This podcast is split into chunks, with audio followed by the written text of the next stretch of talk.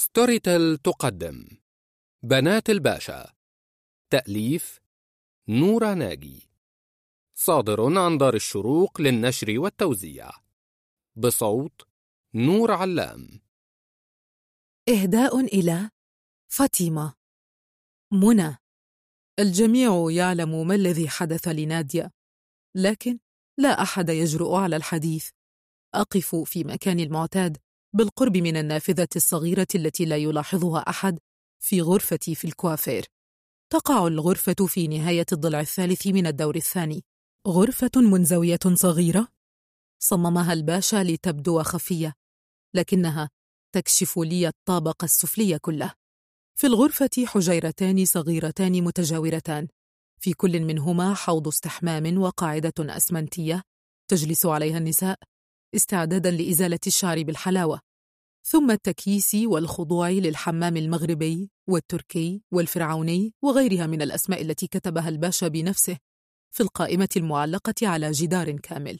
هناك أيضا صالة ضيقة بها ركنة مريحة على شكل حرف L ومائدة مشغولة بالأرابيسك. عليها أكواب فضية وقارورة زجاجية بها مشروب الكركديه. استبدل الباشا الكركديه بالنبيذ حتى وهو يفكر في التغيير. اختار الأحمر ليحصل على الصورة المماثلة لخياله. الباشا يسافر كثيرا يعرف كل شيء ويحب تطوير الكوافير أو ال beauty center كما يسميه ليصبح كالمراكز العالمية خارج مصر. جدران الغرفة سميكة وعازلة للصوت عليها لوحات ملونة مريحة للنظر. مصابيح موزعة باحتراف لتوزيع إضاءة تصيبني في نهاية اليوم بالغثيان. أجلس في مكاني وراء كاونتر صغير. أنتظر دخول العاملات لأحضرهن. لا أحد يدخل الغرفة من العاملين ولا الباشا نفسه إلا لظروف طارئة. إنها قدس الأقداس. التابو المكان الذي تتعرى فيه النساء. المعبد البعيد المنزوي. وأنا راهبة هذا المعبد.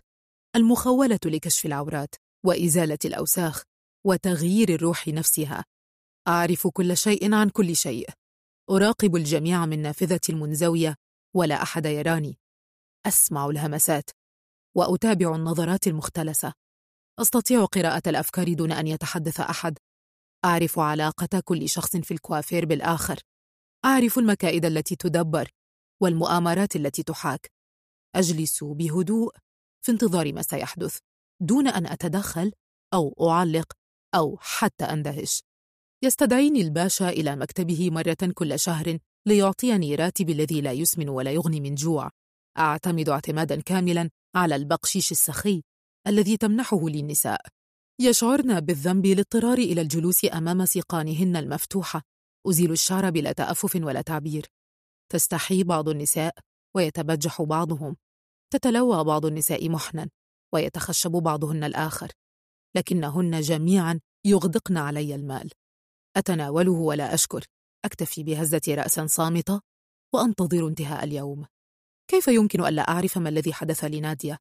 يستدعيني الباشا بعد الحادث كما فعل مع الجميع.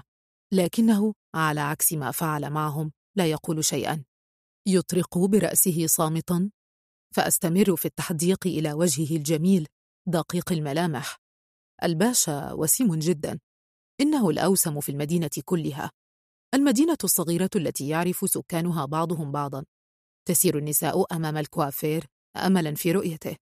يرضين بدفع ضعف المبلغ الذي يدفعنه في أي كوافير آخر ليكن معه في نفس المكان. تأتي النساء في كامل أناقتهن يرتدين ملابسهن وكأنهن ذاهبات إلى حفل الأمير. يضعن مكياجا كاملا حتى ولو جئن لإزالة شعر وجوههن. الموسرات يدفعن ثلاثة أضعاف ليصفف شعورهن بنفسه. يلمس خصلاته بشكل مدروس. يتعمد مداعبة ذقونهن أو تمرير أنامله على أعناقهن خلسة. فيرتعشن أراقبهن من نافذتي وهن مستسلمات ليديه. في الغرفة الخاصة التي يعمل بها في مواجهتي حائطها زجاجي كبير ليوحي للعاملين بأنه يراقبهم رغم أنه لا يرى شيئا. على عكس ما أفعل أنا من نافذتي الصغيرة. تهتز النساء على مقاعدهن أمامه. يلتصق هو بجانب المقعد. رائحته الحلوة تزكم أنوفهن. يغمضن أعينهن. ينتهي من تصفيف الشعر فلا تود المرأة منهن النهوض. هو مصفف شعر معدوم الموهبة لكنه في غاية الذكاء. ساحر يعرف كيف يستغل سحره الذي يكفل له كل هذا النجاح. تتأمله العرائس وهو يعدل طرحاتهن أو يضفي لمسة أخيرة على تسريحة شعورهن بهيام يتمنين لو كان هو العريس المنتظر. ربما تخيلنه فوقهن بدلا منهم. إنه الرجل الأول في حياة العذراوات في المدينة ولو خيالا. ساطع الوجه. بني الشعر أزرق العينين لم أرى رجلا يشبهه لكني لا أتأثر به ولا تهزني عيناه ولا شعره أرفع رأسي دون أن ألتفت له يرتبك كما يفعل دوما في حضرتي يسألني هل رأيت شيئا؟ هل سمعت شيئا؟ أبتسم نصف ابتسامة كيف لم أسمع ولم أرى والحادث وقع في حجرتي لقد اختارت الفتاة غرفتي بالذات لتنتحر كان من نصيبي أن أراها عارية ملقاة في دمائها وأنا أفتح الباب صباحا. قضيت ساعتين ونصفا أحاول إعادة حوض الاستحمام الذي رقدت فيه تتأمل دماءها تغادر جسمها إلى ما كان عليه مسبقا. رأيت ما حدث مثل الجميع. لقد قلت كل شيء في المحضر الرسمي. يهز رأسه والعرق يلمع على جبينه. قوتي تزعجه. يعلم أني أعلم. ويعلم أني أراه كما أرى الجميع عراة منزوي شعر العانة والإبطين ضعافا كالأطفال في وجودي.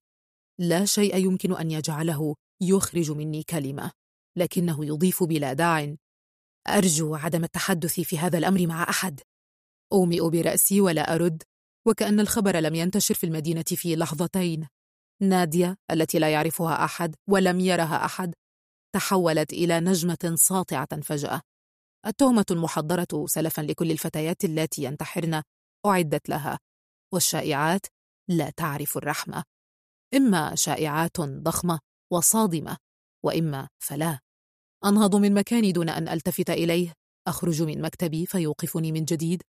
منى ألم تخبرك بشيء قبل أن أظل ثابتة لحظتين؟ أجز على أسناني حتى لا تخرج مني شخرة يسمعها الجميع. أغلق الباب في هدوء وأعود إلى مقعدي. أنظر إليه وأبتسم وأرى الهلع في عينيه. التشفي فيه يرضيني قليلا. باشا لا أعتقد أن علينا الحديث في هذا الأمر مرة أخرى. أنا أعلم وأنت تعلم. والفتاة ماتت وانتهى الأمر. الباشا لا يرد. أشعر أنه سيفقد وعيه. يشير لي بيده أن أخرج وكأنه يطعنني بسكين. أحاول النهوض بجسمي الممتلئ وركبتي اللتين لا تقويان على حملي. الابتسامة تبهت على جانب فمي والتجاعيد تزداد وضوحا على جانبي عيني. أعود إلى حجرتي. أشعل المكيف رغم أن الطقس جيد. لأتمكن من شرب سيجارة دون أن أفسد أجواء معابد بوذا التي يعتمدها الباشا للحجرة. أمص الدخان بسرعة قبل أن تأتي عميلة حمقاء لا تعرف ما الذي حدث بعد.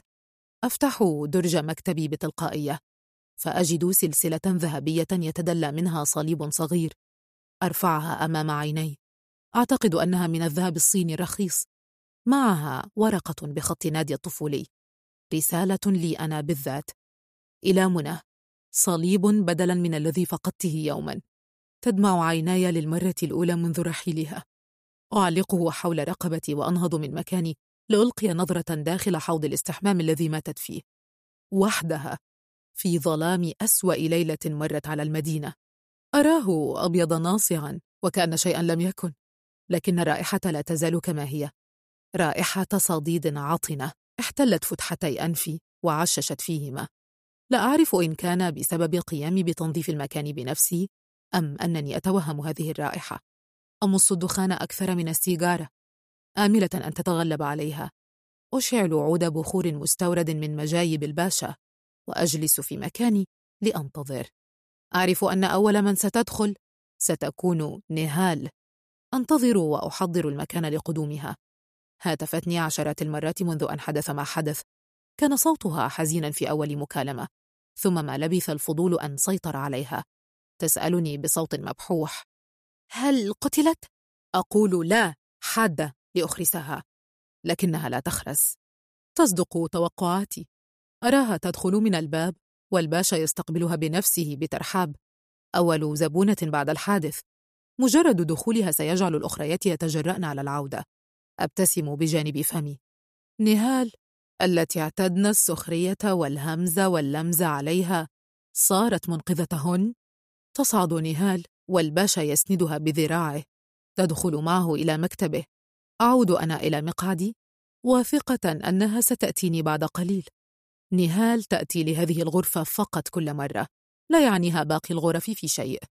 هذه الغرفة هي ما يهمها وهي رأس مالها وحياتها.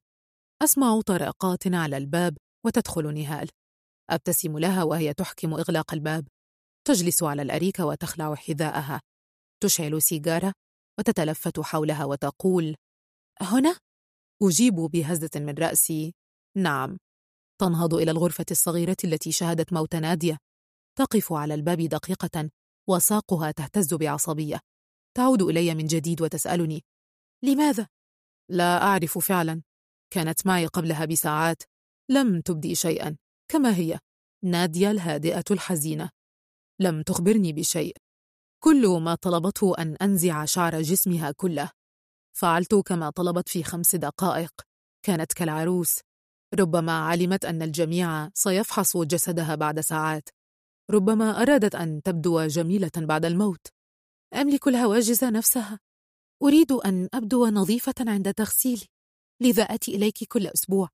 كنت أعتقد أن عملك هو ما يحضرك. تضحك بصوت عال ضحكتها الرنانة المغوية. تنزع ملابسها بلا خجل وتدخل إلى الغرفة الثانية. تشير للأولى قائلة أخاف أهز رأسي بلا كلام. مهما بلغت صلابة نهال لا أحد يحبذ الجلوس عاريا ضعيفا هشا في غرفة لوثتها الدماء. أبدأ عملي بصمت ترفع رأسي إلى وجهها. هل كانت بنتا؟ ترتفع الدماء إلى رأسي فورا ولا أنطق سوى بكلمتين. لا أعرف. منى هل تعتقدين أنها فعلت ذلك بسببي؟ تذكرين هذا اليوم؟ أضيق عيني ولا أرد. أتنهد بصوت عال تزعجني نهال دائما وتزعجني اليوم أكثر. ربما عليك أنت أن تخبريني. ألم تذهب إلى المنزل معك؟ هي التي طلبت. ما الذي حدث بعدها؟ لا شيء. تناولنا القليل من الطعام ثم نامت. في الصباح كانت قد اختفت. في الصباح جاءت إلى هنا. أكملت عملها كما تفعل دائما. لم تحكي لي شيئا. لو لم تحكي أنت لما علمت. والباشا؟ لا شيء. استدعاها إلى مكتبه ليسألها عن غيابها الليلة الماضية لكنه لا يحاسبها أبدا. منحها بعض الأموال وخرجت لتشتري بعض العصائر. الباشا طيب. الباشا طيب؟ نعم. الرجل في دوامة هذه الفترة. لم يكن قد انتهى من إجراءات استلام فلك ودفنها حتى ورطته نادية بجثة جديدة. وهذه المرة في الكوافير تنفث دخان سيجارتها؟ أكاد أنتهي. فأرفع رأسي إليها. كانت تبكي. كان يفترض أن أموت أنا. أطبطب على كتفها أقول كلنا سنموت. لكنها ماتت وحيدة. نحن جميعا وحيدون. ما يهمني ألا أموت أمام أحد. لا أريد أن أموت في انفجار أو في الشارع أو مكان عام. أريد أن أموت في منزلي بصمت. ومن سيدفنك؟ ستتحولين إلى فضيحة أخرى عندما يشم الجيران الرائحة ويقتحمون بيتك ليجدوا جثة متحللة عفنة أصمت والقشعريرة تغزو ظهري ما الذي يمكنني أن أفعله؟ هل أستأجر شخصا ليعيش معي تحسبا ليوم وفاتي؟ أكمل ما أفعله بقليل من العصبية فتتوجع أعتذر ببعض الكلمات وأنهض أدعوها للاغتسال قبل الخروج أعود إلى مقعدي لأجيب على الهاتف الداخلي يسألني الباشا كل شيء تمام؟ أجيبه بنعم. يبدو صوته أفضل قليلا. أنظر إلى الطابق الأرضي لأجد بعض الفتيات يجلسن على المقاعد العالية تحت أيدي العاملين. أعلم سر تحسن صوته. لو كان سألني كنت سأخبره بأن كل شيء على خير حال. الناس ينسون. ينسون الانفجار الذي هز المدينة منذ أيام. ينسون موت أحبائهم. ينسون الحوادث المرعبة. امنحهم عرضا جديدا أو بعض التخفيضات في أسعار صبغة الشعر أو خدمة مجانية لكل من تأتي لكي شعرها وسيقفن أمام الكوافير طابورا. ولو كانت جثة الفتاة لا تزال فيه. سيقفن أمام المشرحة نفسها لو كانت تقيم هذه العروض. تخرج نهال ببشكير قصير والماء يقطر على الموكيت الفخم فلا تهتم. تتناول ملابسها وترتديها أمامي. أختلس بعض النظرات إلى جسمها فترتعش شفتاي رغما. تخرج حقيبتها وتمنحني بقشيشا الذي يساوي راتبي في أسبوع. أشكرها وأعود للجلوس في مقعدي. تلوح لي بيدها وتخرج. تمر على الباشا من جديد في مكتبه قبل المغادرة كما تفعل دائما. لا أهتم حتى بمراقبتها من النافذة أو الباب المفتوح. تمر جيجي من أمام الباب المفتوح. تقف لحظة ثم تعود إلي. تدخل رأسها من الباب وتسألني كل شيء بخير؟ أجيب نعم. تنظر باتجاه الحجيرة التي أغلقت بابها. تبتلع ريقها وتطرق بأناملها المطلية على حافة الباب بدقات رتيبة. ثم تستدير لا تجرؤ على الدخول منذ الحادث. كانت معي وقت أن وجدنا الفتاة ملقاة في الحوض. جريت لاستدعاء الباشا أو أي شخص وعدت لأجدها تربت على رأس الفتاة بغرابة. تنظر إليها نظرة مرعبة بمزيج من الحنو والكراهية. أصابني الخوف للمرة الأولى. الموت لا يخيفني. البشر هم من يخيفونني. صرخت فيها ألا تلمس شيئا. فبدت كمن أفاق فجأة. جرت مغادرة الغرفة وتوجهت إلى مكتب الباشا. الكوافير يعج بغرباء الأطوار. ربما أكون أنا أيضا واحدة منهن. لازلت أذكر كلمات الحاج الكبير أبو الباشا لي يوم التقيته. أحفظه وأحفظ نصائحه العديدة. لا أعرف إن كان هناك شيء في الإسلام يمنع هذا فعلا. أم أنها واحدة من خرافات المصريين العديدة. قال منى لا تخبري أحدا أنك مسيحية. المسلمات لا يحببن الانكشاف على المسيحيات. رفعت حاجبي في دهشة. ما المشكلة في الانكشاف أمام سيدة؟ صدقني هذا ليس ما يجب عليهن أن يخفن منه. لكني أومأت بالموافقة بلا كلام. اسمي يمنحني حصانة ما. يمكن أن يناسب الدينين. أما حياتي الخاصة فلا أحد يعرف عنها شيئا وهذا أفضل. خلعت الصليب المعلق في رقبتي منذ الطفولة وداريت وشم معصمي بالأكمام الطويلة أو الغوايش الذهبية العريضة التي اعتدت تكتيسها بمرور السنين حتى باتت لا تنخلع من يدي. عرض علي الحاج محوه تماما. يعرف صديقا يمكنه محو الأوشام في حي الساغة. ترددت. أخبرته أنني قادرة على إخفائه بالكم الطويل واللاصق الطبي والأساور لكنه بدا معترضا. أنت تستخدمين يديك بالتأكيد سيظهر يوما لإحداهن. وافقت على مضض. فصحبني بعد انتهاء العمل إلى الساغة ورشة صغيرة بين المحلات يجلس فيها رجل للحام الذهب وإعادة صياغته. يبدو أنه يمحي الصلبان في أوقات فراغه أو من أجل خاطر الباشا. لم يكن الأمر مؤلما جسديا. بعض الحرقان والتورم في معصمي الأيمن.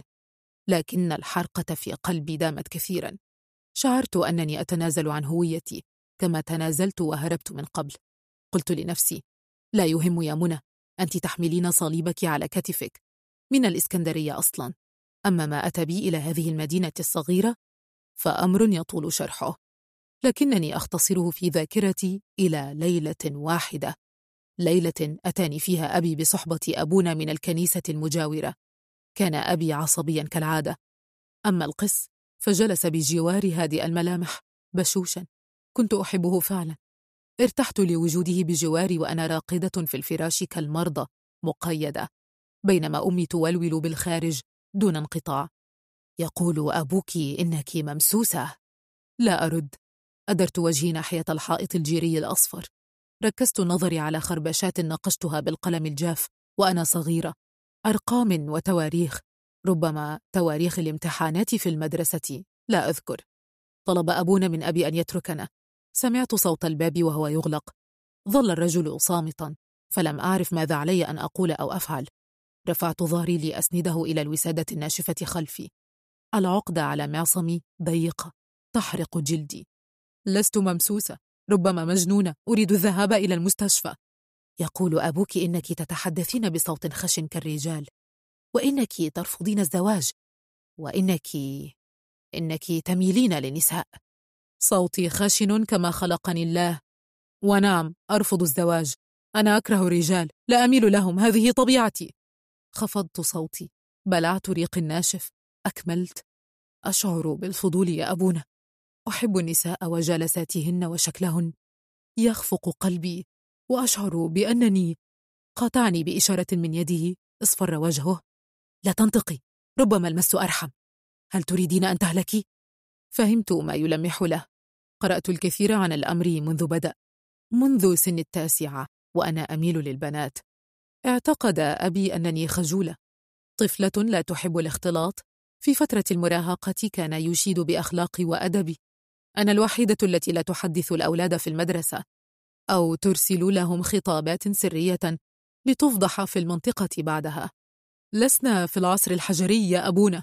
لقد قرأت كثيرا. ارتعشت يداه. تمنى لو كان الأمر أبسط كمس روح شريرة. ربما حينها يتلو بعضا من ترانيمه ويرش علي قطرات من الماء المقدس. ثم صفعتين على وجهي وانتهينا. لا تضلوا. لا زنات ولا عبدة أوثان ولا فاسقون ولا مأبونون ولا مضاجعو ذكور يرثون ملكوت الله. الله يحب الضالين. لكنه يكره الخطية. الله خلقني هكذا. أنت واهمة. خلق الله كامل. أنت من ينقصه بأفكارك. إذا أقتل نفسي. تعودين إلى الله. نهض بعصبية. كان الأمر أكبر منه ومني. حكمت على نفسي بالقتل أو بالإيداع في مصحة نفسية. لكني كنت أعلم أن هناك عالما آخر أفضل من هنا. عالما يمكنني فيه أن أفعل ما يحلو لي بعيدا عن كل هذه الكراهية. حاولت مط جسمي المربوط إلى السرير لسماع ما يدور بالخارج. كان أبونا يتحدث مع أبي. سمعت صوت أبي يعلو يتوعد بقتلي. حاول القس تهدئته. أخبره أنني مريضة وأن لكل شيء دواء. العفة هي العلاج ربما عليها منح نفسها إلى الدير. أترهبا؟ الحقيقة أنني فكرت في الشيء نفسه. أحب الكنيسة وأحب البقاء هناك. يغادر الجميع بعد القداس وأظل أنا جالسة مكاني. أتأمل صورة العذراء. جميلة قوية ملهمة. النهار يمضي وصوت بكاء أمي لا ينتهي. في المساء دخل أبي إلى الغرفة. نظر إلى وجهي الشاحب الذي لم أغسله منذ أيام. بجواري بقايا الطعام لم تمس. تنحنح وعرض علي الأمر وكأنه يأخذ برأيي. يجب أن يكون هذا برغبتك. ستخضعين لاختبارات وستمضين فترة في الدير. ربما يمكنك بعدها اتخاذ قرارك. إما الاستمرار وإما العودة. قاطعته. أوافق نظر إلي بدهشة وكأنه لم يتوقع هذا. هل هل أنت متأكدة؟ نعم أحنى رأسة بدا وكأنه شاخ خمسين عاما كنت أحبه فعلا لا أكره أحدا وفكرت أنني أليق بالفعل بالرهبنة حاولت النوم دون نجاح كان قلبي يدق في عنقي حاولت تخيل حياتي القادمة هل سيسمح لي بمشاهدة الأفلام الأمريكية؟ بارتداء الفساتين الملونة؟ بالحديث مع صديقاتي؟ بالذهاب إلى الكوافير؟ قرب الفجر كان جسمي يرتعش. شعرت بسخونة تنبعث من داخلي. تدخل أمي علي صباحا لتجدني أكاد أموت من الحرارة. صرخت. سمعتها تجري وتسقط الأطباق في المطبخ. حاولت صب الماء المثلج على رأسي ولم أقاوم. خلعت عني ملابسي مع أبي الذي استيقظ فزعا. أنا ابنتهما الوحيدة. حتى ولو كنت مجنونة ممسوسة ضالة خاطئة شاذة. فك أبي قيد ذراعي الحديدي. معصمي ممزق تماما. ربما تسمم من السلسلة الصدئة حاولت تجميع أفكاري. سمعت أبي يبكي ويطلب المغفرة من الرب. تمنيت لو مت وانتهت القصة. لكن هذا لم يحدث. أسبوع مقيدة إلى سريري مثل المجانين. لأن أبي لم يتعود على طرق غرفة ابنته قبل الدخول عليها فجأة. ولأنه أصيب بالرعب عندما رآني مع سارة على السرير. سارة كانت جالسة خلف البيانو بملامحها المجهدة التي لا تدل على جنسية بعينها. شعرها أسود طويل يحيط بوجهها الخمري. تبدو في الأربعينيات لكن وجهها صاف تماما. تعزف سارة على البيانو مقطوعات هادئة لعازفين لا أعرفهم. ربما بيتهوفن وباخ وموتسارت كما أقرأ أسماءهم في المجلات الموضوعة على الكاونتر الذي أقف خلفه أستقبل الضيوف المهمين. أسمع صوت عزفها من بعيد. لا يزال يتردد في أذني بعد كل هذه السنين. كانت تنظر إلي وأنا أتأمل السائحات النحيلات متجهات إلى حمام السباحة. يسرن بثقة بالمايوهات بلا قلق. يربطن المناشف حول خصورهن أو لا يربطنها. تأملت تفاصيل الأجسام الجميلة. والوجوه الدقيقة. تعرفت قليلا. مددت يدي لتناول منديل لأجدها. لا ترفع عينيها عني. شعرت بالخجل. أما هي؟ فضحكت بجانب فمها. نزعت وردة حمراء من الباقة أمامها.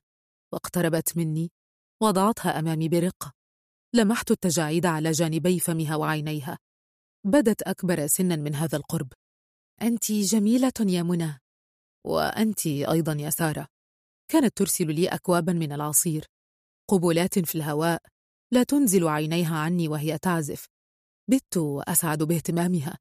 أنتظر نظراتها بشغف. أتزين خصيصا لها. أقف أمام المرآة في غرفتي. أتجرد من ملابسي وأتأمل جسدي. أضغط على ثديي فأشعر بالإثارة. أجيد استخدام الحلاوة كالمحترفات. أزيل شعر جسمي كله كالعروس. فأتلوى في سريري طيلة الليل.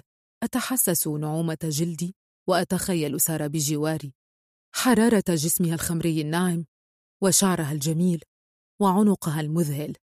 تذكرت وسط هلوسة هذا اليوم الهادئ قبل مغيب الشمس في غرفة الخزانات. خلعت حذاء العالي الكعب لأستبدله بحذاء المنخفض الذي يسمح لي بالجري خلف المواصلات في طريقي للعودة إلى المنزل. شعرت بيدين تطوقان خصري من الخلف وعرفت أنها هي. الغرفة خالية والسكون يعم المكان. جذبتني سارة إليها. احترق جسدي كله وخفق قلبي بسرعة قصوى. دعبت شفتي بأصابعها. أنزلتها إلى عنقي. ضغطت على صدري برفق. كدت أن يخشى علي. استدرت لأواجهها لكني شعرت بالغرفة كلها تدور. وسارة تبتسم فقط. استسلمت للحظات ثم استعدت إدراكي بالمكان والزمان. دفعتها برفق وجريت حافية وأنا أحمل حذائي بيدي. لم أكتشف ذلك إلا بعد ملامستي للأسفلت الساخن في الشارع عندما شعرت بقدمي تحترقان. مثلما يحترق رأسي الآن. كانت غرفتي تدور بي. رأيت وجه أبي وأمي فوق رأسي من بين عيني المغمضتين.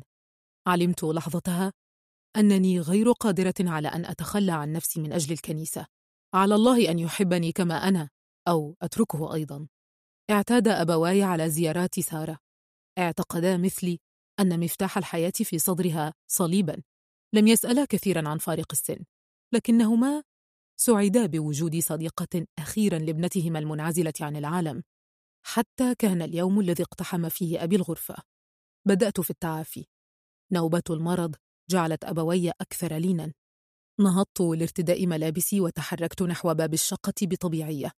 اعترضني أبي متسائلا. إلى أين؟ ما زلت أذكر هذه اللحظة. عندما نظرت إلى وجهه طويلا. يشبهني كثيرا. وجه أبيض دائري طيب. وخدان ممتلئان. وشعر ناعم. نملك العينين الخضراوين الضيقتين نفسيهما. ابتسمت له وقلت إلى العمل. أريد أخذ ما تبقى من راتبي هذا الشهر.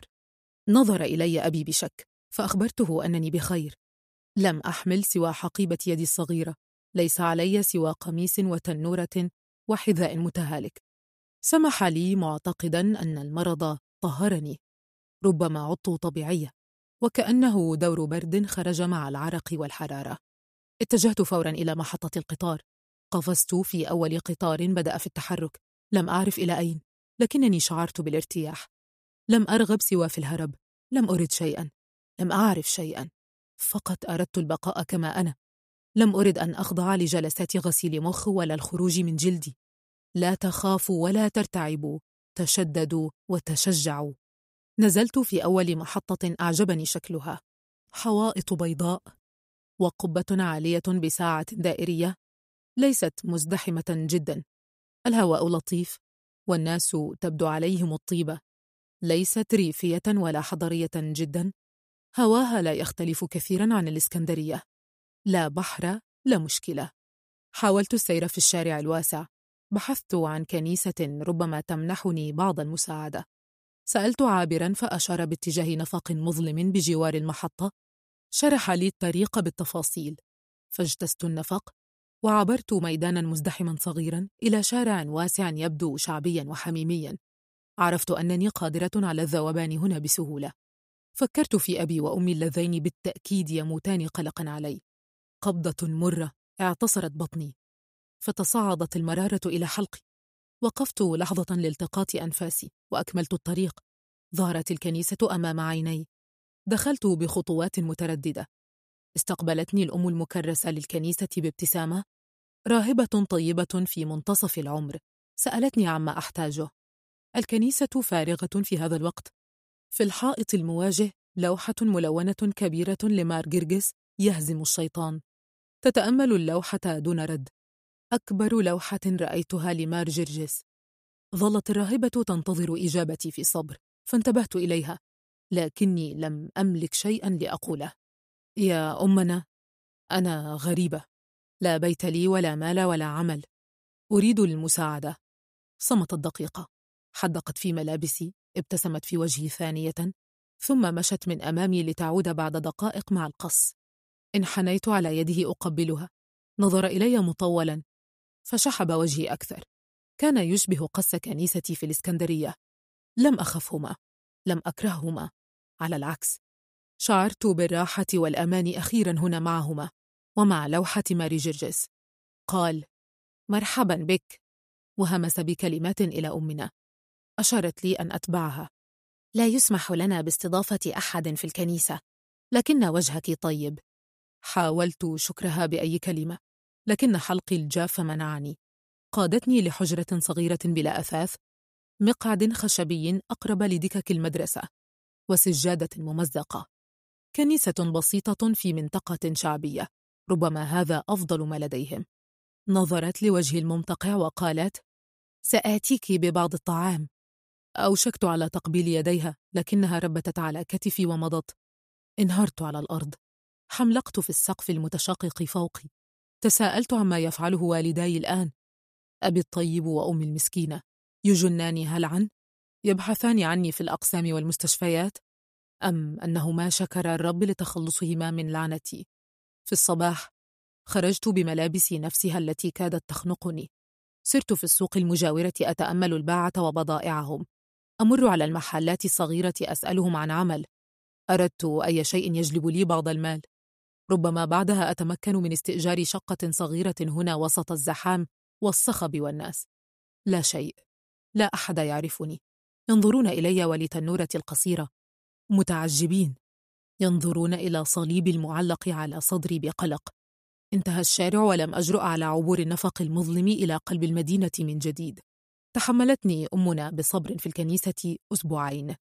كدت أيأس وأخجل من العودة في اليوم الأخير لكني لمحت الكوافير الصغير المقابل فجأة وكأنه برز لي من العدم. ترددت لحظة ثم عقدت عزمي ودخلت إلى الكوافير الذي كتب عليه كوافير مرمر. رأيت صورة العذراء من جانب الستارة القماشية الحمراء المواربة على المدخل فاطمأننت قليلا. دخلت بسرعة قبل أن أغير رأيي. بالداخل مقعدان متهالكان عليهما امرأتان متقدمتان في العمر تقصان شعريهما وتصبغانه ووراءهما تقف فتاتان بائستان تفردان اللون على الخصلات الملفوفة بالورق المفضض رفعت أكبرهما عينيها إلي فتحشرج صوتي لحظة قبل أن يخرج قويا وعاليا. هل تريدون فتيات للعمل؟ أشارت لي بالانتظار للحظة. تحدثت في هاتف داخلي يربط حتما الكوافير بالشقة التي تسكن فيها صاحبته. اجلسي ستأتي مدام مرمر بعد دقيقتين. انتظرت بصبر. تأملت صور حنان ترك وسميرة سعيد بشعرهن الهائش ونظراتهن السعيدة. تأملت المستحضرات الرخيصة الموضوعة في واجهة زجاجية مخدوشة. كوافير صغير مسكين لكنه أفضل من لا شيء. جاءت المدام بعد نصف ساعة. ممتلئة بملامح طيبة. رأيت الصليب المدقوق على رسخها وهي تصافحني. تعمدت إبراز صليبي أكثر. أخبرتها بنصف قصتي وسكني في الكنيسة وحاجتي للعمل. ابتسمت في وجهي بحنو ثم نادت على فتاة من الفتاتين. شيماء اصنعي لنا كوبين من الشاي. سألتني. ما اسمك؟ منى.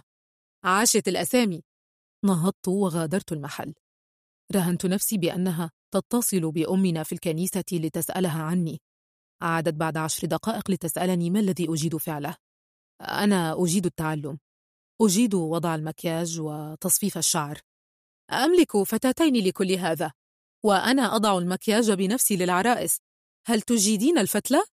لا لكني جيدة جدا في الحلاوة. برقت عيناها قالت إن هذا ما تحتاجه تماما. ربما أخصص حجرة بالأعلى لتوضيب العرائس. أسعدني حماسها. تحمست أنا أيضا. رغم أنني انحدرت نحو عشرات الدرجات في حياتي العملية لكني لم أهتم. فليذهب دبلوم السياحة والفندق إلى الجحيم ولتبدأ حياتي كبلانة كما كانت تسميهن أمي. خبيرة عرائس كما سيسميني الباشا فيما بعد. واظبت على الذهاب كل يوم من الساعة الثامنة صباحا. علمتني المدام كل شيء. تعلمت حتى كيفية عقد الفتلة واستخدامها لنزع الشعيرات الدقيقة من أصابع اليدين والساقين. لم تعد قادرة على الاستغناء عني. عاملتني كابنتها. حتى إنها سمحت لي بالانتقال إلى الشقة التي باتت تضم حجرتين الآن لتوضيب العرائس بعد الإقبال الذي اشتد في الشهر الأخير منذ أن بدأت العمل معها. وضعت متاعي القليل الذي جمعته خلال الإقامة في الكنيسة. ونمت على مرتبة قديمة منحتها لي. شعرت ببعض الراحة لكني تطلعت لأشياء أخرى. أردت حريتي أردت شقتي الخاصة بعيدا عن العالم الجديد الذي أوشك أن يكون حميميا. أوشكت المدام على أن تصبح نسخة أخرى من أمي وأوشك أبونا على أن يصبح نسخة ثانية من أبي بسبب إصراره على المجيء وتفقد أحوالي كل فترة. بعد شهور كنت واقفة على باب المحل. أعاني من ملل قلة العمل.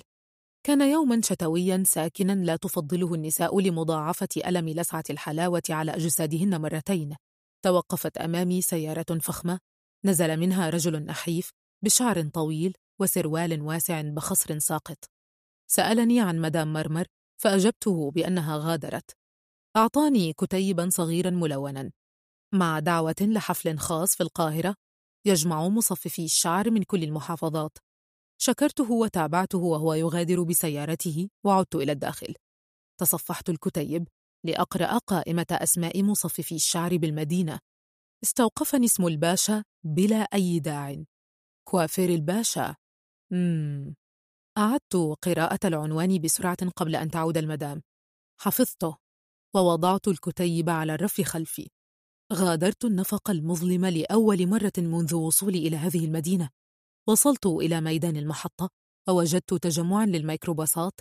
سألت أحد التبعين عن العنوان فأخبرني بأنه يمر أمام الشارع من الخارج وعلي أن أكمل بنفسي. وافقت وأنا ألقي بنفسي على المقعد الأمامي بسرعة. انتظرت إلى أن يكمل تحميله قبل أن ينطلق. بدأ المطر في الهطول وأنا في الشارع. حاولت لملمة سترتي الباهتة التي اشتريتها من السوق حول كتفي. في هذه اللحظات شعرت بالرثاء لنفسي. افتقدت بيتنا الدافئ. رائحة المطر ذكرتني برائحة الإسكندرية. دخلت إلى رئتي فمزقتهما. كدت أبكي وأنا أسير في الشارع المتفرع بعد نزولي من الميكروباص. تأملت كوافير الباشا من الخارج. محل صغير لكنه مغلق بزجاج معتم فاخر. دفعت بابه إلى الداخل فهبت رائحة حلوة إلى أنفي. المكان ضيق لكنه يضج بالحركة رغم الشتاء. مقاعد متلاصقة بسبب الزحام وأكثر من خمس عرائس جالسات في انتظار دورهن. عرفت الباشا الكبير من النظرة الأولى. اتجهت إليه ووقفت أمامه. رفع نظره إلي.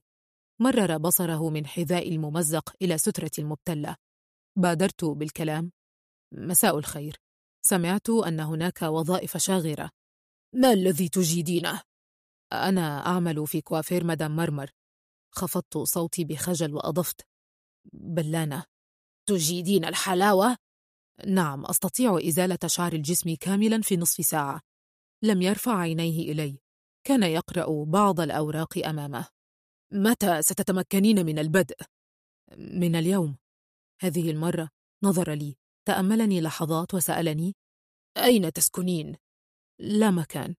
ابتسم شعرت أنني أفهم هذا الرجل وأنه يفهمني ولم أجد داعيا للكذب أو الالتفاف على الكلام. يمكنك المبيت في الأعلى. أشار إلى سلم حديدي ضيق يقود للطابق العلوي المخفي عن العيون. طلبت الإذن في الغياب لساعتين وتمكنت من نقل أشياء القليلة دون أن يلاحظني أحد. كنت أهرب مجددا دون أسباب سوى عدم رغبتي في الحديث والتبرير. لكني شعرت أنني على الطريق الصحيح. وكنت كذلك فعلا الكوافير هو بيئتي الطبيعية التي كان علي أن أكون فيها طيلة عمري أنا لست شريرة لكني لا أستطيع التحكم في كينونتي لماذا يخلقني الله بهذا الشكل ثم يطلب مني أن أتوب وأعود إليه؟ كيف أتمرد على خلقه وحالي؟ كيف أتمرد على حقيقتي؟ تجلس النساء أمامي عاريات مطمئنات تنتصب خلاياي كلها ويحمر وجهي أداري سخونة يدي بسخونة الحلاوة وهي تنفرد وتنثني على جلدهن. أحسدها وأكتفي باختلاس النظر. ربما بلمس الجلد وشده. أشبع رغباتي الحارقة بالتخيل. أكتفي بهذا ولا أزيد. لم يلحظن. لم يأتي في بالهن حتى أن الفتاة المسكينة التي تجلس أمام سيقانهن المفتوحة ليست بهذه البراءة التي تدعيها. أبتسم عندما أتخيل للحظة أنهن يعرفن الحقيقة. سيتساءلن أولا ما حكم الدين في هذا الأمر؟ هل يتحملن الوزر؟ فكرة وجود امرأة تهوى النساء لم تكن واردة خاصة في بلدة صغيرة مثل هذه حتى لو لاحظت الفتاة أنها مختلفة ستكتفي بالزواج والحياة الطبيعية التقليدية ربما ترضي رغبتها بالعادة السرية كما أفعل طوال هذه السنين أتخيل سارة كل يوم لا أرضى عنها بديلا من بين كل الأجسام التي تمر علي حتى نهال بالذبذبات الجنسية التي تخرج من جسمها فيشعر بها الرجال والنساء معا. لم تفلح في محو وجهها من ذاكرتي. أفكر فيها كثيرا وأفكر في أمي التي ماتت حسرة. وأبي الذي يعيش حياته اليوم في أمريكا غير عابئ بشيء. ربما اعتقد أنني مت. ربما حذفني من ذاكرته. الرجل يملك عائلة جديدة مدهشة. ووضعا لم أكن قادرة على تصديق أنه حقيقي. في البداية عندما علمت به. كنت أعيش في شقة صغيرة قرب الكوافير. ساعدني الحاج على تأسيسها. أشعر بنظراته تخترق روحي. هذا الرجل يفهمني ويعرفني ويتجاهل كل شيء. ما يريده هو سير العمل وفقط. لا ينكر أن قسمي الجديد يجلب له ثروات طائلة. أما الباشا الصغير فيملك طموحا لا يتوقف. كان عمره عشر سنوات فقط عندما جئت أنا هنا. يلعب ويدور. يحاول اختراق القسم السري الضيق بالأعلى لكني أنهره فيفر ضاحكا. تنظر النساء إلى وجهه الجميل ويقولن اتركيه. كان الباشا الصغير يثير مشاعرهن منذ الطفولة وكنت أنظر لهن بدهشة وأغلق الباب في وجهه. لكني ساندته دوما. دائما ما كان يأخذ برأي أبيه. ورأيي بعدما أصبحت أقرب لفرد من أفراد العائلة. أنصحه باستخدام عاملات جديدات وتطوير تزيين العرائس. نسبة المحجبات تتزايد. فأقنعه بضرورة إنشاء قسم للمحجبات. مرت عشر سنوات وأنا لا أغادر الكوافير إلا لبيتي. لا أكمل فيه سوى ساعات لأعود وأفتحه بنفسي. يعتمد علي الحاج في كل شيء. أما الباشا الصغير فكان يكبر أمام عيني ربيته كما أمه التي لم يرها. كان الباشا في عمر العشرين يملك عقل رجل في منتصف العمر يطغى بحضوره على والده المرهق ويبدأ في فرض آرائه والدعوة إلى تأسيس مركز كبير وضخم. وافق أبوه الحاج على مضض فبدأ العمل فوراً. أخذ منه المركز سنوات من العمل لكنه نجح نجاحا باهرا وانسحب الحاج في النهاية. يكتفي ببعض زيارات من حين لآخر. بينما انعزلت أنا في حجرتي الجديدة. لا شيء يزعجني سوى جيجي التي ظهرت من العدم. قروية حمقاء تعتقد أنها ملكة متوجة ببعض دروس المكياج وضربات الفرشاة التي تلطخ بها وجه العرائس. امتلكت المكان شيئا فشيئا. حلت محلي وتولت مسؤولياتي. اعتمد عليها الباشا. كانت تجلس على مكتبه في أثناء غيابه وكنت أراها وهي تتدلل عليه فيشتعل رأسي غيظا. لا أعرف كيف أغوته دون أن تملك مالا ولا جمالا. يتحول إلى طفل صغير أمامها وكأنها ساحرة. أما أنا فأتصيد لها الأخطاء. كنت أعبر عن اشمئزازي منها أمام الحاج الذي أعلم جيدا أنه يعرف كل شيء. وفي يوم ألقيت بسؤال عابر تدربت كثيرا عليه في زيارة من زياراته التي أصبحت قليلة. لماذا لا تزوجه؟ نظر إلي نظرته الكاشفة التي أعرفها.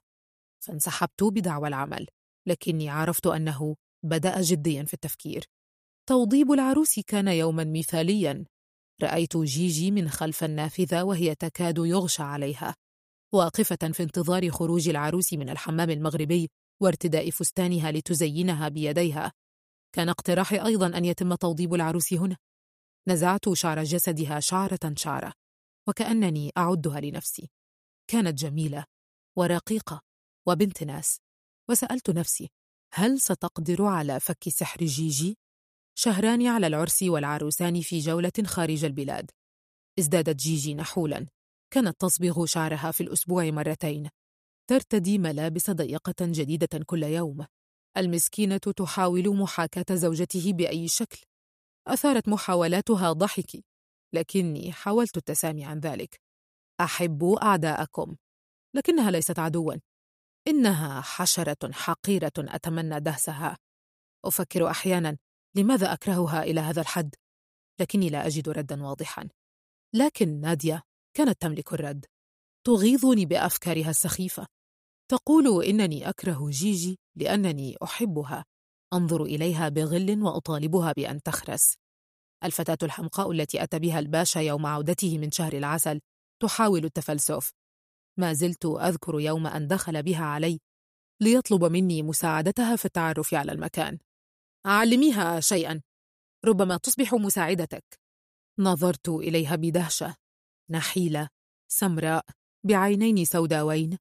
شعرها أسود يغطي الجبين. لاحظت أنها تعرج قليلا. يرق قلبي لأي نقص في سيدة أمامي. شعرت أنها بشكل أو بآخر مختلفة. إنها بائسة بما فيه الكفاية لتواجه العالم كأنثى فما بالك لو كانت ذات علة؟ لكن الفتاة اعتادت على المكان بسرعة. تجلس بجواري طوال الوقت. تساعدني دون أن أطلب. كتومة لكنها تلقي بالمعلومة شيئا فشيئا. سألتني فجأة. أنت مسيحية؟ ألتفت نحوها بعنف. سألتها. من أخبرك؟ لا أحد. أنا أعرف. عقدت حاجبي وجززت على أسناني. اقتربت منها. لابد أن صوتي الخشن بدأ أكثر إرعابا. صرخت. إياك أن تخبري أحدا. هزت رأسها بخوف وجرت خارج الغرفة لكنها عادت في المساء لتجلس بجواري وكأن شيئا لم يحدث. صعبت علي الحمقاء. ابتسمت لها وأكملت السيجارة. أخبرتها بما قاله لي الحاج ذات يوم بعيد. فهزت رأسها في فهم. هذه حقيقة في الصعيد؟ لا تكشف النساء رؤوسهن في حضور مسيحية. أنت صعيدية؟ هزت رأسها بلا توضيح إن كان نعم أم لا. أردت أن أسألها عن سبب مجيئها إلى هنا لكني سكت. لم يعد شيء يثير دهشتي بعد كل هذا العمر. انتظرت مني أن أنطق لكني اكتفيت بالتدخين في صمت. أنا هاربة. رفعت لها عيني بهدوء. فأكملت. هربت من أهلي. قالتها وهي تنظر في عيني. نظراتها نفاذة وكأنها تقرأني وكأنها تراني أخرج من باب بيتي في الإسكندرية ذات يوم لم أعد أذكره. كم مضى من الوقت علي منذ أن تركت منزل أهلي؟ كم مضى علي منذ أن تركت الإسكندرية؟ أحلم بزيارتها ولو مرة. أحلم برؤية أهلي مرة واحدة بعد كل هذه السنين. علمت أن أمي ماتت بعد مغادرتي بشهور. كنت أشتاق لرؤية سارة بشكل حاد دفعني للسفر فجأة والعودة إلى الإسكندرية بعد شهور من عملي في كوافير الباشا. دخلت الفندق بخطوات مسرعة بحثا عنها خلف البيانو لكني لم أرى أحدا. سألت الجميع عنها لكنها بدت وكأنها اختفت وكأنها لم توجد من البداية. أخبروني أنها توقفت عن المجيء بعد غيابي وأنهم لم يروها ثانية ولا يعلمون لها سكنا. لكني عرفت من أحد العاملين والذي كان يسكن بمقربة من بيتي القديم عن موت أمي وهجرة أبي. لم تقوى قدماي على حملي لكني لم أبكي توقفت عن البكاء من وقتها. كنت جافة تماما من الداخل. شعرت بجسمي فارغا وكأن أعضاءه ذبلت. جفت ثم تهشمت. من يومها وأنا أعوض هذا الفراغ بالأكل. لا أتوقف عن الأكل والتدخين إلا للعمل ثم أعود إليهما من جديد. تحولت من الفتاة النحيفة الفزعة إلى السيدة البدينة غير المكترثة بشيء التي تجلس في غرفتها تتأمل ما يحدث بالخارج وتدخن. جاءتني نادية يوما وهي تمسك هاتفها. أرتني صورة عارضة أمريكية جميلة وأشارت إلى وجهها. تشبهك تماما يا منى. لو كنت أنحف. كانت الفتاة نسخة مني منذ عشرين عاما. قرأت اسمها بالإنجليزية. تملك اسم عائلتي نفسه.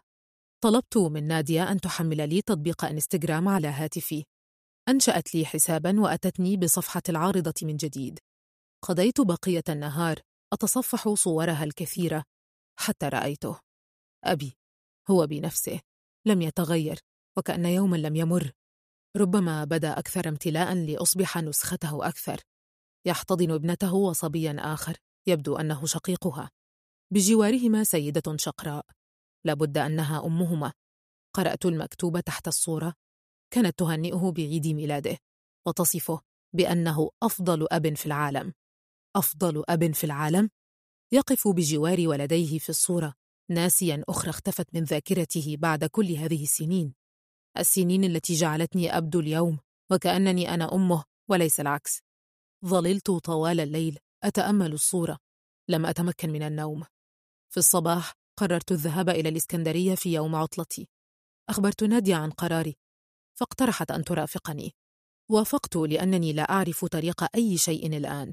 لم أتجاوز نطاق الشارع والشوارع المحيطة إلا مرات تعد على أصابع اليدين. أمشي بصعوبة وألهث طيلة الوقت. في اليوم المنشود غادرنا معا. سيدة سمينة وفتاة عرجاء تسيران جنبا إلى جنب. ثنائي يثير الشفقة لكنها كانت أذكى مما أتصور. تفعل كل شيء ببساطة وسرعة. تحجز لنا تذاكر القطار وتناولني زجاجة المياه وتساعدني في النزول والصعود وتملي على سائق التاكسي عنوان الفندق. عندما وصلنا كان كل شيء مختلفا. العمارات القبيحة تحيط بالكورنيش الذي لم يعد كورنيشا. تساءلت أين البحر؟ لم أره من المتاريس المحيطة به. أسوار عالية وكازينوهات تغلق الرؤية. ضحك السائق علي. قال أغلق علينا الرؤية لا بديل عن الدفع لرؤية البحر. لم تكن هذه مدينتي التي أعرفها. أين البحر؟ أكاد أشم رائحته. ألمحه بين الحين والآخر عبر فرجات ضيقة. العمارات مائلة على بعضها البعض والشوارع مزدحمة رغم أننا ما زلنا بعيدين عن موسم الصيف. وصلنا إلى الفندق المكان الوحيد الذي أعرفه. لا توجد فرصة لمقابلة سارة ولا حتى شخص ممن أعرفهم. لكني كنت أشعر بالحاجة للذهاب ورؤية المكان. كل شيء تغير. بات عتيقا متهالكا. اللوبي لم يعد كما كان. لم يعد هناك بيانو ولا لوحات ولا شيء. ال counter المزخرف بات خشبا متآكلا. يقف خلفه شاب أسمر بشعر مشعث. ينتظر مني أن أنطق. لم يعد هناك سياح ولا نزلاء. بعض الشباب المزعجين يخرجون ويدخلون بصخب ينقطون ماء ورمالا على السجادة البالية. شعرت بالفزع وتمسكت بنادية شددتها لنغادر. طلبت منها أن نجلس في أي مكان لنتناول شيئا. اختارت مقهى مقابلا يطل على البحر من نوافذه العريضة. يجلس فيه الشباب والفتيات لتدخين الشيشة والتحدث بصوت عال. طلبت واحدة مع الشاي. وطلبت نادية عصير فواكه. نفثت الدخان في صمت وأنا أتأمل البحر الذي لم أعد أعرفه. تذكرت سارة والبيانو والورود الحمراء. تذكرت زمنا آخر كان كل شيء فيه مختلفا. لو كانت لا تزال هنا لكان الوضع اختلف كثيرا اليوم. كنا لنبقى معا رغم أنف الجميع. كنت سأحافظ على شكلي وصحتي وحياتي. لم أكن سأخاف شيئا. لم أكن لأهرب وأتركها. أنا جبانة. تخليت عنها وعن نفسي. وعن الإسكندرية. تناولت هاتفي ودخلت على حساب أبي على إنستغرام. أبي العزيز الذي صار رجل أعمال ثريا وشهيرا في أمريكا. أجريت على اسمه بعض البحث بمساعدة نادية. وعلمت أنه تزوج عارضة أزياء روسية منذ عشرين عاما. وأنا منى المسكينة الوحيدة التي تزن تسعين كيلوغراما تملك أخا وأختا. عارضة أزياء ذهبية تظهر على أغلفة المجلات العالمية وتسير على منصات أسابيع الموضة وتتفاخر بأصولها العربية. أبي الذي اتهمني بأنني ممسوسة يتفاخر بشهرة ابنته التي ظهرت عاري على غلاف مجلتين من قبل. يصحبها إلى المهرجانات العالمية. يرتدي أفخم البذلات. نسي عالمه الآخر في الإسكندرية. نسي ابنته التي قيدها بحبل غليظ في السرير عندما رآها مع امرأة. نسي أنه أراد إرسالها إلى الدير. نسيها بمجرد أن خطى بقدميه إلى أرض جديدة. المال والشهرة غيرا أفكاره. فهل يتذكرني؟ رأيته على يوتيوب في لقاء مع مذيعة مثلية شهيرة ومحبوبة يتحدث معها بكل لطف يحتضنها في بداية اللقاء ونهايته. يحكي عن رحلة كفاحه وفخره بابنته وعن أصوله العربية التي لا تعني أنه غير منفتح إنه يدافع عن حقوق جميع البشر. تعرض المذيعة صوره في مظاهرات للدفاع عن حقوق المثليين والملونين وجميع الديانات. ماذا لو تواصلت مع الصحافة الأمريكية وقصصت عليهم قصتي معك؟ ربما تعرض علي مليون دولار أو أكثر. سبق صحفي. ابنة الملياردير المصري. والد عارضة الأزياء الذهبية تعود لتكشف أسراره. أغلقت هاتفي بغل. نظرت إلي نادية نظرتها المليئة بالشفقة. فسألتها عما تنظر. شايك برد. شربته بسرعة. وطلبت منها أن نعود عرضت علي المبيت معي هذه الليلة لكني رفضت. تهالكت جالسة على السلم أمام باب الشقة المغلق. أعطيتها المفاتيح لتفتح لي الباب. حتى أتمالك أنفاسي. فتحت وأضاءت الأنوار وعادت لي لتسندني حتى غرفتي. ساعدتني في تغيير ملابسي والرقاد على السرير. نظرت إلى السقف المشقق. أمام عيني صورة العذراء تنظر إلي بوداعة كما تفعل دوما. جلست نادية بجواري مستكينة.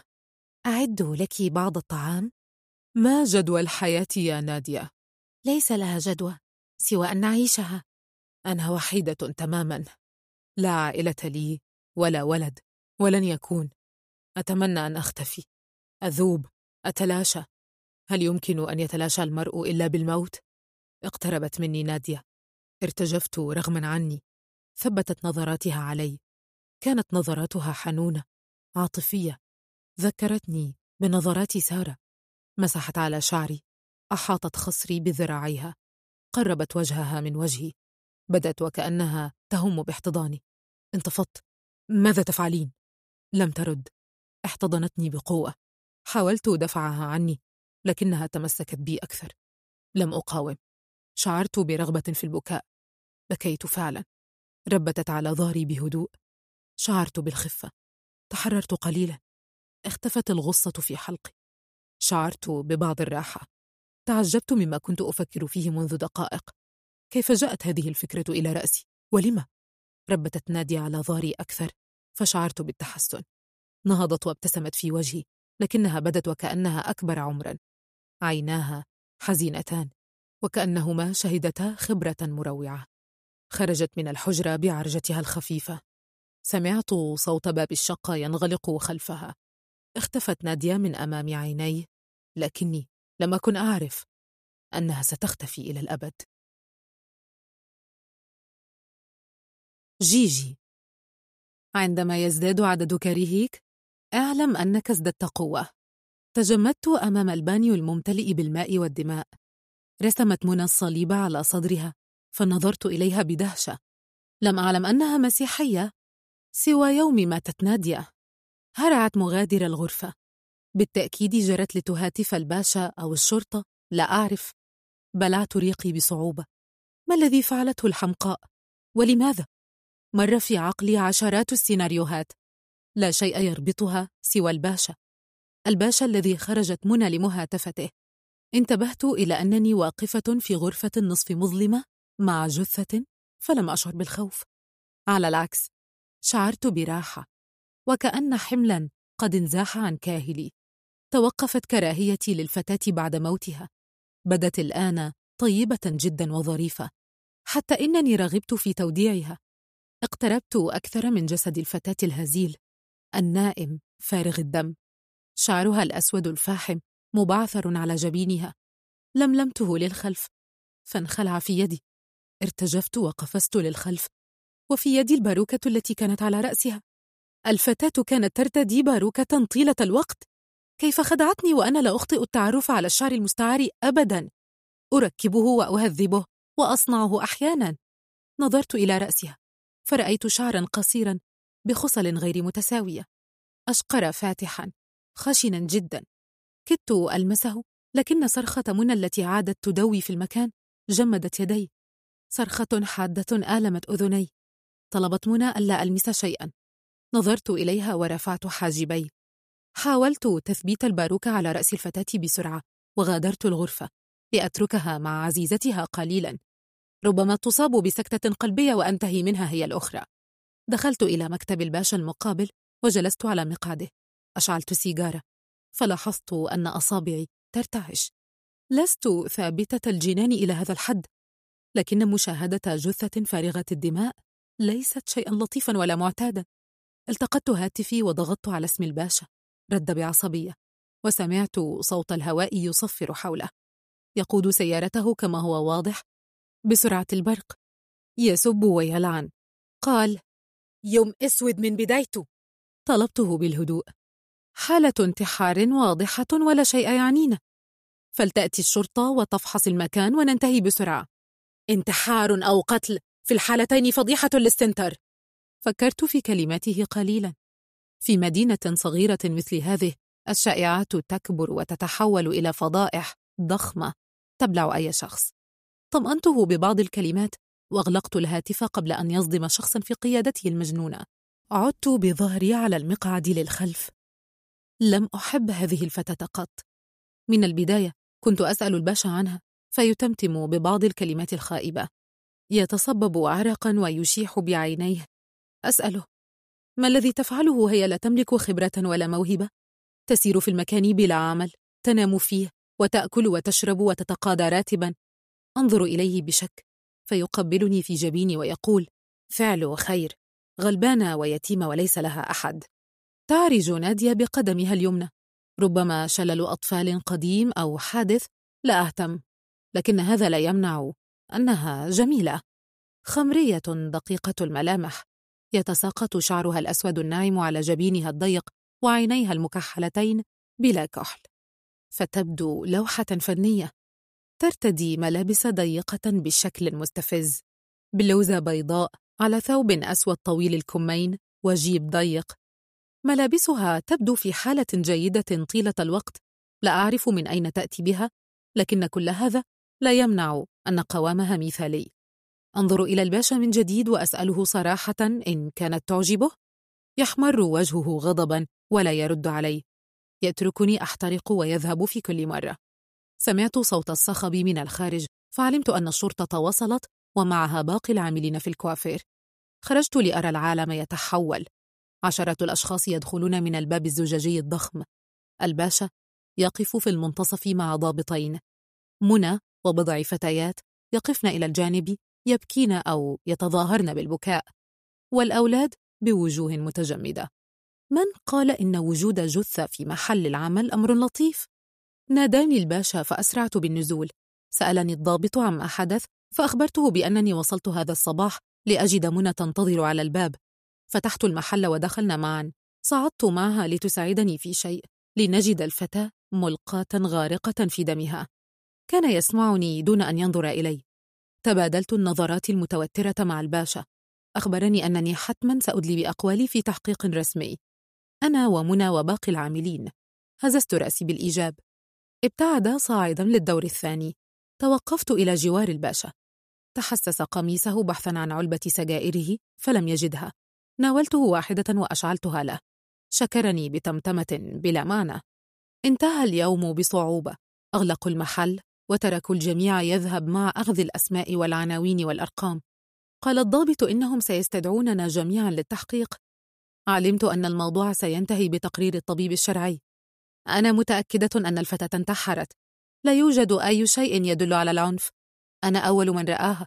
الفتاة قررت إنهاء حياتها. لكنها قررت ترك جثتها لنا كأنها تعاقبنا.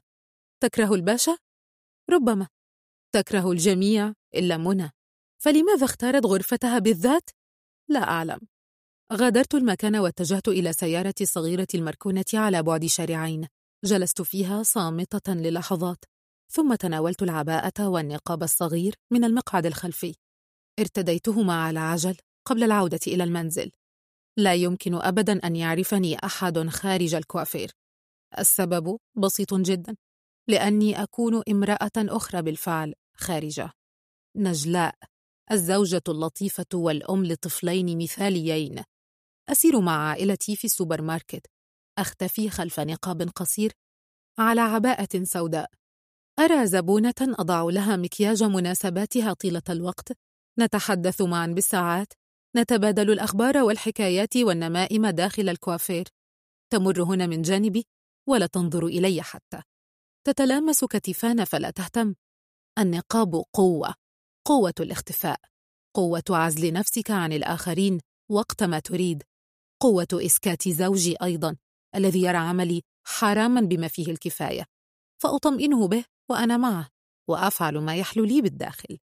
كل يوم أهبط من سيارتي في الصباح. لا أحد يراني وأنا أرفع النقاب من رأسي. أفك أزرار العباءة المفتوحة. تحتها أرتدي ملابس مختلفة. أحرص على شرائها بتوقيع ماركات عالمية. عبر الإنترنت أو من القاهرة التي أذهب إليها خصيصاً. وحدي أو مع الباشا. وحده يعرف شخصيتي. وحده يمكن أن يناديني كيفما شاء.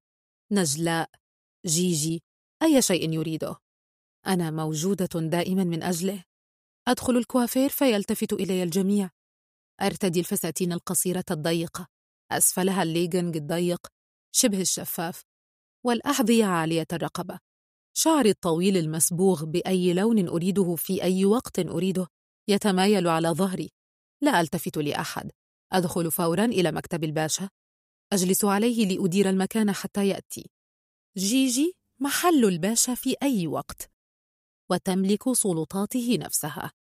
أشعل سيجارة وأطلب فنجانا من القهوة. تأتيني به نادية. أتذكر المشهد جيدا وكأنه يدور أمامي. نظرت إليها من أعلى لأسفل. نظرت إلي وهي تتظاهر بالاحترام. قالت أي خدمة تانية؟ فأشحت بنظري عنها دون كلمة.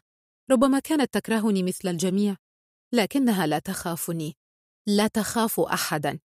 ولهذا أكرهها أكثر.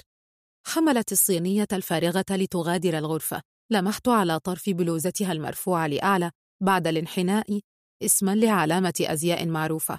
أعرف مقرها الفخم في أحد أكبر المولات في القاهرة. من أين أتت نادية بمثلها؟ ناديتها مجددا فاستدارت بلا كلمة. سألتها من أين أتت بهذه البلوزة؟ فأجابتني بأنها ملكها. قلت اجلسي يا نادية نتحدث قليلا. جلست أمامي بتردد. ابتسمت فظهرت أسنانها البارزة للأمام قليلا. جميلة بالتأكيد. مغرية. ربما كنت على حق. الباشا لا يقاوم العاملات البائسات القادمات من البلاد الصغيرة البعيدة. أحرقتني الفكرة وشعرت بعيني تكادان تخرجان نارا. ابتسمت لها فلمحت الفزع في عينيها. من أين أتيت بها؟ لا أريد كذبا. إنها ملكي. ثمنها يساوي مرتبك لمدة عامين. لم أشتريها من مرتبي. أملك ملابس جميلة أيضا يا مدام جيجي. نهضت فجأة فخبطت على مكتبي. مجنونة أنت؟ من قال لك أن تنهضي؟ أعادت الجلوس ووجنتاها محمرتان. حاولت تلطيف الجو والتحدث بلهجة أخرى ربما تستجيب. سألتها عن حاجتها للعمل ما دامت تملك مثل هذه الملابس الثمينة لكنها لزمت الصمت للحظات. ثم تمتمت. ظروف. طلبت منها شرح الظروف. أغريتها بالكثير وبأنها ستصبح من المقربين مني. تعرف بالطبع ما الذي يعنيه هذا؟ أنا لا أتحدث مع أحد من الأساس. أحنقني ردها. فأشرت لها بأن تغادر. أشعلت سيجارة وراقبتها وهي تهرع إلى غرفة منى. يجلسان معا طيلة الوقت. تؤسس منى حلفا علي إذن. أراها تنظر إلي من نافذتها الصغيرة من غرفتها التي تراقب منها الجميع وتحسب أن لا أحد يراها. أعرف أنها تعرف كل شيء لكني لا أهتم بها ولا بما تعرفه. اقتربت من الجدار الزجاجي الذي يطل بأكمله على الجناح المقابل وعلى الطابق الأرضي. التقت أعيننا ابتسمت. أعرف أن ابتسامتي تخيف جميع من في المحل لكنها لا تخافني. تكرهني بالتأكيد. الشعور متبادل. ثعبان يعيش بجواري ولا أستطيع السحقه بكعب حذائي. مشكلتها أنها محمية من الحاج. سبقتنا جميعا إلى هنا. سبقت الباشا نفسه. تعمل مع أبيه منذ كان محلا صغيرا بائسا. وستظل حتى لو غادر الجميع. يصل الباشا أخيرا. استقبلته بابتسامة لا تظهر إلا من أجله. سألني عن الأحوال فأجبته. أريته قائمة الحجوزات. العرائس التي يردنه بالذات. يمسك بيدي من أسفل الدفتر فأتظاهر بالخجل. وحشتيني يا جيجي. فهمت فورا.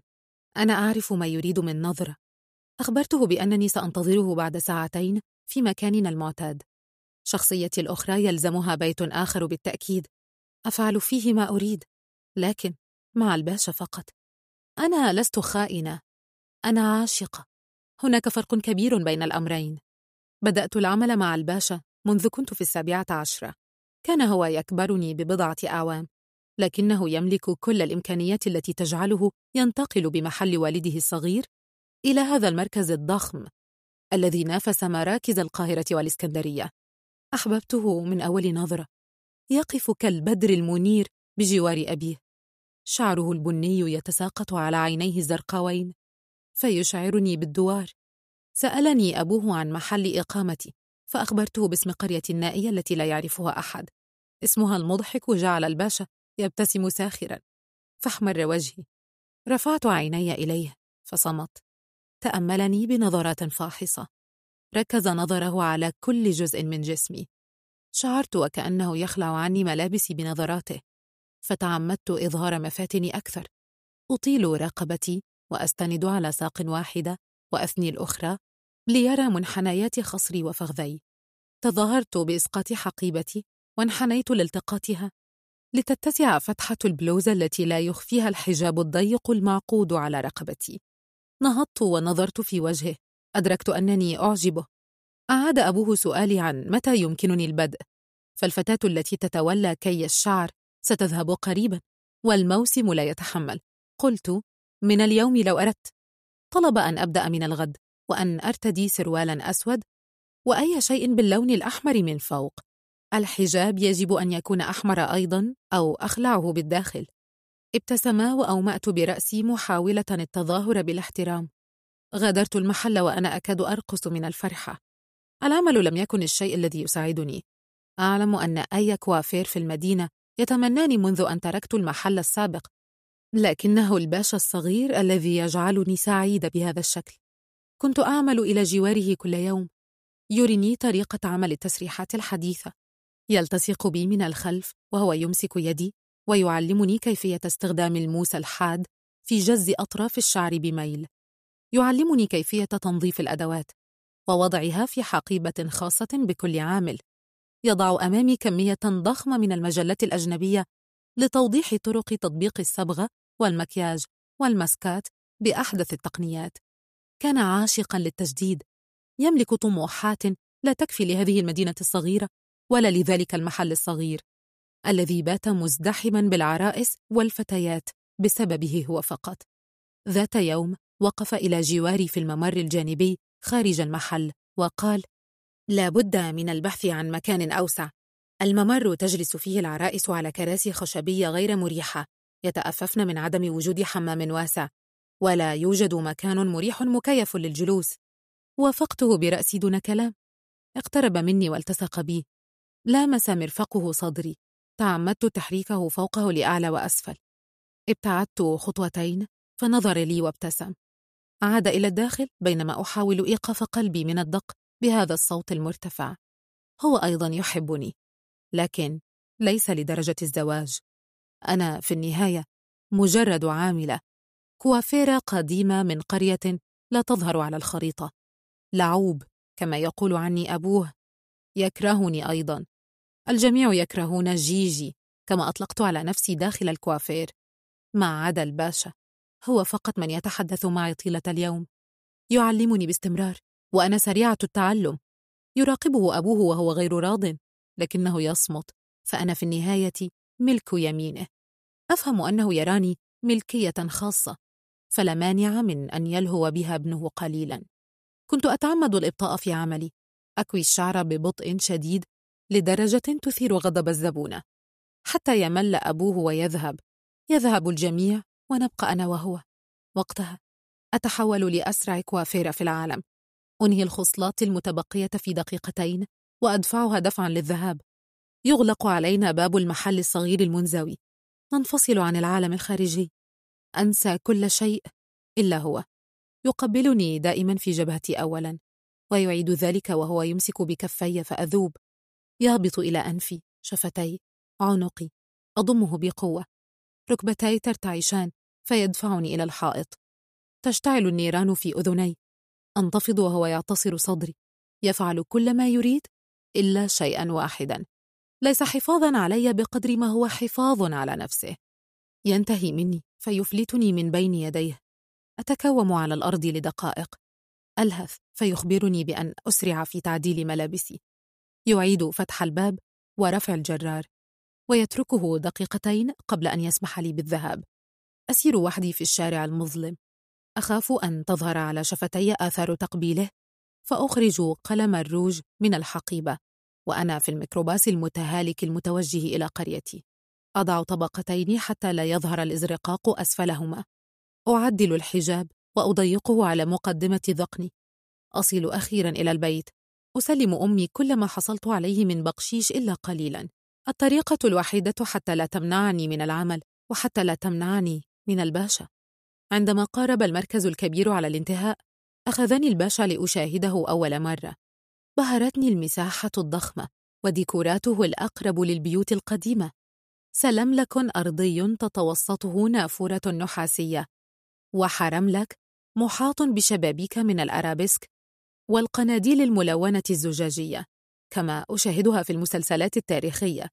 أخبرني أنه قرر إلحاقي بدورة تدريبية عن فن المكياج في القاهرة. سأسافر معه لمدة ثلاثة أيام وعلي أن أستعد لذلك. وضع مبلغا من المال في يدي كافيا لإسكات أمي عن فكرة السفر. لم أصدق نفسي من السعادة. ثلاثة أيام مع الباشا. وحدنا. دون اختباء أو اضطرار للخروج وحدي دونه. دون اضطرار لممارسة الحب وقوفا. غرقت في أحلامي. وبدأت في إعداد نفسي من أجل هذه الأيام الثلاثة. وكأني عروس. أنفقت كل ما أملك على شراء الملابس الداخلية. قمصان نوم زاهية أتذكرها الآن وأضحك. قروية ساذجة تحلم برحلة خيالية مع الأمير. رتبت حقيبتي باهتمام. غادرت المنزل وأنا أطير من السعادة. الرحلة الشاقة في الأتوبيس الضيق حتى الموقف أصبحت أجمل لحظات حياتي. كنت متلهفة للوصول والانطلاق في الرحلة المنتظرة. اقتربت من الكوافير لأجد أتوبيسا صغيرا ينتظر. وكل العاملين يصعدونه ببطء وكسل. اتضحت الرؤية في عقلي وفهمت أنها ليست إجازتي الخيالية مع أمير أحلامي إنها مجرد رحلة عمل مع باقي عمال الكوافير وأشخاص لا أعرفهم كلهم في طريقهم للتدريب من أجل المركز الكبير. كنت واحدة ضمن عشر فتيات وفتيان حتى منى لم يتركها. جلست بجواري بعد أن مررت نظراتها علي من أعلى لأسفل. تجمدت نظرتها لحظة على حقيبتي الضخمة وابتسمت بسخرية. هل كنت تعتقدين أنها رحلة استجمام؟ أشحت بوجهي عنها. كانت تجلس طيلة الوقت في الطابق الثاني الصغير من المحل الخاص بتجهيز العرائس. موجودة منذ الأبد. الباشا يعاملها باحترام وكأنها أمه. والحاج لا يطيق الاستغناء عنها. أكيد مرافقة فكرت في سري. ثم استبعدت الفكرة. هي غير مغرية بمرافقة حتى الجثث الهامدة. ثلاثة أيام لم أرى فيها طيف الباشا. دروس مملة ومشاهدة طرق تطبيق المكياج على الشاشات الكبيرة. لكني كنت متميزة فطريا في التنفيذ العملي. كنت الوحيدة التي تجيد رسم العينين ومزج الألوان. أملك خبرة طبيعية وذوقا راقيا. لا يناسب بيئتي لكنه يناسب شخصيتي. كنت أعرف أنني سأكون خبيرة التجميل الوحيدة. أحببت هذا اللقب. بعد العودة استدعاني الحاج إلى المركز. دخلت إليه لأجده جاهزا بالإضاءة والمرايا وكل المعدات. تحركت كالمسحورة إلى الطابق العلوي إلى المكتب الكبير ذي الجدران الزجاجية. وراءه جلس الحاج وبجواره جلس الباشا مسترخيا. كان يتحرك بمقعده الدوار يمينا ويسارا دون أن ينظر إلي. قال أبوه إنني سأكون خبيرة التجميل الجديدة في المركز لموهبتي الطبيعية في ذلك. طلب مني أن أستمر في التعلم ومتابعة الطرق الجديدة وتعهد بإحضار المجلات الأجنبية والمستحضرات الأصلية إلى المركز. فهمت أنه يردد ما لقنه إياه ابنه قبل وصولي. هززت رأسي موافقة وتظاهرت بالسعادة. رمقته بطرف عيني فلم ينظر إلي. زبونتي الأولى كانت العروس المختارة. جلست عروس الباشا تحت يدي بملامحها الأرستقراطية. فتاة نحيفة بلا شيء مميز سوى ملابسها الغالية. وآثار العز التي تظهر على هؤلاء المدللات اللاتي أعرفهن جيدا. خريجات المدارس الأجنبية التي ينطقن القاف كافا. أحفظهن وأكرههن طوال عمري. أتعامل معهن في الكوافير كل يوم وأحب تجاهلهن ومعاملتهن بسخف. انتقاما. علمت أنها ابنة واحدة من أغنى عائلات القاهرة. درست في جامعة الباشا نفسها ذات الاسم الأجنبي الفخم. لم أهتم بالتفاصيل. كنت أتخيلني أنا. أجز رقبتها بدلا من وضع كريم الأساس عليها. أرسم عينيها بدقة. لكني أتمنى لو نزعتهما. لكنها كانت زبونتي الأولى. امتحاني الأول. لم أرغب في الرسوب. وضعت لها الرموش المستعارة. انتهيت من ظلال الجفون وأحمر الخدود. أقوم بحيلة صغيرة تعلمتها لتكبير الشفتين قبل وضع الحمرة. نظرت لنفسها غير مصدقة. قالت لم أتوقع هذا. كانت تريد التزين في القاهرة لدى أكبر الكوافيرات. لم ترد التزين في كوافير بلدة صغيرة على يد فتاة قروية. لكن الباشا رفض وصمم على رأيه. مدت يدها إلى حقيبتها الملقاة بجوار حذائها الرياضي الذي استبدلته بحذاء لامع يساوي راتبي لمدة عامين. وأخرجت منها مئة جنيه. وضعتها في يدي وهي تبتسم. قالت ميرسي. فهززت رأسي دون صوت. كان حلقي محتقنا. ويداي متخشبتين على الورقة الكبيرة. الورقة التي صارت البقشيش الرسمي لي. أي عروس تعلم أنها إن لم تضعها في يدي قبل المكياج فستندم كثيرا بعد ذلك عند رؤية صور زفافها. لا أحد يستطيع الجدال. مئة جنيه لي وخمسون لمساعدتي. أقتسمها معها بعد ذلك. تعلمت الكثير من دروس المكياج التي ألحقني بها الباشا. تعلمت أن أضع طبقات من الألوان على وجهي حتى تيبس. لم أعد قابلة للابتسام أو البكاء. لم أعد نجلاء التي أتت من القرية المتطرفة. أنا الآن جيجي التي تملك شقة صغيرة في الشارع المجاور للمركز. لا تنطق أمي طالما أمنحها النقود. جيجي التي تتحول كل يوم بشكل ملحوظ. تعلمت شراء الملابس التي ترتديها المدام. تصفيف شعري كما تصففه. تعلمت كيف آخذ ما أريد وقت ما أريد. اقترب مني الباشا ليلة زفافه. نظرة ذنب صغيرة لاحت في عينيه. فتصنعت ابتسامة. قلت مبروك بثبات. فنظر إلي بدهشة. كانت هذه اللحظة حاسمة لي. كان عليه أن يعلم أنني لا أهتم. هذا فقط ما سيجعله يعود ويبقى. وهذا بالضبط ما حدث. يترك الباشا عروسه الجديدة ليتسلل إلى شقتي ليلا كل بضعة أيام. بعد فترة بدت كطيف وهمي غير حقيقي. بعيدة عني تماما. نسيت ملامحها التي حددتها بيدي يوما. ذابت وتلاشت ولم أهتم. لكن لا شيء يظل سرا في الكوافير. بالتأكيد هي من تكلمت أولا. الحديث يخرج من غرفة منى المظلمة ككهف اعتراف ليسري في جميع الأماكن. ينظر لي العاملون نظرات سخرية. تتهامس الفتيات في غرفتهن الصغيرة الجانبية. وعندما أقتحم المكان عليهن يصمتن ويغيرن الموضوع.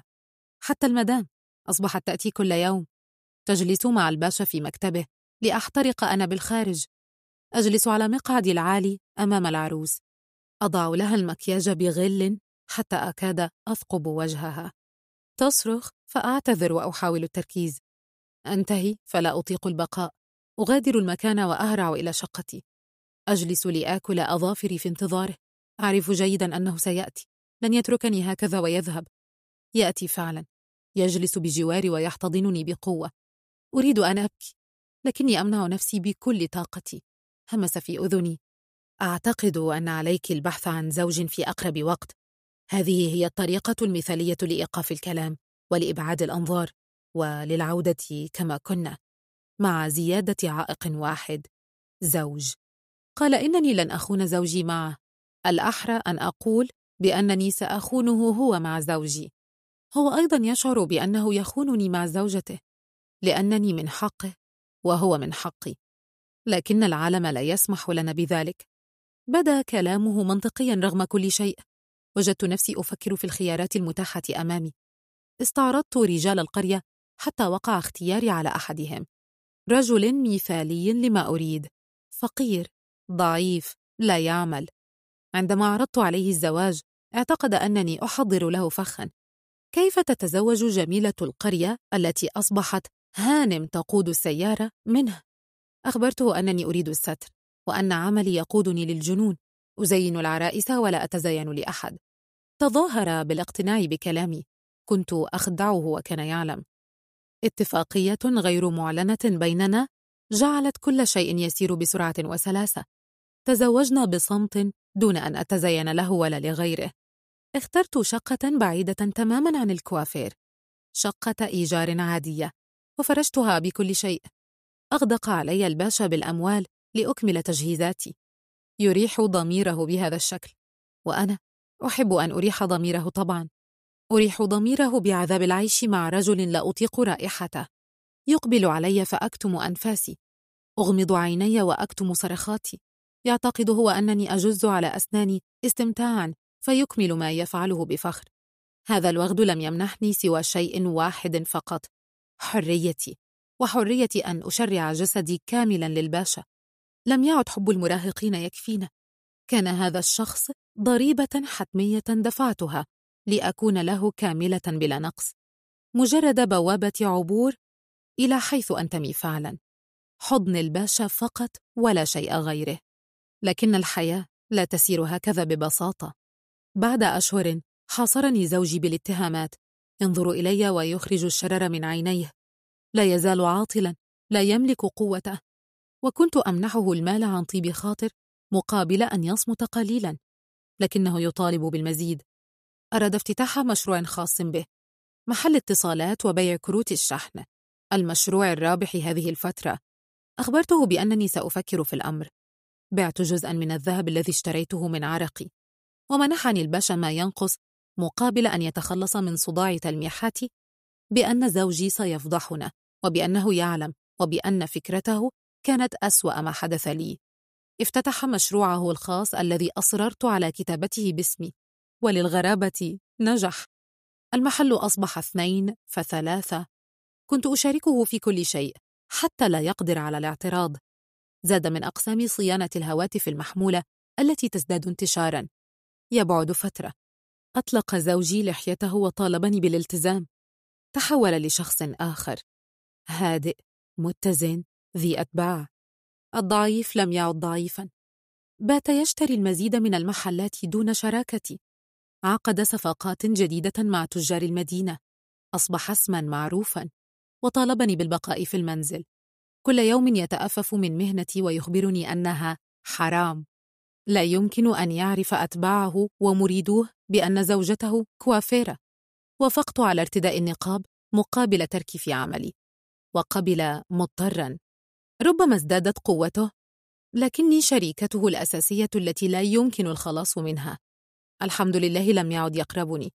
ينظر إلي مشمئزا كلما عدت مساء لكنه يحافظ على صورته أمام الجميع كزوج سيد.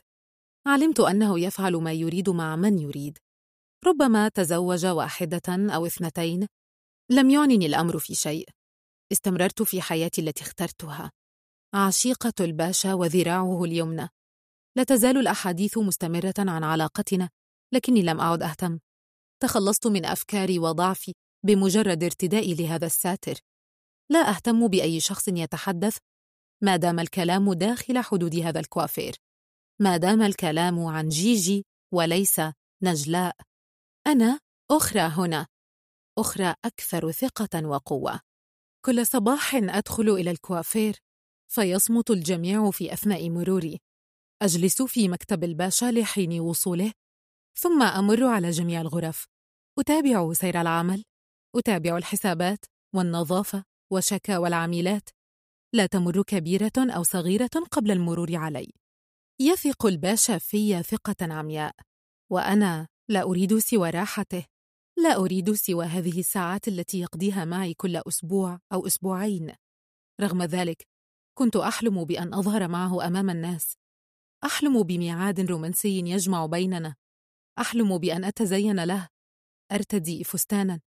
يصحبني لمطعم فاخر ويفتح لي باب السيارة بنفسه. أتأبط ذراعه وأسير بجواره. أحلم بأن أرقص معه على موسيقى حالمة وأن أطعمه بيدي ويطعمني بيده. أحلام حمقاء لمراهقة صغيرة لكنها كل آمالي في الحياة. عندما صارحته بها بعد مرة عاجلة مارسنا فيها الحب بسرعة السارقين ابتسم بسخرية وهو يرتدي ملابسه. المرة القادمة ذكريني أن نرقص أولاً. كله من وقتك يا جيجي. ابتسمت مجاملة والغصة تملأ حلقي. غادر الشقة دون أن ينظر إلي. استلقيت مكاني محدقة في السقف المظلم بلا أفكار. من في هذا العالم؟ تملك حياة أكثر زيفا مني. شعرت بأنني موصومة غارقة في مستنقع لا أستطيع الخروج منه. أغوص فيه أكثر. الوحل يطبق على صدري فلا أستطيع التنفس. نهضت من مكاني وأعدت ارتداء ملابسي. وضعت النقاب على رأسي. اكتسى العالم من حولي بالسواد جررت قدمي جرا إلى الشارع وركبت سيارتي للعودة إلى الكوافير. رن هاتفي. زوجي يتصل. لم أرد.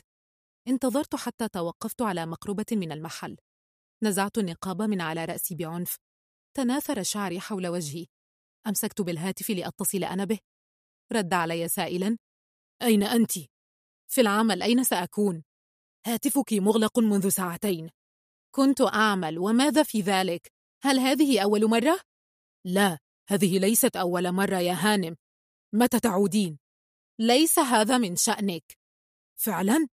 إذا لا تعودي ولا تفكري في الأولاد لأنك لو فعلت سأفضحك يا نجلاء وأنت تعلمين كيف لن أسمح لهم بالعيش مع زانية ورقتك ستصلك إلى إلى العمل أغلق الهاتف في وجهي. شعرت أن ساقي لا تقويان على حملي. طوال الوقت يفكر الباشا في حياته ومنظره الاجتماعي. بينما لم أفكر أنا في أولادي قط. اندفعت وراء مشاعري كأي مراهقة أسمع وأطيع. لا أحلم سوى بقبلة ورقصة وحضن وكلمة حلوة. والآن ماذا؟ نظرت في مرآة السيارة. أفزعني شكل وجهي المنتفخ. الكحل يبدو كبقع سوداء حول عيني.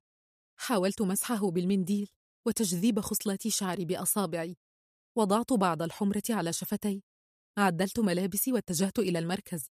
سألت عن الباشا لتجيبني الفتاة الجالسة على الكاشير بأنه لم يأتي بعد. طلبت منها أن تبعث لي نادية بالقهوة على مكتبه. جلست وحدي وأنا آخذ أنفاسي بصعوبة. هل سيساعدني الباشا؟ أو ما الذي سأفعله وحدي؟ وحدي تماما في مواجهة عصبة كاملة. طريق المحاكم الطويل ونفوذ زوجي لا يمكن مواجهته وحدي.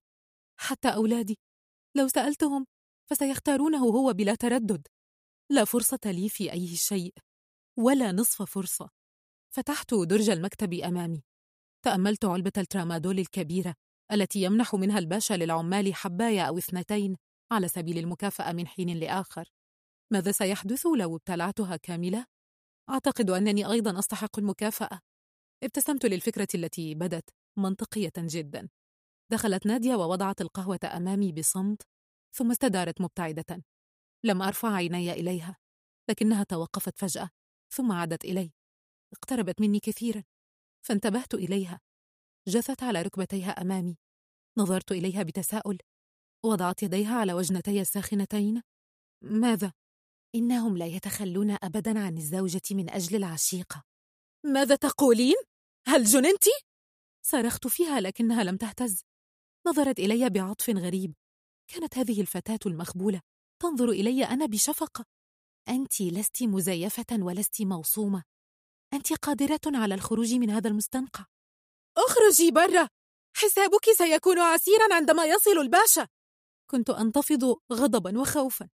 جيجي التي يخاف منها الجميع تفلح فتاة حمقاء وعرجاء في إخافتها بدت وكأنها تقرأ أفكاري من أخبرها بكل هذا؟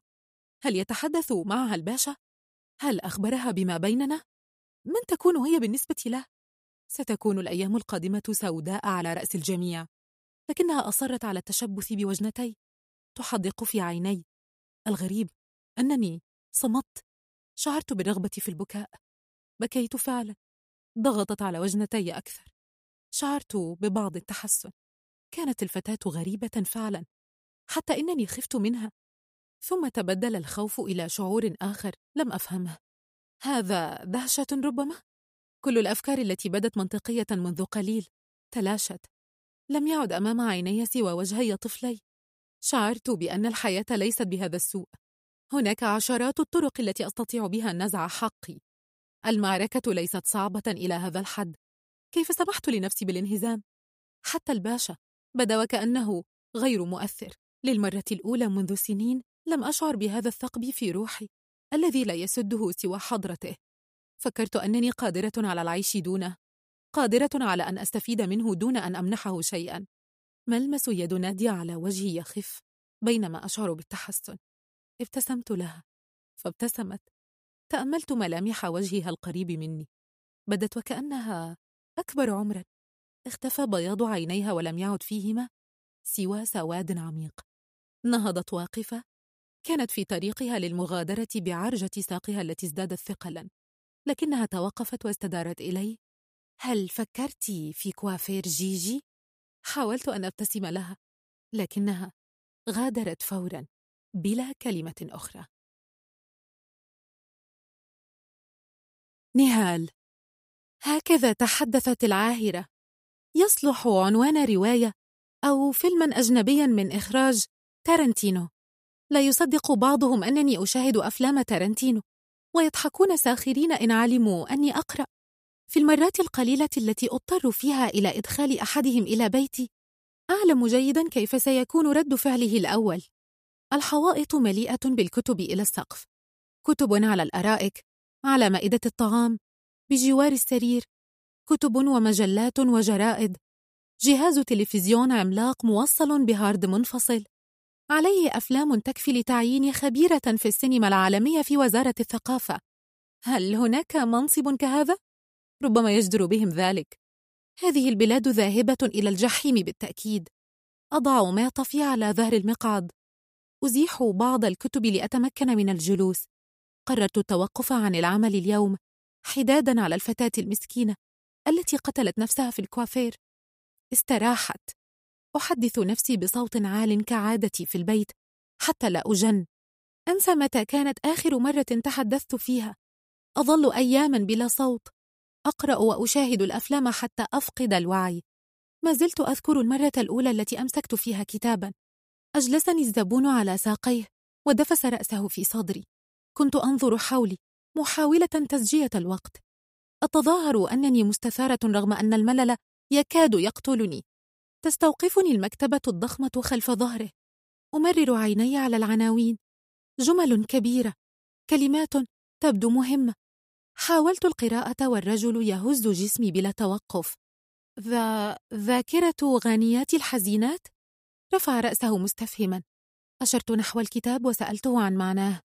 نظر إلي وقهقه. رد الفعل نفسه الذي سيقابلني في كل مرة أتحدث فيها عن كتاب أو أشتري كتابا أو أحمل كتابا. نهض واتجه إلى المكتبة. أخرج الكتاب ووضعه بين يدي. تعرفين القراءة يا نهال؟ بالتأكيد. من تحسبني؟ الأحمق. لا يعرف أنني أنهيت معهد الخدمة الاجتماعية بتقدير جيد. النظرة السطحية لي دائما ما تكئبني. في هذا العالم يعتقد الجميع أن الجميع مسطحون. الأفلام خربت عقول البشر. خذي الكتاب إذن هدية مني. وضعته في حقيبة يدي وعاد هو لما يفعله. هذه المرة شعرت فعلا بالإثارة. وكأن هناك شيئا ما ينتظرني في بيت البائس بعد العودة. أنت تعرف الجملة الدائمة التي يخبرونك بها عن الكتب. كيف أنها نافذة تحملك لعوالم أخرى. جملة صادقة فعلا. كانت الكتب طريقي للهرب. ملاذي إلى عالم مثالي بعيدا عن هذا العالم الذي لا أرغبه ولا يرغبني. أنهيت الكتاب في ثلاث ساعات. بكيت في كل صفحة. أبكي وألتهم السطور. عندما أنهيته كانت الساعة قد تجاوزت العاشرة صباحا. لم أنم. بدلت ملابسي وتوجهت فورا إلى مكان أعرفه جيدا. السور القديم المجاور لمستشفى الحميات. الذي يكتظ بباعة الكتب القديمة والمستعملة. وقفت أمام كل فرشة بفضول. مررت إصبعي على العناوين. سألني البائع إن كنت أريد شيئا. كان ينظر إلي بفضول. شكلي لا يوحي له بالقراءة. نظر إليه. ثبت عيني على اللحام في منتصف نظارته. قلت أريد أي كتاب ل... ل... نسيت الاسم. فأخرجت له الكتاب من حقيبتي. قربه إلى نظارته وقرأ جابرييل غارثيا ماركيز بالطبع لكنه صعب جدا لسيدة تبدأ القراءة. قرأت هذا الكتاب وأعجبني. هذا حسن لكني أنصحك بالتمهل قليلا. عاد لي برزمة كتب ضخمة. عرفت بعض العناوين التي هي نفس عناوين أفلام عربية أحبها كثيرا. حملت معظم ما أتاني به إلى البيت وغصت في عالم إحسان عبد القدوس ومنه إلى يوسف السباعي ونجيب محفوظ. حتى ماركيز أنهيت أعماله الكاملة قبل مرور عام واحد على هذا اللقاء. صرت زبونة مستديمة لدى الرجل ذي النظارة الملحومة. أظهر أمامه فيخرج لي الكتب التي تركها جانبا وخصيصا. كان بيتي يمتلئ بالكتب. أقرأ وأقرأ فقط. تدخلني الكتب إلى عوالم متتالية ومتصلة ببعضها البعض. زاد فضولي نحو العالم.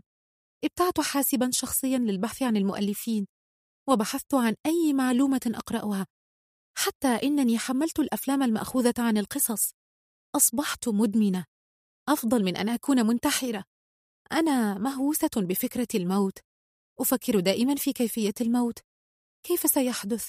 متى؟ أين؟ من سيكتشف جثتي؟ من سيغسلني؟ ما الذي سيقولونه عني؟ عاهرة بنت كلب الحمد لله أنها ماتت واسترحنا من نجاستها. نجسة. هكذا قذفني أبي بالكلمة وكأنها بصقة تصيب وجهي كلما مررت من جانبه. في أثناء خروجي من بيتنا شقة في الطابق الأول من عمارة متهالكة تطل على جسر السكة الحديدية في الكفر القديم. يجلس أبي دائما على باب البيت لا يفعل شيئا. يجلس بالفانيلا وسروال البيجامة المتسخ.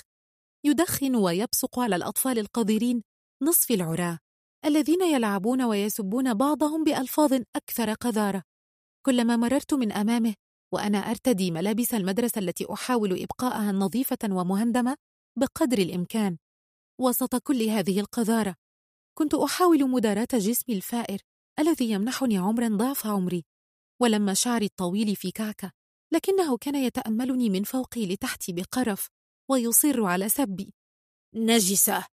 منذ أن أتتني الدورة الشهرية في عمر العاشرة وهو يصر على نجاستي. لم أفهم ما السبب وما ذنبي. كنت المصيبة التي حلت على المنزل مبكرا ودفعتهم لمنعي من الذهاب إلى المدرسة. قال أبي إن علي البقاء في المنزل ومساعدة أمي في خدمة البيوت. لكن واحدة من السيدات التي تخدمهن هددتها بألا تطلبها من جديد لخدمتها هي وجميع جاراتها إن منعتني من مواصلة دراستي. بسببها استمررت في الذهاب إلى المدرسة الإعدادية. كنت معروفة بين البنات الصغيرات التي ينظرن إلي بحسد. بكوني الفتاة الطويلة ذات الثديين المكتنزين والوحيدة التي رفعت يدها باستحياء عندما مرت الأخصائية الاجتماعية على الفصول توزع الفوط الصحية المبعوثة من الشركة الشهيرة لدعم الطالبات. تسأل من منكن أتتها الدورة؟ كدت أذوب خجلا من النظرات. خجل يصاحبني كل شهر في هذا الوقت ويجعلني أوفر القروش القليلة التي تمنحها لي أمي لأشتري علبة من الفوط الصحية تكفيني شهرين. حياتي كلها باتت تدور حول هذه الفترة من الشهر. لا أفكر سوى فيها. أحسب وقت مجيئها حتى لا تفاجئني في المدرسة أو الشارع. أطلب من السيدات التي تخدمهن أمي أن يبحثن لي في خزانات بناتهن عن الملابس القديمة الداكنة. أسألهن باستحياء عن سبب الألم القاتل في أسفل بطني فيضحكن. تناولني إحداهن قرصا مسكنا يقتل الألم. انتقلت إلى مدرسة قريبة في الثانوية العامة. كنت أعبر الشارع الضيق والفتحة التي صنعها الساكنون في سور الجسر ليتمكنوا من العبور بدلا من اللف حول السور. وأسير فوق قضبان السكة الحديدية وأكوام القمامة التي تحيطهما على الجانبين. طيور أبو قردان تحلق عليهما والرائحة التي هي مزيج من القمامة المتعفنة ورائحة اليوريا لمئات الرجال الذين يقضون حاجاتهم طيلة الليل. على جانبي السور تزكم أنفي. التقطت عيناي العضو الذكري لرجل يحاول إدخاله إلى سرواله بعد التبول. لمحني فتمهل في إغلاق السروال. ابتسم ابتسامة المساطيل التي أعرفها فأسرعت من خطواتي لأعبر الطريق. وأصل إلى المدرسة. كنت أحب المدرسة وأحب المذاكرة. حاولت بالرغم من كل شيء أن أجتهد في دروسي. لم أملك ترف الدروس الخصوصية ولا ترف الغرفة الخاصة في منزل ينام فيه الجميع. أبي وأمي وأخوان صغيران بجوار بعضهما البعض على الأرض. لكني أظل جالسة في أبعد نقطة ممكنة على البلاط البارد للحمام. أقرأ الدروس حتى أنام. كل صباح كنت أستيقظ على لمسات أبي اليومية لجسدي فأنتفض. يبعد يديه بسرعة. يعدل من سروال بيجامته. وينظر إلي باحتقار. أضم ساقي حول جسدي. يبصق على الأرض بجواري. اعتدت لمساته منذ صغري. فلم أعد أندهش. أشعر بالغثيان يتصاعد إلى حلقي. أشعر بأنني نجسة فعلا كما يقول. أنتظر حتى يخرج إلى مكانه المفضل على عتبة الدار. وأغلق باب الحمام المتهالك علي. لا ترباس ولا مفتاح في هذا البيت. لا أبواب مغلقة ولا ستائر. أحاول إسناد الباب بساقي بينما أصب الماء على رأسي وجسمي بسرعة. أحاول حك النجاسة من جسمي بالطوبة السوداء الخشنة بلا جدوى. أنا نجسة منذ الصغر كما حكم علي أبي وكما حكم علي صمت أمي المتواطئ. وكما حكمت علي نظرات الجيران التي تعريني كل يوم.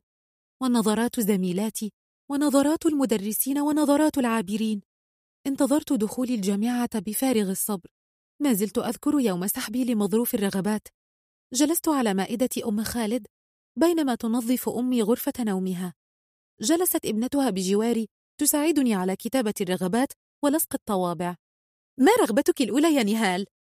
أي شيء بعيد الإسكندرية مثلا؟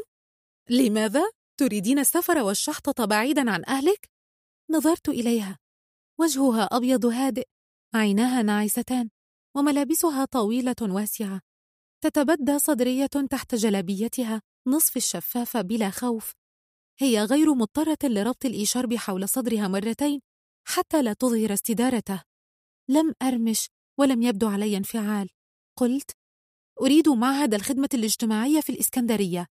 أردت الهرب وحدي. بعيدا عن البيت الصغير المزدحم عن أمي التي لا أراها حتى نسيت شكلها عن أبي ولمساته وصوته الخشن المرعب الذي يتردد في ذهني إلى اليوم قبل النوم فيرتجف قلبي عن صوت القطار الذي يرج البيت المتهالك عن شجار النساء المتواصل طيلة اليوم في الشارع وشخر الرجال لبعضهم البعض طيلة الليل وهم يتقاسمون الحشيش أمام فتحة الجسر. عن النظرات التي تطاردني وتعريني وتتهمني بالانحطاط وتتدخل في تفاصيل جسمي واكتناز صدري وميعاد دورتي الشهرية.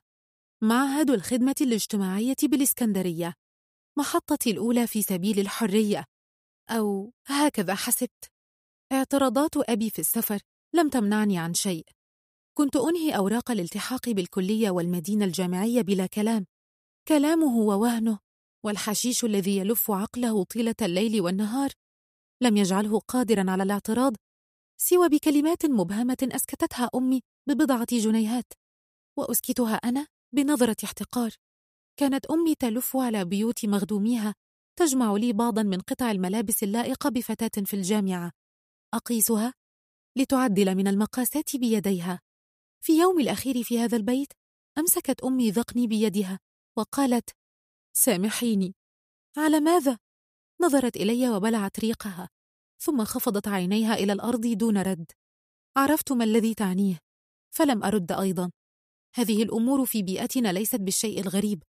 نحن لا نهتم كثيرا بهذه الأشياء. فيما بعد عندما قرأت كثيرا وشاهدت مئات الأفلام أدركت أن هناك عشرات المدللات اللاتي يملأن الدنيا صراخا عندما يتحرش بهن أفراد من عائلتهن.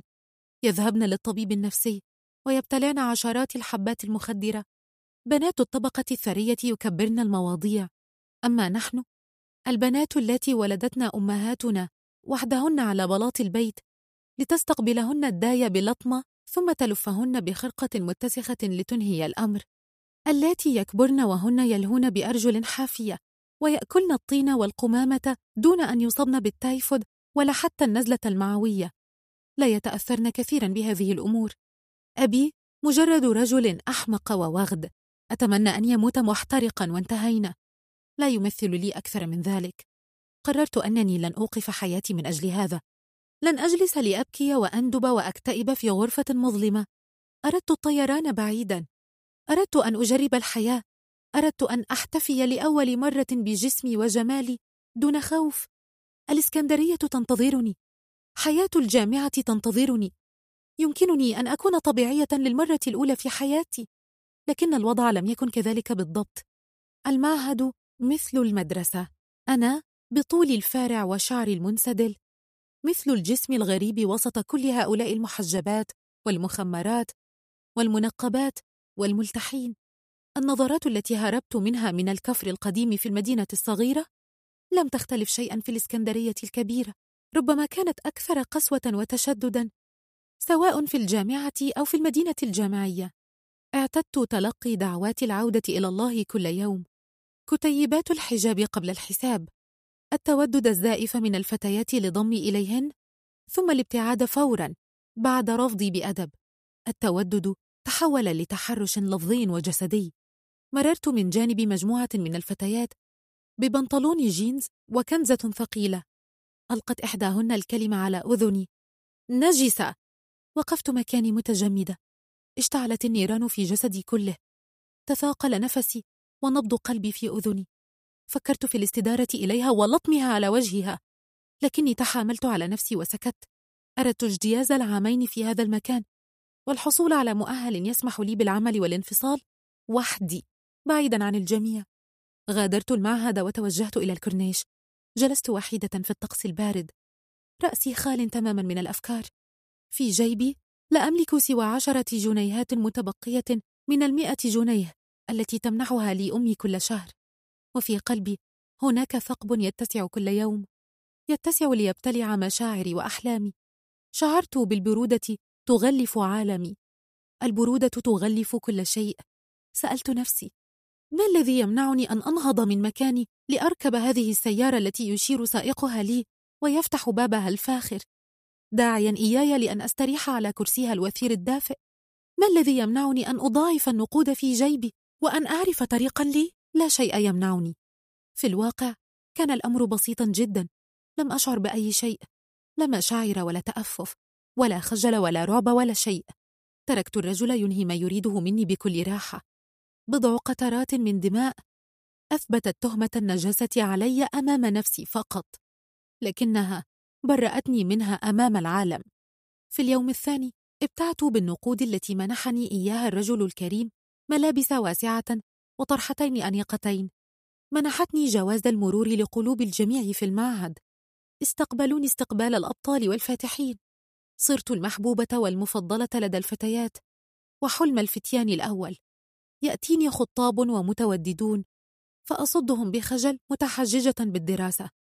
أصلي مع البنات في المصلى وأغادر المعهد بسرعة لأبدل ملابسي في بار صغير في محطة الرمل. أجلس فيه بضع ساعات. أغادره مع زبون أو اثنين وأنتهي قبل ميعاد إغلاق المدينة الجامعية. عامان كاملان كانا كفيلين بامتلاك المال الكافي. عدت إلى مدينتي بشكل مختلف وبهيئة مختلفة. تمكنت من استئجار شقة صغيرة في شارع عائلتي القديم نفسه وإنما على الشارع الرئيس الذي لا يطل على جسر السكة الحديدية. لم يسألوني عن أي شيء لا مصدر الأموال ولا تغير مظهري.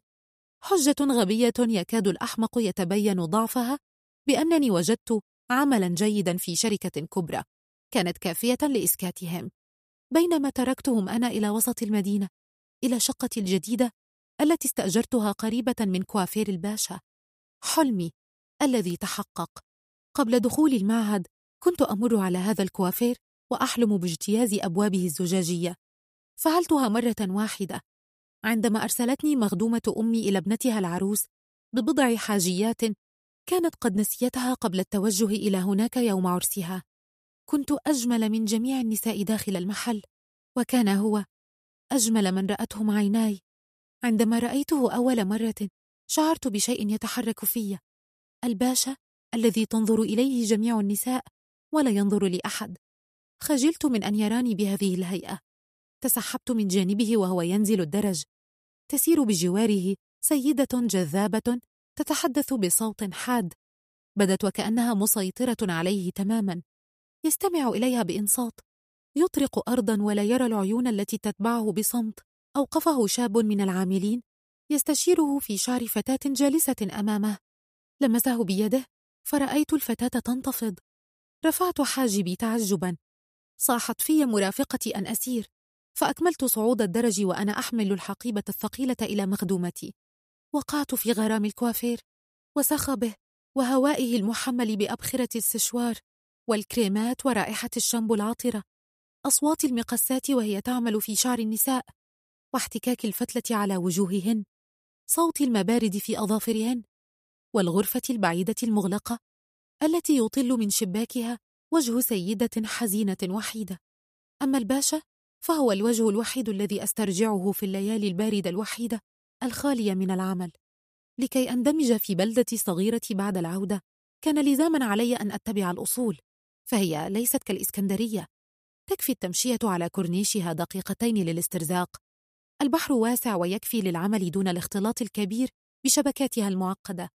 كان يمكن أن أقضي حياتي بمساعدات بسيطة من صديقي جرسون البار مقابل بعض البقشيش السخي للحماية. أما هنا فستار التغطية والعلاقات الشرعية أمر حتمي.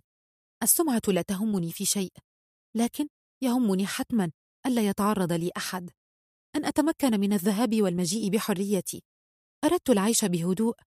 لم أرد نظرات أخرى تشيعني. لا تختلف شيئا عن نظرات الجميع التي ظلت تطاردني منذ الولادة إلى الرحيل. محملة بكرت توصية من صاحب أشهر قاعة أفراح في المدينة. زبوني العزيز الدائم خلال عطلاته مع أسرته السعيدة في الإسكندرية. توجهت إلى مقر فرقة شهيرة لا تزال تقدم فقراتها الغنائية والاستعراضية في الأفراح. يومها كنت أبدو كحورية من الجنة. ارتديت فستانا أبيض ضيقا مفتوح الصدر. استعرضت ثديي المكتنزين هذه المرة بلا إشرب يربطهما ولا قمصان واسعة تخفيهما. تركت شعري منسدلا وطويلا. وضعت مكياجا هادئا لكنه كاف. طرقت باب الشقة في الطابق الأرضي بثقة. فتح لي الباب شخص فغرفاه انبهارا حين رآني. سألته عن مدير الفرقة فأشار لي بالدخول. نصف ساعة وكان الأمر منتهيا. نهال مغنية الأفراح الجديدة الأكثر طلبا في المدينة. إن كان الباشا هو قبلة العرائس ليلة زفافهن؟ فنهال هي اختيار العرسان الأول أيضا. أنا فرصتهم الأخيرة لتأمل جمال النساء قبل الارتباط الدائم بامرأة واحدة في بيت مغلق لا فرار منه. يظل العريس محدقا في طيلة الليل. فأتأكد أنني سأكون محل عروسه الليل على الأقل في أحلامه مثلما سيكون الباشا محله في خيال عروسه. هذا هو العدل إذن. أنا والباشا نتضاجع كل ليلة في خيالات عرسان المدينة. الفكرة فقط ترضيني. اعتدت الذهاب إلى الكوافير كل أسبوع. أدخل أولا إلى مكتبه. أجلس أمامه واضعة ساقا فوق ساق. إن كان الجميع يتأثرون بجسم نهال ووجهها فالباشا لا يتأثر. تطلق جيجي علي نظرات من نار من خلف زجاج المكتب فأبتسم لها بسخرية وألتفت للباشا. أخرج سيجارة وأنحني عليه لأكشف عن صدري أكثر فيشعلها لي دون أن يسرق ولو نظرة. يعاملني الباشا كامرأة راقية. رغم كل ما يسمعه عني وما يتردد علي أسمع الضحكات والهمهمات من العاملين في الكوافير بأذني. أتجاهلها بل وأزيدها لعله يسمعها لعله يطلبني ذات يوم. بمقابل دون مقابل لا أبالي. لا أريد قصة حب شعواء. لا أفكر في الزواج مثلا. أريده فقط. مرة مرتين. أريد أن أجرب للمرة الأولى في حياتي الجنس بالحب. أن أشتهي رجلا ما. أحبه فعلا. أشعر به داخلي. مثلما أقرأ في الكتب. مثلما أشاهد في الأفلام. يتجاهلني الباشا بلطف يتحدث معي بشكل لائق. أسأله عن لون الصبغة الذي يليق بي؟ يرد بشكل جاد. يلمس خصلات شعري فيدق قلبي بسرعة. أشعر بالحرارة في وجهي وأذني. أسأله عن بشرتي الجافة؟ فيمد يده إلى وجنتي مدلكا. أكاد أصل إلى النشوة التي لم أصل إليها قط. كان يقترح علي الكريمات المرطبة. يتحدث بجدية بينما أنظر إليه بوله. اقتربت منه أكثر لكن جيجي الحمقاء اقتحمت الغرفة. الباشا يجب أن يبدأ العمل. اليوم عرائس كثيرة. لعلك ستغنين في فرح إحداهن؟ بالتأكيد. نهضت من مكاني وابتسمت لها بجانب فمي. نظرتها تذكرني بنظرة أبي. جيجي تذكرني به كثيرا ولا أعرف لما. توجهت إلى الغرفة المقابلة. تعمدت المشي ببطء لإغاظتها أكثر. دخلت إلى غرفتي المفضلة المظلمة. منى تجلس هناك وحدها تتأمل في اللاشيء مساء الخير يا منمن نهال لم يفت أسبوع على زيارتك الماضية. شعرك لم يطل بعد. ما الذي تفعلينه هنا؟ الجذور بدأت في الظهور وأنا لا أطيق منظر الشعر. أنت مجنونة. هكذا ستحبسين الشعر أسفل الجلد. أنا أحب النظافة. سأخبر الباشا أنك تطفشين الزبائن. ضحكت منى ضحكتها المكتومة. نهضت بصعوبة من مكانها. الدهون تتراكم أكثر على جسمها في كل مرة أراها فيها. لكن وجهها كما هو ملائكي وشاحب مثل صورة العذراء التي أراها في الأفلام الأوروبية. دخلت علينا نادية بلا استئذان. كانت تجر ساقها العرجاء وتبتسم لي. رددت لها ابتسامتها بصمت. أحبها بنظرتها الخاوية التي لا تحكم على أحد. الوحيدة التي لا تنظر لي باحتقار أو شهوة أو حقد. تنظر إلي كما تنظر لي منى أو الباشا أو جيجي أو أي شخص آخر. شعرت أنها تعيش في عالم بعيد عن عالمنا. ربما تكون مصابة ببعض القصور العقلي. نادية ناوليني المنشفة من الخزانة وراءك. تناديها منى فتطيع فورا. مرت من جانبي لمست شعري الطويل. أنت جميلة جدا. أشكرك وأنت أيضا. ابتسمت بخجل وأسرعت إلى منى التي تحضر الغرفة. غادرتها فدخلت أنا. خلعت ملابسي كلها وجلست أمامها. هل الفتاة متخلفة عقليا أو شيء؟ من؟ نادية؟ لا أبدا. هي فقط طيبة جدا. أشعر بأنها في عالم آخر. التفتت منى خلف كتفها ثم نظرت لي. هي فقط. أشعر أحيانا وكأنها تقرأ الأفكار. تضحك بصوت عال متحشرج. تقرأ ماذا؟ وكأنها تقتحمني. تفهم ما الذي أفكر فيه أو أود فعله. عقدت حاجبي وزممت شفتي متعجبة. هذا هو مستقبلي. أن أجن مثل منى. هل تعدينني إن مت ذات يوم بأن تغسليني أنت يا منى؟ لا يجوز. أنا مسيحية. هل نسيت ذلك؟ لا أحد يعرف. ارتدي أي قطعة قماش على رأسك وسوف يدعونك. ثم لا أحد سيقبل بتغسيلي على كل الأحوال. لماذا تحملين هم الغسل بهذا الشكل؟ ستكونين في عالم آخر. لن تشعري بشيء. لكني أود أن أقابل الله نظيفة. رفعت منى عينيها إلي. بدت في غاية الجدية. نهال أنت نظيفة فعلا. أنت كذلك. اكتسى صوتها بنبرة ساخرة. ثم إنك صغيرة جدا. ماذا تركت لي إذن؟ خنقتني الغصة في حلقي غادرتني حتى أغتسل وأرتدي ملابسي. لم تكن هناك وأنا أغادر الغرفة. تركت لها في درج مكتبها بقشيشا سخيا. تلفت بحثا عن نادية لأمنحها هي الأخرى فلم أجدها. رأيت الباشا مستندا على ظهر مكتبه وجيجي واقفة أمامه وكأنها ستجلس في أحضانه. يتوددان بلا قلق أمام الجميع. نظرت إلي بطرف عينيها وكأنها تغيظني. فأسرعت بالرحيل من أمامها. غادرت الكوافير. تلاحقني الضحكات المكتومة والغمز واللمز. تعمدت التمهل والتغنج في مشيتي لأثير غيظ الفتيات وأعصاب الرجال أكثر. مزيفون. يعتقدون أنهم أفضل وأذكى لكنهم لا يفرقون كثيرا عن أي حجر أضربه بطرف حذائي في الشارع. أصاب الحجر الفتاة الجالسة على الرصيف أمامي. رفعت عينيها لي. كانت نادية تجلس متكومة مثل الشحاذين في الظلام. لماذا تجلسين هنا؟ كنت أنتظرك. آه أنا كنت أبحث عنك. بحثت في حقيبتي عن عشرة جنيهات لكنها أوقفتني. لا أريد نقودا. أريد أن آتي معك. أين؟ أريد أن أشاهدك تغنين. أنت مطربة أليس كذلك؟ نظرت إليها بشفقة ابتسامتها المتحمسة جعلتني لا أود أن أصدمها. تتركين عملك؟ الباشا لن يقول شيئا. لماذا؟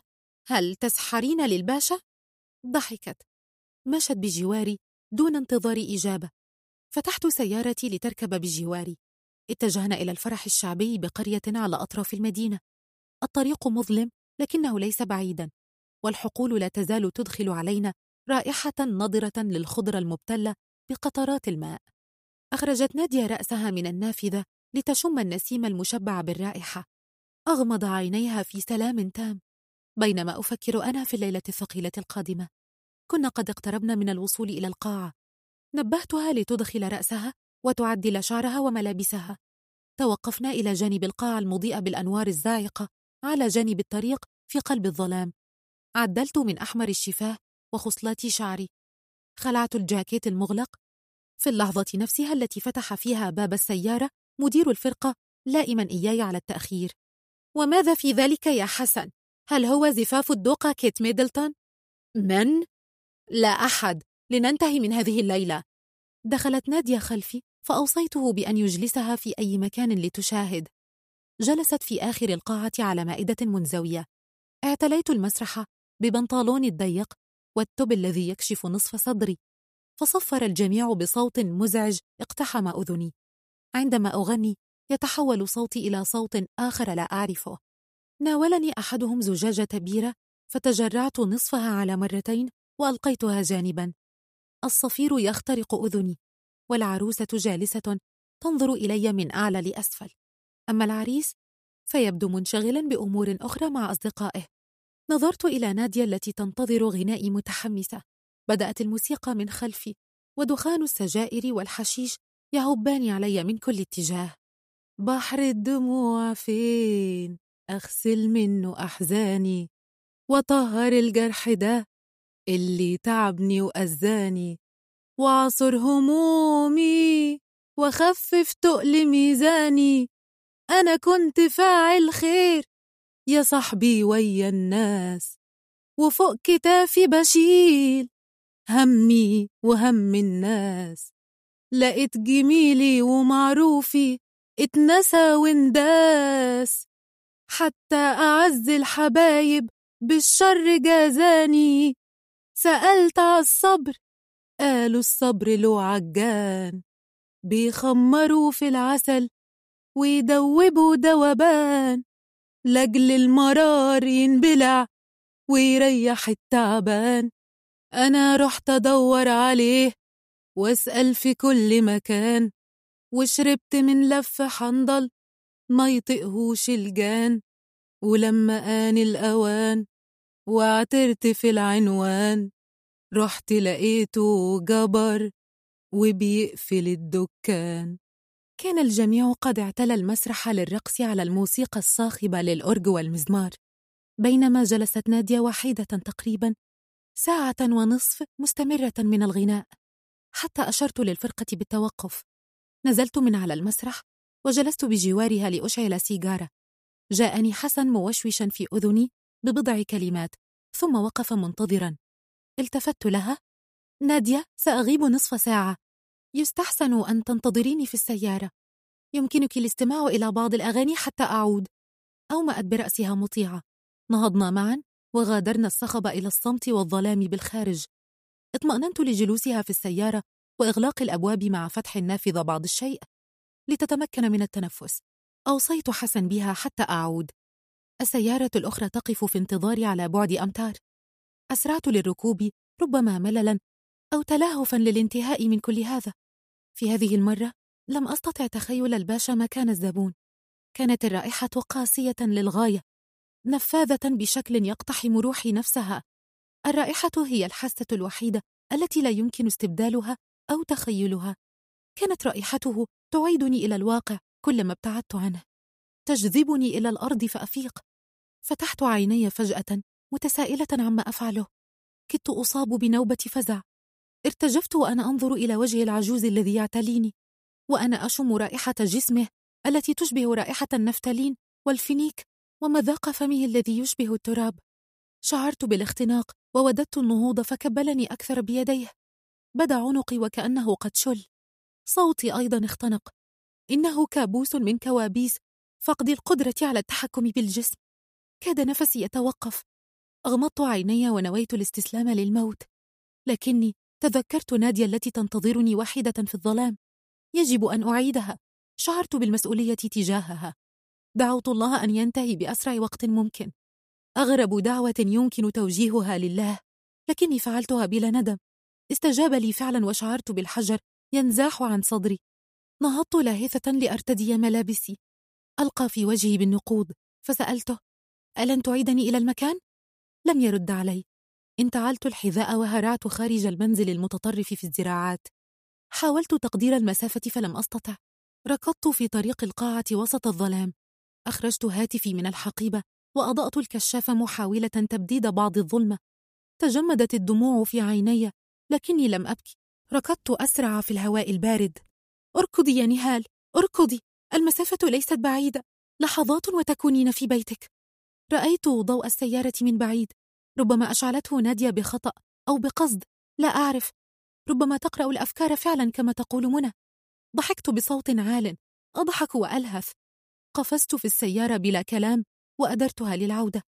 تأملتني نادية فنظرت إليها بطرف عيني. ماذا تريدين أن تقولي؟ قولي أنا لا يهمني شيء أريد أن أقول إنك جميلة جدا وصوتك رائع هل أنت حمقاء؟ من الجميلة ومن صاحبة الصوت الرائع؟ هل تسخرين مني؟ ارتعشت شفتاها وبدت موشكة على البكاء شعرت بالذنب فاعتذرت لها اقتربنا من الوصول هل لازلت مصرة على البيات معي؟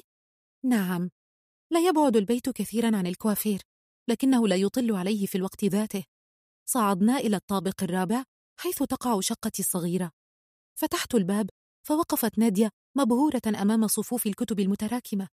تركتها وأنا أخلع ملابسي أمامها وألقيها على الأرض في طريقي إلى الحمام. سمعتها تتناول كتابا وتفتحه. قرأت بصوت عال الجنس هو العزاء الذي يلجأ إليه المرء عندما لا يحصل على الحب. تجمدت مكاني ثم عدت إليها. انتزعت الكتاب من يدها. ذاكرة غانيات الحزينات. سألتها لما هذا الكتاب بالذات؟ لا أعرف. مددت يدي فتناولته. نظرت إليها بدهشة. ربما بعض الخوف. وضعت الكتاب في يدها مرة أخرى. وتراجعت بظهري إلى الخلف. يوجد طعام في الثلاجة. افعلي ما تريدين. أشكرك. أغلقت الباب ووقفت أسفل الدش. غمرتني المياه الباردة. فأسندت جبهتي على الحائط. تناولت الحجر الأسود الناشف. الشيء الوحيد الذي أخذته من بيتي القديم. حككت به جلد جسمي كأنني سأمزقه. تمنيت أن أمزقه فعلا حتى أكشف عروقي. حتى ينبت جلد جديد جسم جديد نظيف غير نجس. نظرت للبانيو الاختراع المذهل الذي لم أستمتع به سوى من قريب. مددت أطراف أصابع قدمي إلى السدادة. حركتها حتى سددت بها البالوعة. تمددت بجسدي العاري فيه. الماء البارد جميل يرتفع شيئا فشيئا يعدني بالكثير من الهدوء والراحة. نادية هنا من الجميل ألا أكون وحدي. بالتأكيد ستحرص على ستر جسمي بأي شيء قبل طلب المساعدة. لعلها تتصل بمنى أولا فيرقدونني في سريري بهدوء وبلا فضائح. غطت المياه ذقني. الماء رائع. إنه الوسيلة المثالية للتطهير كما أنه يفصل بيني وبين الصخب والصفير والروائح. غطت المياه أنفي. تخيلت الصمت الذي سيغمرني. الخفة وانتهاء الهموم والتفكير والذكريات. غمرت المياه عيني وأذني. صمت جميل. فراغ دائم. ربما الجنة هي الانتقال إلى بعد هادئ لا يزعجنا فيه أحد. انسحبت المياه من عيني فجأة فتحتهما بسرعة لأجد نادية جالسة على حافة البانيو تبتسم ملوحة بالسدادة. يبدو أنك نسيت إزالتها قبل الاستحمام. فتحت فمي لكني لم أعرف كيف أرد. تناولت يدي لتضع السدادة فيها. أمسكت بكف يدي من الأسفل للأعلى. ضغطت عليه بقوة فشعرت بالرغبة في البكاء. بكيت فعلا. فربتت على يدي أكثر. كان البكاء مريحا. كغمر رأسي تحت المياه. شعرت بصفاء داخلي يغمرني. للمرة الأولى منذ سنين شعرت أنني نظيفة أنني متشبثة بحياتي وأنني خائفة من الموت ولا أشتهيه كما كنت أعتقد. ربتت نادية على يدي أكثر فشعرت بالتحسن. ابتسمت لها ممتنة. فبدت وكأنها أتمت مهمتها. لكنها بدت وكأنها أكبر عمرا. تغير شكل عينيها كأن ظلا أسود غطى وجهها. نهضت واقفة أمامي وحاولت اغتصاب ابتسامة. صوتك رائع. تحبين أن أقلدك؟ أومأت برأسي؟ بنعم. عدلت من بلوزتها قليلا لتكشف جزءا من صدرها الضئيل. حاولت نكش شعرها الناعم وشنجت وجهها ليبدو حادا مثلي. حاولت حشرجة صوتها بالغناء. سألت على الصبر قالوا الصبر له عجان. بيخمروا في العسل ويدوبوا دوبان لجل المرار ينبلع ويريح التعبان. أنا رحت أدور عليه وأسأل في كل مكان. وشربت من لف حنضل ما يطيقوش الجان. ولما آن الأوان واعترت في العنوان رحت لقيته جبر وبيقفل الدكان. ضحكت بصوت عال حتى سعلت لكن لم يفوتني ألا ألاحظ هذه المسحة من الحزن في صوتها. هذه المسحة من الحزن التي كانت في صوتي أنا والتي لسبب ما انتقلت مني إليها. لا أحد أعرف أسماء الجميع ولا أحد يعرف اسمي. أجلس في مكاني على الكاشير بجوار المدخل الزجاجي. مكان استراتيجي يجعلني أتابع ما يحدث داخل وخارج الكوافير. يمر علي الجميع دون التفات. يقفن أمامي دقيقتين. يملين علي أسماءهن وطلباتهن. أسجلها بدقة على الكمبيوتر. أناولهن ورقة. تحوي طلباتهن وأسماء العاملين الذين سيتولهن. يلقين كلمات شكر مبهمة. شكرا يا قمر ميرسي يا جميل. أو يسألن عن شخص بعينه. هل فلان متاح لصبغة الشعر يا حبيبتي؟ أنا القمر الجميل حبيبتي الفتاة التي لا تملك اسما أو تملك واحدا لا يملك أهمية المعرفة أو الحفظ. يختلف وجهي باختلاف الشهور. كل بضعة أشهر تأتي فتاة وتذهب لهذا المنصب. أنا نفسي هنا منذ ستة أشهر. هذه أطول مدة لفتاة كاشير لولا الحاجة لتركت العمل أيضا. يأتي مظروف راتبي. بلا اسم. ظرف أبيض كتب على جانبه كاشير. حتى الباشا الذي يعلم كل كبيرة وصغيرة لا يهتم بمعرفة اسم الفتاة الذي يأتمنها على أمواله. فتاة الكاشير لا تسرق. هي ليست مهمة حتى لدرجة ارتكاب فعل السرقة. أنا بلا وجه أو بوجه مألوف ومتكرر لدرجة الملل. تراني في كل مكان وكل شارع في هذه المدينة. بشرتي لا بيضاء ولا سمراء عينان داكنتان وطرحة ملتفة تبرز خصلتي شعر مصبوغتين ببقايا لون كان في طبق ما بجواري بعد انتهاء أحد العاملين من الصبغ.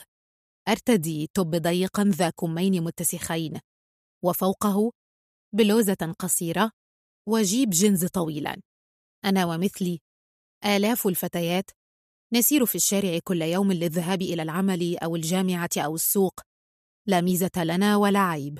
لا شيء يمنحنا طابعا خاصا. لا يلاحظنا أحد. لا يعرفنا أحد. أجلس في مكاني عشر ساعات كل يوم. لا أنهض من خلف الكاشير إلا للحمام. لا يشاركني أحد وجبة الغداء ولا شرب الشاي. البنات في الطابق الأعلى لا يعدونني منهن. والأولاد بالأسفل لا يحدثونني سوى طلب لبعض الفكة أو سؤال عن سعر منتج ما يبيعونه للزبونة حتى تزداد نسبة أرباحهم. أتابع العرائس.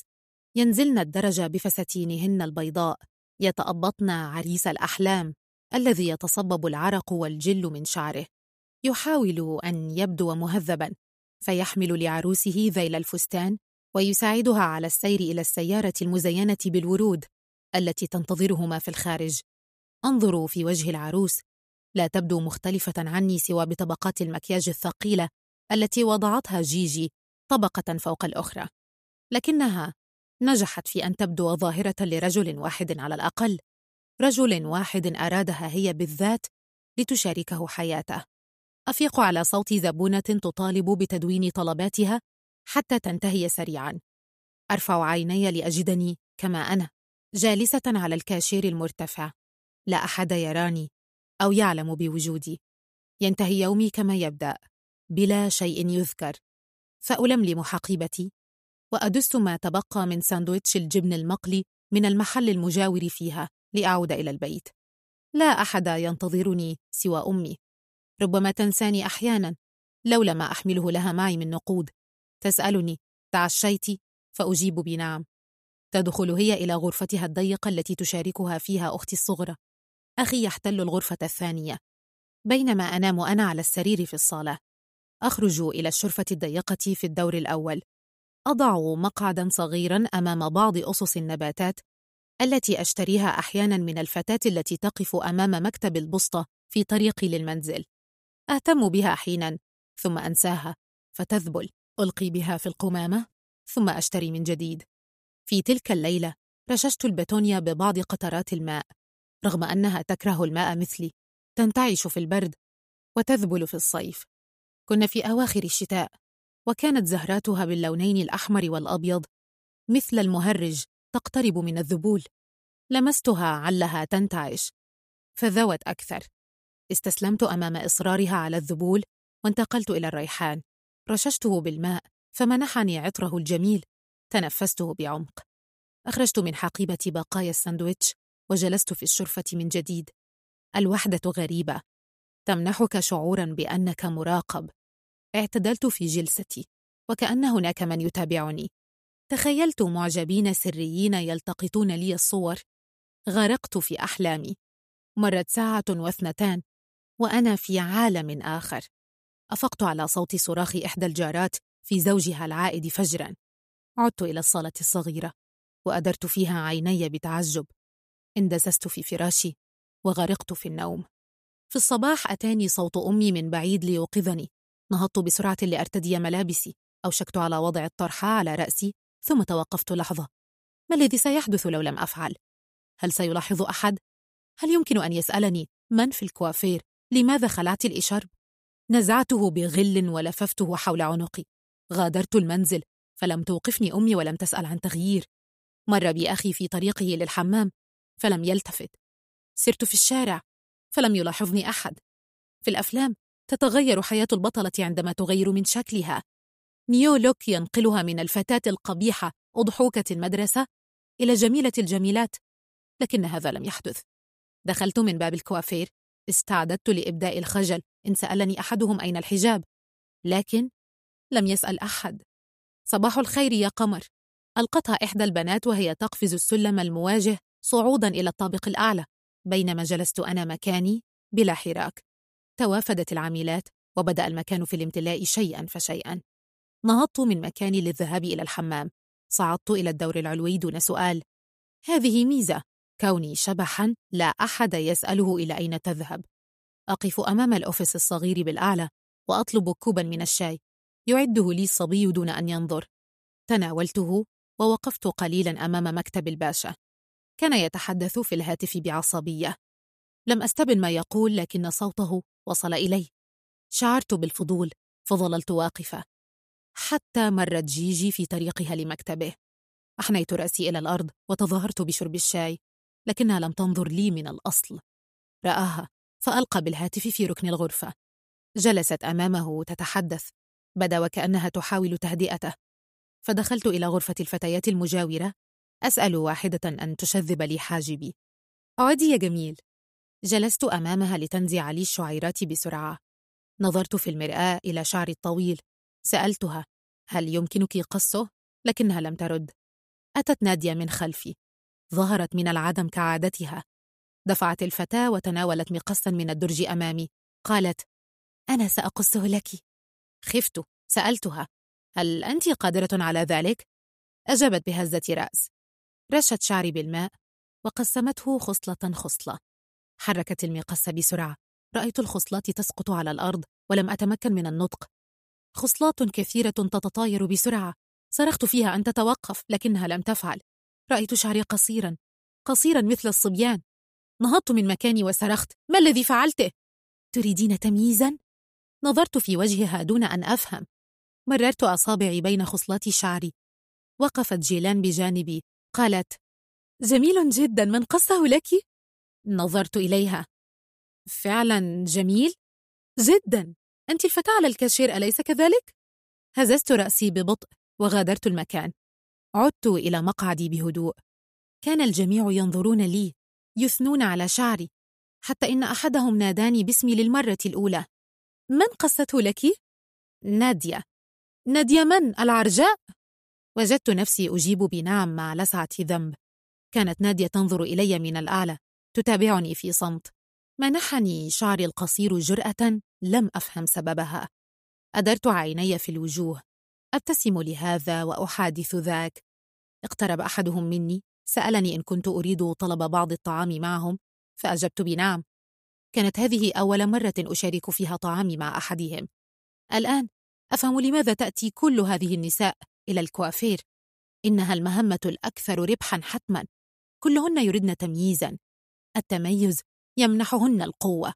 يجعلهن قادرات على تحقيق ما يردنه الشعر والمكياج والمانيكير والباديكير ليست بالأمور التافهة كما يقول الرجال. إنها أساسيات حياة المرأة. إنها الألم الذي يتحملنه في سبيل الحصول على مبتغاهن. نزع الشعر شعرة شعرة من أجسامهن ووجوههن. الاستسلام بالساعات لمصفف الشعر. كتم البشرة بمستحضرات ثقيلة تخنقهن. هذه ضريبة القوة. هذه ضريبة طلب الاهتمام. نظرت إلى كل ما حولي بشكل مختلف وأنا كذلك صرت مختلفة واضحة كأن من حولي ارتدينا النظارات فجأة ليروني. تحدثني الفتيات بمحبة يسألنني من قص شعرك؟ وكنت أنظر إلى نادية التي تسير بين الجميع وكأنها كيان وهمي دون توقف. وأتساءل لما فعلت ما فعلته؟ سرت بخطوات بطيئة إلى المنزل. أستمتع بالمعاكسات حتى السخيفة منها. يتفنن الرجال في معاكساتهم التي تحوي إهانات. يعتقدون أنها تسعد البنات بشكل أو بآخر.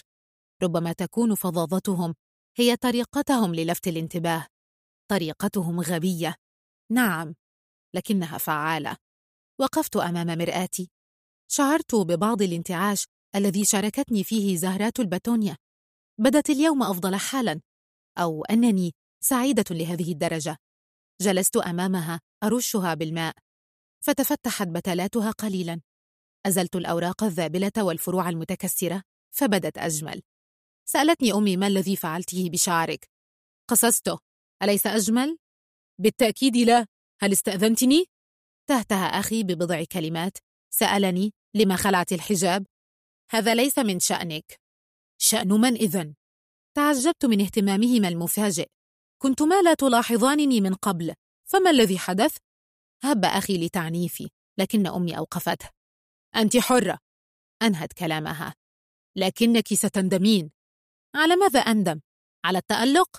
على الاهتمام؟ ربما ينتهي بي الأمر عروسا أرتدي الأبيض وأخرج من باب الكوافير. أنظر لفتاة الكاشير الجديدة الجالسة في سكون بشماتة. تتبدل الأدوار وأتوقف عن كوني لا أحد ولو لفترة كافية. أن أصير زوجة أحد أو أم أحد؟ أحلامي البسيطة هذه تكفيني لأسعد. أسمع الفتيات كل يوم وهن يرددن. الزواج ليس كل شيء. أتابع منشورات النساء القويات على الفيسبوك. مستقلات نشطات عاملات. لكني لا أفهمهن. هؤلاء بكل بساطة نساء يملكن بيوتهن الخاصة. ملابسهن الأنيقة. مصدر دخل ثابت. فلا حاجة لهن بالرجل ولا الزواج. ربما تعيش كل منها حياتها مع صديق أو عشيق. أما أنا فماذا علي أن أفعل؟ أنام على سرير متهالك في صالة ضيقة باردة في الشتاء وخانقة في الحر. لا أعرف أحدا ولا يعرفني أحد.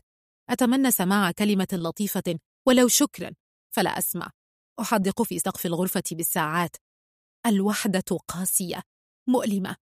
الرجل فقط هو القادر على منح بعض الدفء. بيت صغير أؤسسه بنفسي. أختار كل كبيرة وصغيرة. أرص المجات بترتيب معين. أضع أواني الزهر وأعلق اللوحات. أخصص الشرفة الواسعة لزهوري التي لن تذبل هناك لأنني سأعتني بها جيدا كل يوم. أرشها بمرش ملون كبير. أجلس على أرجوحة صغيرة اشتريتها أنا وزوجي كهدية مرور شهرين على زواجنا. أتأمل الزهرات التي تكبر براحتها. أشعر ببعض الطمأنينة. وقتها فقط أصبح أحدا. الأحلام جميلة. أما الواقع فدائما ما يكون على النقيض تماما. كانت الأخبار في التلفزيون وعلى الإنترنت تتحدث منذ الصباح عن مدينتنا الصغيرة التي لا يأتي ذكرها قط. انفجار كبير هز أرجاءها بشكل لم نعهده من قبل.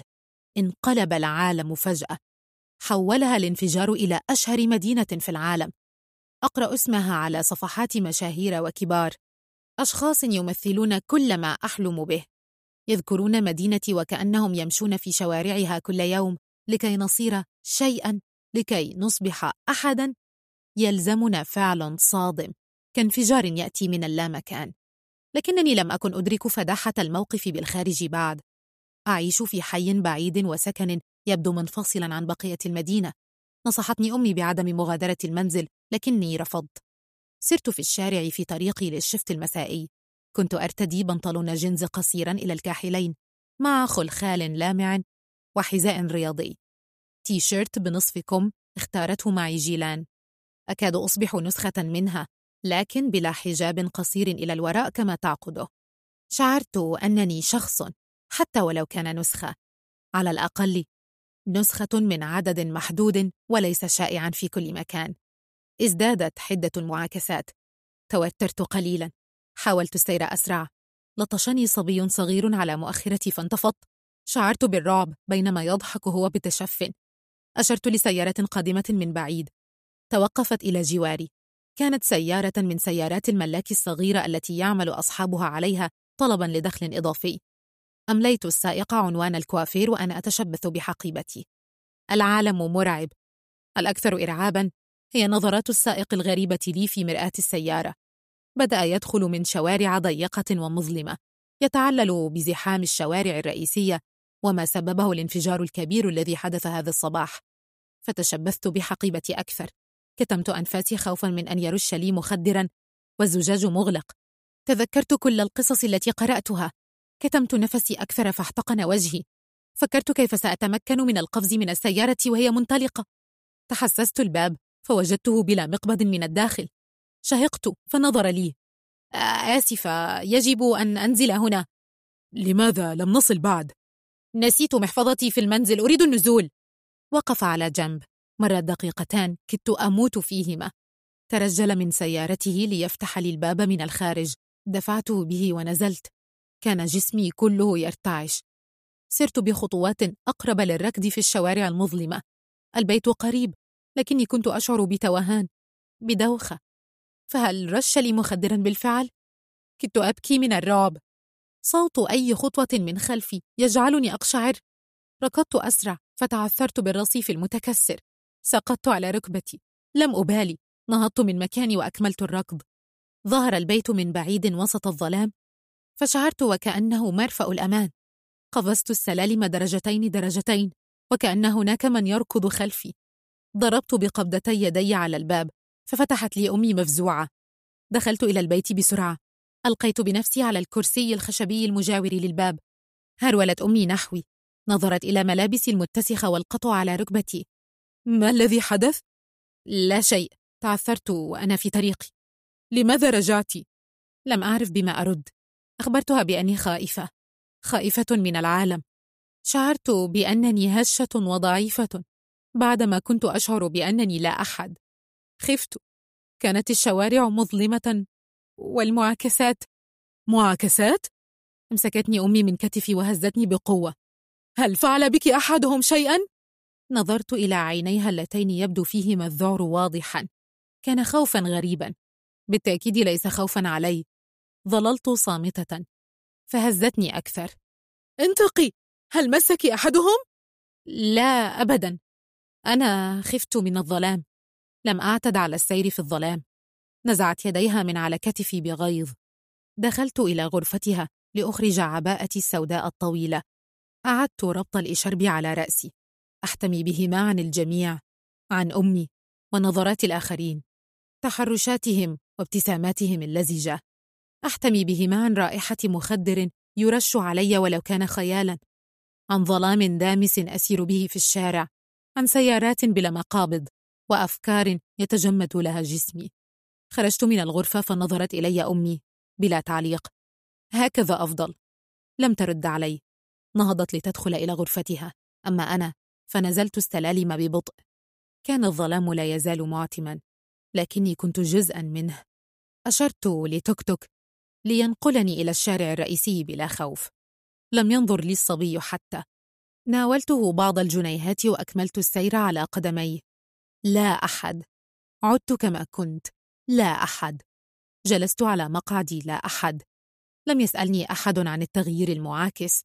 ربما اعتقدوني فتاة كاشير جديدة مختلفة. ظللت ثابتة مكاني. أجيب عن أسئلة العميلات. أدون أسماءهن. أمنحهن ملفاتهن التي كتبت فيها طلباتهن. ومن سيتولاهن من العاملين. شكرا يا جميلة. ميرسي يا قمر هل باسم موجود يا حبيبتي؟ تأملت الناس من حولي. شعرت بأن وجودي وموتي سواء. حلمت بالتجمد مكاني. تأملت ال cutter الحاد الذي أقطع به الأوراق على ال counter. وفكرت. ماذا سيحدث لو مررته على معصمي الآن؟ هنا. وسط كل هذا الحشد. هل سينتبه لي أحد؟ هل سيشعر بي أحد؟ ظهرت نادية أمامي فجأة. ابتسمت لي. فلم أقوى حتى على رد الابتسامة. لفت لتجلس بجواري خلف الكاشير. ناولتني قطعة بسكويت فأخذتها بحركة آلية. أنت تعنين لي الكثير. ماذا؟ أنت أحد بالنسبة لي. إنسان.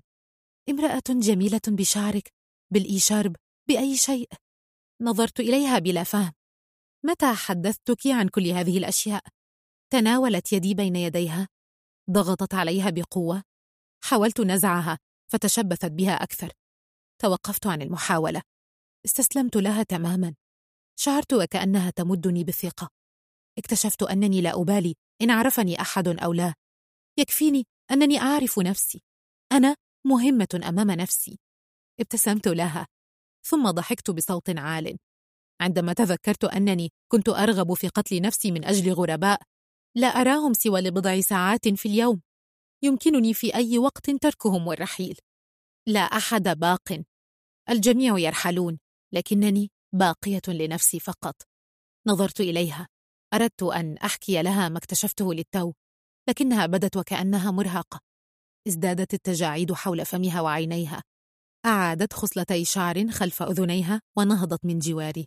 ابتعدت نادية بخطواتها المتثاقلة. وفي اليوم التالي علمت بأنها ذهبت. إلى الأبد. جيلان. يطلبونني بالاسم. جيلان. وفتلتها الأشهر في هذه المدينة. أقف مستندة إلى الحائط. في غرفة البنات في الدور العلوي. أنتظر الزبونات الخصوصيات. لكي أشذب حواجبهن. من أجلي يجب عليهن دفع الضعف. غير إكراميتي. ألوك علكتي بصمت. وأنتظر. تناديني ريهام التي تتولى تنظيم العمل فأتجه إلى الزبونة الجديدة. أضع بعض العطر على يدي وأخرج فتلتي الخاصة من درجي أرتدي النظارة الطبية وأقترب من وجهها وأبدأ عملي. تتابعني الفتيات للتعلم. يقفن جواري يشاهدن كيف أنزع الشعيرات بالفتلة فقط دون استخدام الملقة ولا المقص. أحف الشعر الخفيف على جانبي الوجه وفوق الشفتين. لا أجرح بشرة ولو كانت برقة الورقة تمنحني الزبونة بقشيشا سخيا سريعة شاطرة وخفيفة اليد.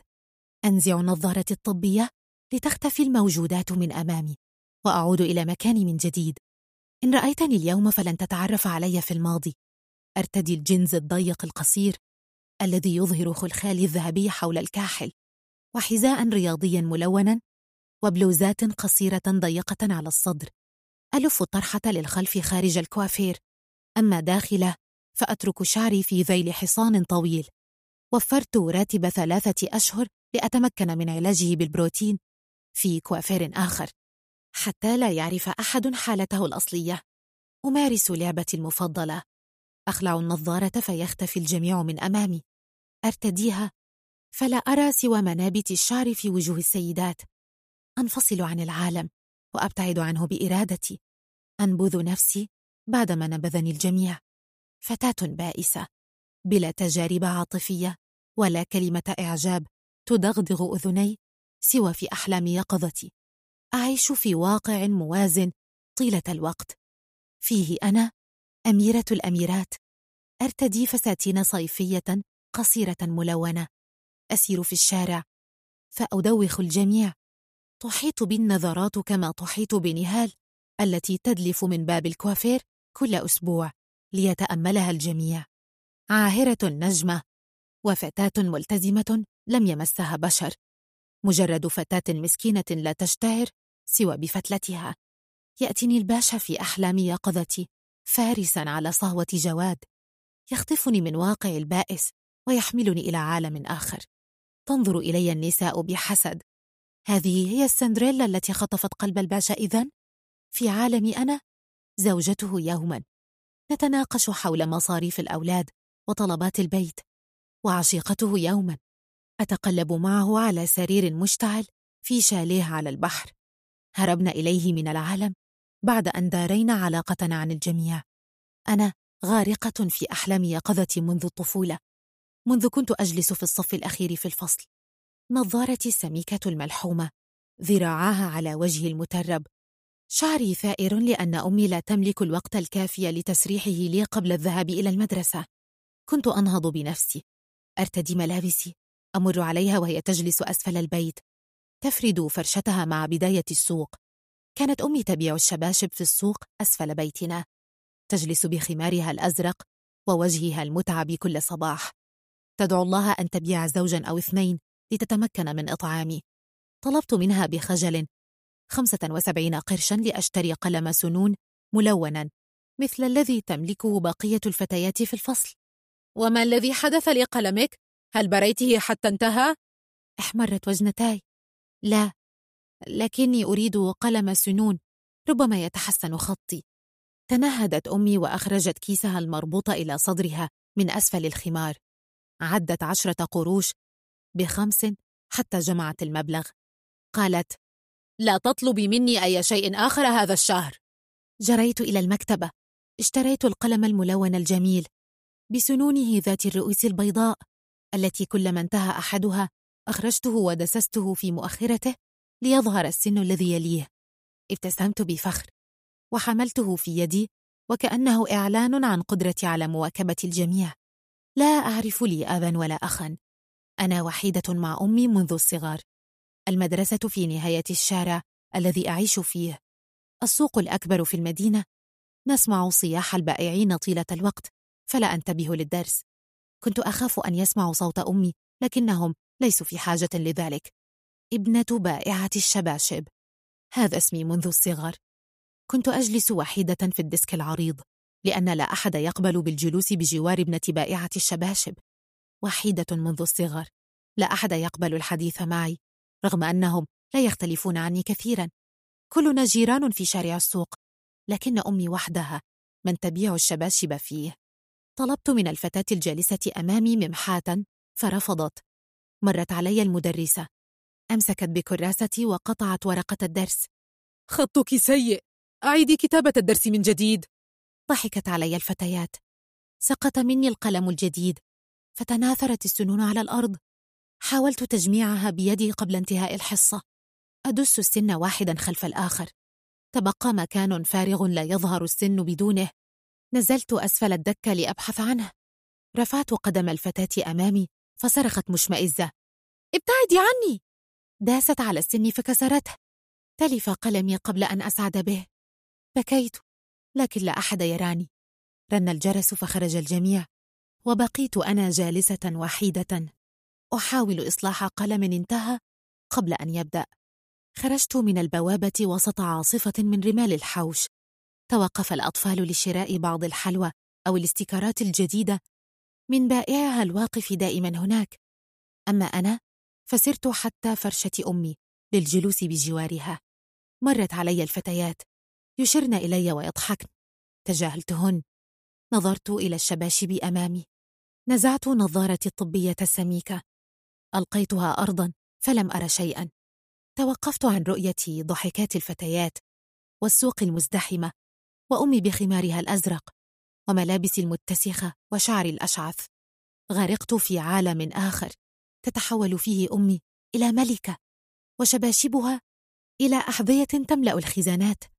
ألف بينها وأجربها خارج القصر. تقف الفتيات يتأملن جمالي. وفستاني يرسلن لي الهدايا من أجل أن أصير صديقتهن. كل الأقلام الملونة الجميلة ذات السنون والمماحي المعطرة برائحة الفواكه والمساطر الزجاجية التي تسبح فيها السمكات الصغيرة والنجوم اللامعة والمقالم التي تعمل بالأزرار والحقائب التي تحمل ساعة بعقارب ملونة على ظهرها وكل استيكارات العالم. بعد سنوات توقفت عن الخجل. تعلمت أن أتجاهل لقبي وحياتي وجلوس أمي في السوق مثلما تعلمت أن أهتم بشعري وألفه بطرحة ملونة إلى الخلف فأداري خشونته. أحدد عيني بالكحل الخفيف وأرتدي ملابس المدرسة الأصغر قياسين. أفتح أزرار القميص العلوية وأضع الكرافات على جانبي صدري وكأنني أحدده. تعلمت كل شيء وحدي. رأيت البائعات في مدخل البيت يفتلن وجوه بعضهن بعضا. طلبت منهن تعليمي. أمسكت الفتلة لأول مرة.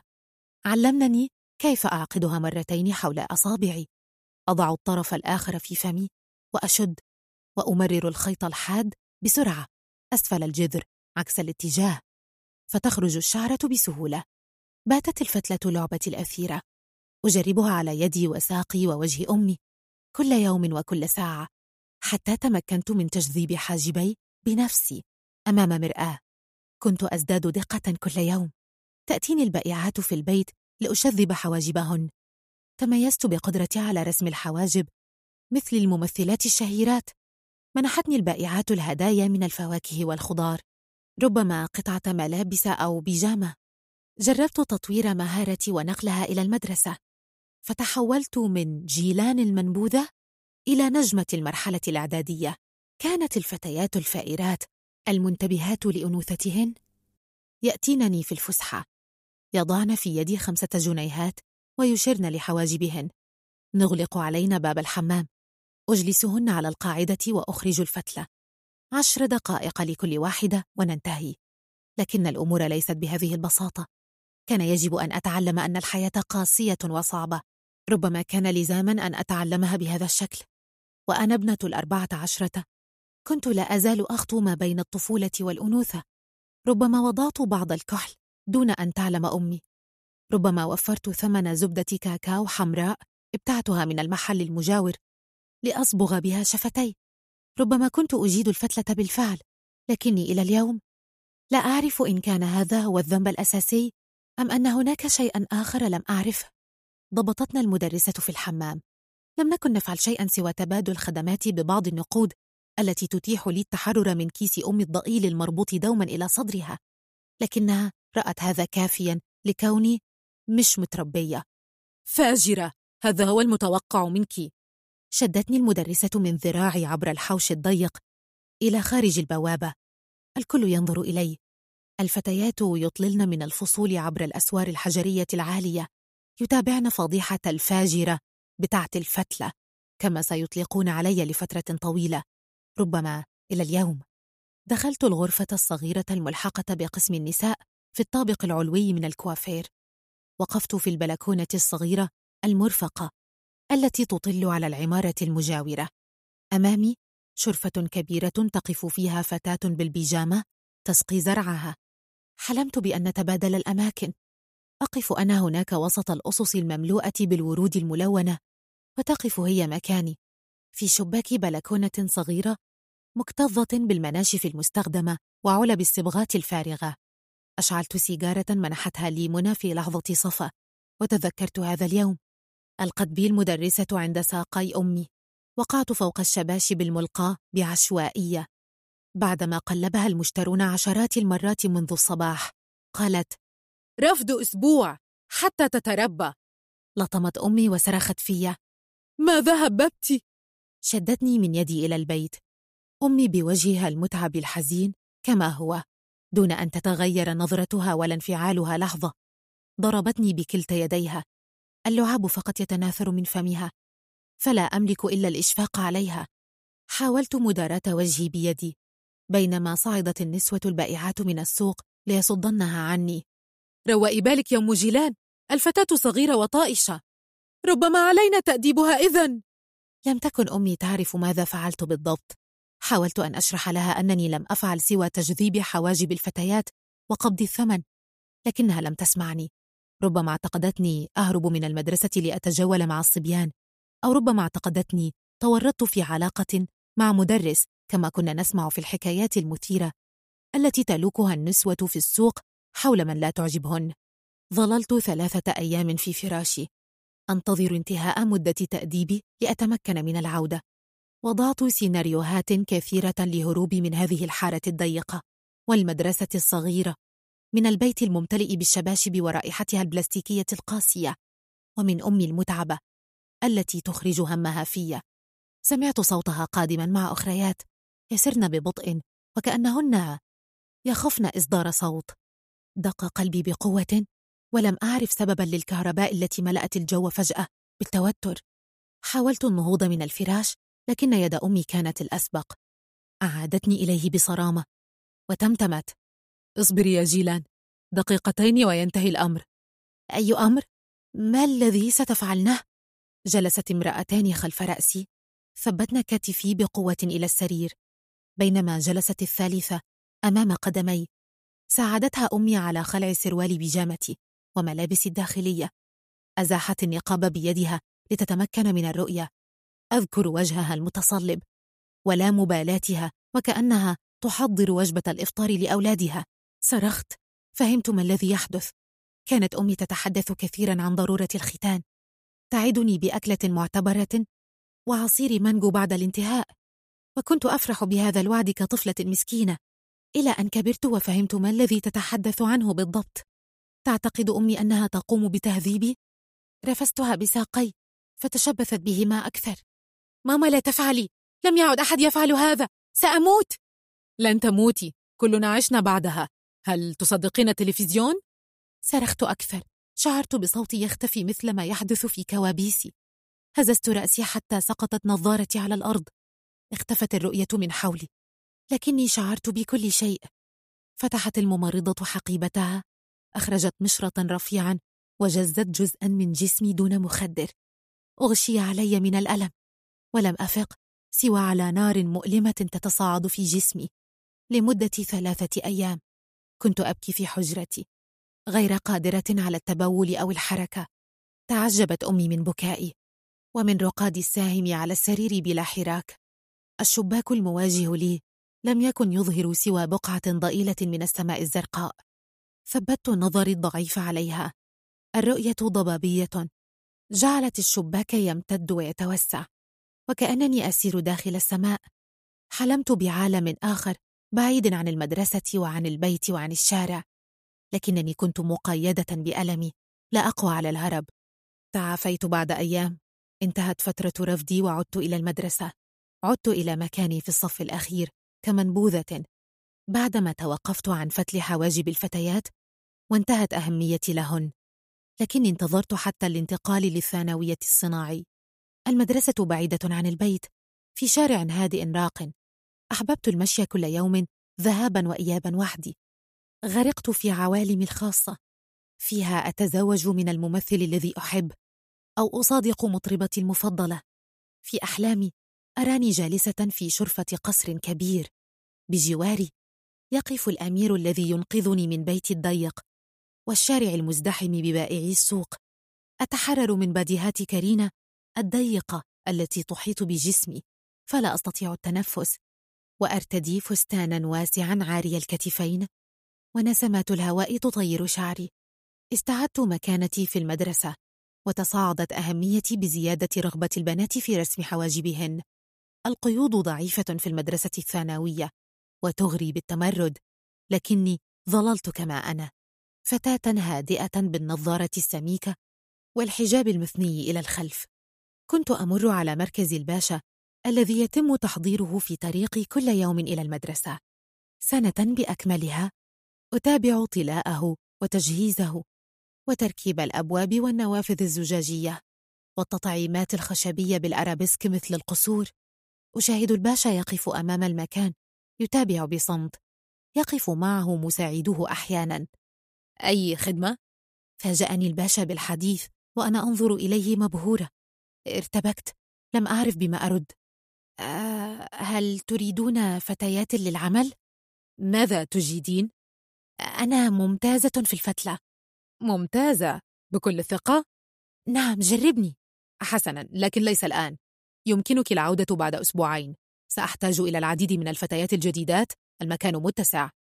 عدت إلى البيت وقلبي يرقص. أسبوعان فقط يفصلانني عن هذا المكان الشبيه بقصور أحلامي. عن الباشا الذي يبدو كفرسان الحواديت. المكان لامع بشكل لا يمكن تخيله. لامع لدرجة تجعلني أرى السوق وسور المدرسة وبيتنا وكأنها جميعا مغطاة بالأتربة والغبار. أما من الداخل فكان المركز أجمل مما تخيلت. كل شيء لامع نظيف رائع الجمال. لأول مرة منذ اليوم المشؤوم شعرت ببعض المشاعر تتحرك في صدري.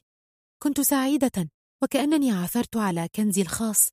وافق الباشا على تعييني بمجرد رؤيته لي ممسكة بالفتلة. صعدت إلى الطابق العلوي. سلمني الباشا تيشيرتين كيونيفورم. ومريلة صبغة. وحقيبة أنيقة بها أدواتي ومكانا لخزانة في غرفة البنات. كنت أشعر أنني أملك شيئا لأول مرة.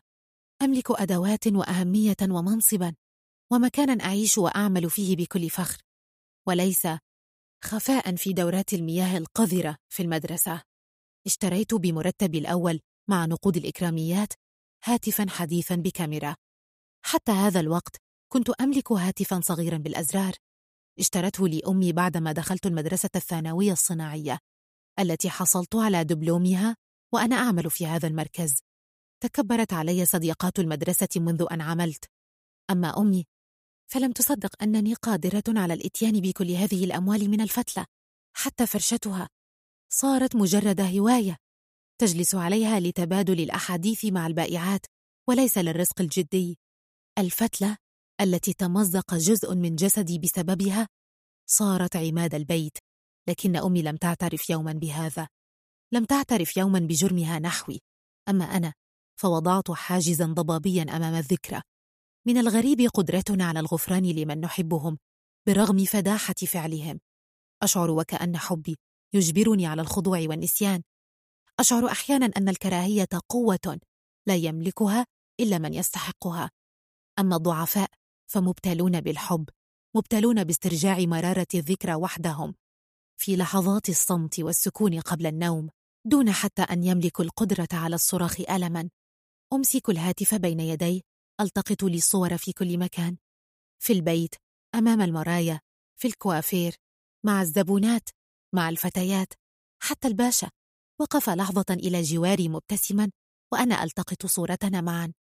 الحقيقة أنني كنت ألتقط الصور له بلا توقف. أدعي أنني أصوره وهو يعمل. أصور تسريحة شعر العروس لألتقط له الصور خلسة ثم أنطلق ببطاقة الذاكرة إلى المكتبة المجاورة التي تجلس فيها رضا خلف الكمبيوتر العتيق. تسمع أغانيها الوطنية التي لا تحب غيرها. كل مرة تسألني طباعة فأهز رأسي بالإيجاب. في المرة الأخيرة نهضت متململة من خلف المكتب. تناولت مني بطاقة الذاكرة ووضعتها في القارئ العتيق الذي لم يعد أحد يستخدمه. ضبطت الصور على الشاشة وأرسلتها لجهاز الطابعة. ألوان أم أبيض وأسود؟ ألوان طبعا. بالتأكيد. القمر الأشقر يجب أن تطبع صوره بالألوان. أحمر وجهي خجلا. صرخت فيها بأنني أطبع الصور لدراسة تسريحات الشعر. كانت تلوك علكتها بفمها المفتوح وتهز رأسها بالاهتمام. آه طبعا طبعا. انتزعت منها الأوراق بعنف وألقيت لها بما طلبت. هرعت من جديد إلى الكوافير إلى مكان المنزوي في غرفة البنات الشرفة الضيقة التي تطل على المنور أمام الحديقة الخلفية الواسعة الممتلئة بأصص النباتات الخضراء. مكان هروبي المكان الوحيد الذي أرتدي فيه نظارتي بخلاف العمل. أقربها من عيني بشدة وألتقط دفتري الذي أخبئه أسفل الكرسي الثقيل المتهالك الذي لا يجلس عليه أحد. دفتري هو في الأصل أجندة وزعها علينا الباشا ضمن الآلاف التي وزعها في كل أنحاء المدينة بمناسبة السنة الجديدة. كما يفعل كل عام. دعاية تحمل صورته يقف خلف رأس عروس مرتفع بالتسريحة العالية. تأملت وجهه الجميل لحظة.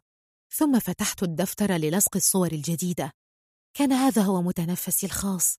صوره وصوري. أقصهما وألصقهما بجوار بعضهما البعض. مقتربين. متلاصقين. كما نستحق أنا وهو أن نكون. ماذا لو اختارني الباشا من بين الجميع لينقذني من واقعي؟ التخيل وحده يجعلني قادرة على المواصلة. لكنه في الوقت نفسه يزيدني عزلة وإحباطا. أضع مئات السيناريوهات التي يمكن أن تجعل هذا ممكنا ثم أستيقظ على تجاهله أو مداعبته المستمرة لجيجي فينكسر قلبي. أكتفي بكتابة الجمل الرومانسية بجوار صورنا معا. كلمات أغاني شيرين وإليسا بالأحمر والأخضر. أضع قلبا بجوار صورته وأكتب عبالي حبيبي قبلت الصور من جديد وأغلقت الدفتر. أخفيته بعناية ثم نزعت نظارتي لأعود إلى عزلتي الاختيارية مرة أخرى. سمعت جيجي تنادي علي من الخارج فهرعت إلى العمل. عملت إلى المساء ثم عدت إلى البيت. في اليوم التالي كان كل شيء يبدو مختلفا. دلفت من باب الكوافير كالعادة. كانت الموجودات الضبابية تهتز أمامي حتى بدون نظارة. الابتسامات الشامتة حادة وقاطعة. أكاد أراها على الوجوه المبهمة المتشابهة أمامي.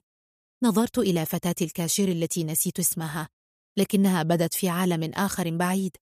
قلت صباح الخير لأقرب شخص بجواري. لكنه لم يرد. ابتعد وجسمه يهتز بضحكة مكتومة. في منتصف طريقي إلى الطابق الأعلى دوت أغنية عبالي حبيبي بصوت عال. شعرت بالشعيرات تنتصب على جلدي. أسرعت الخطى إلى غرفة البنات وشبه دوخة تعتري رأسي. تخبطت في السائرين فلم أعتذر ولم يبالوا ترددت الضحكات الخافتة من حولي وكأني أسير عارية كما يحدث في كوابيسي. تحولت خطواتي إلى جري أسرعت للركن المنزوي. مددت يدي إلى حيث الدفتر فلم أجده. دارت بي الدنيا ارتديت نظارتي وبحثت أكثر. مددت يدي إلى أسفل الكرسي. أسفل العلبة الفارغة والمناشف. كان قد اختفى فعلا. ارتجفت ساقاي وأنا أسير ببطء إلى مكتب الباشا. رأيت الجميع بوضوح. مالت علي فتاة من الفتيات وهي تغني أغنية إليسا بصوت أخنف. دفعتها بيدي بعيدا وأكملت السير. وقفت نادية أمامي. حاولت إمساكي بيديها فدفعتها هي الأخرى. استندت إلى ظهر كرسي مرتفع قبل أن تسقط أرضا. لم أبالي بها رغم أنها الوحيدة التي لم تكن تضحك. هناك أمام مكتب الباشا. رأيتهما. هو وجيجي يجلسان متلاصقين خلف المكتب. يتصفحان دفتري الذي عرفته دون حتى إلقاء نظرة مقربة. ويضحكان. كانت عيناها دامعتين من كثرة الضحك. وهو بوجهه المحمر الساخر يهتز بلا صوت. ينتهكان خصوصياتي بلا مشكلة. يسخران من مشاعري علنا أمام الحائط الزجاجي. وقفت متجمدة أمامهما حتى انتبها إلي. استمرت جيجي في الضحك بلا رحمة أما هو فنظر إلي لحظة مرتبكا. رأيت شفتيه ترددان اسمي. ناداني فاستدرت إلى الناحية المقابلة. خلعت نظارتي بسرعة وكأنني أدفن رأسي في الرمال. عدت إلى الغرفة في الشرفة الضيقة. أخذت نفسا عميقا. محملا برائحة النعناع والريحان من الشرفة أمامي. كانت نسمات الصباح لا تزال حانية وإليسا في الداخل تغني أواخر الشتاء. عاد الجميع إلى أعمالهم وبقيت أنا ينقصني جزء جديد من جسمي. لم تمزقه المشارط وإنما قسوة الآخرين التي لا تختلف شيئا. ضحكاتهم الباردة وشماتتهم الخفية. نظرت إلى قعر المنور الذي يبدو لا نهائيا بلا نظارتي تذكرت الكرتون التي تهوي فيه الفتاة خلف الأرنب إلى عالم آخر بعيد وساحر. تمنيت المثل. وضعت قدمي على الكرسي المتهالك. أهتز قليلا ثم ثبت. فصعدت بالأخرى. أخذت نفسا آخر. لم يكن ينقصني سوى خطوتين لأنتقل إلى عالمي الثاني البعيد. أحلامي غير الممكنة. كل ما أبتغيه. مكان جميل برائحة النعناع والريحان. هادئ ساكن. أجلس فيه لأسمع الموسيقى التي أحبها. بلا بشر بلا أمي بلا الباشا بلا أحد. أطللت برأسي إلى الأسفل.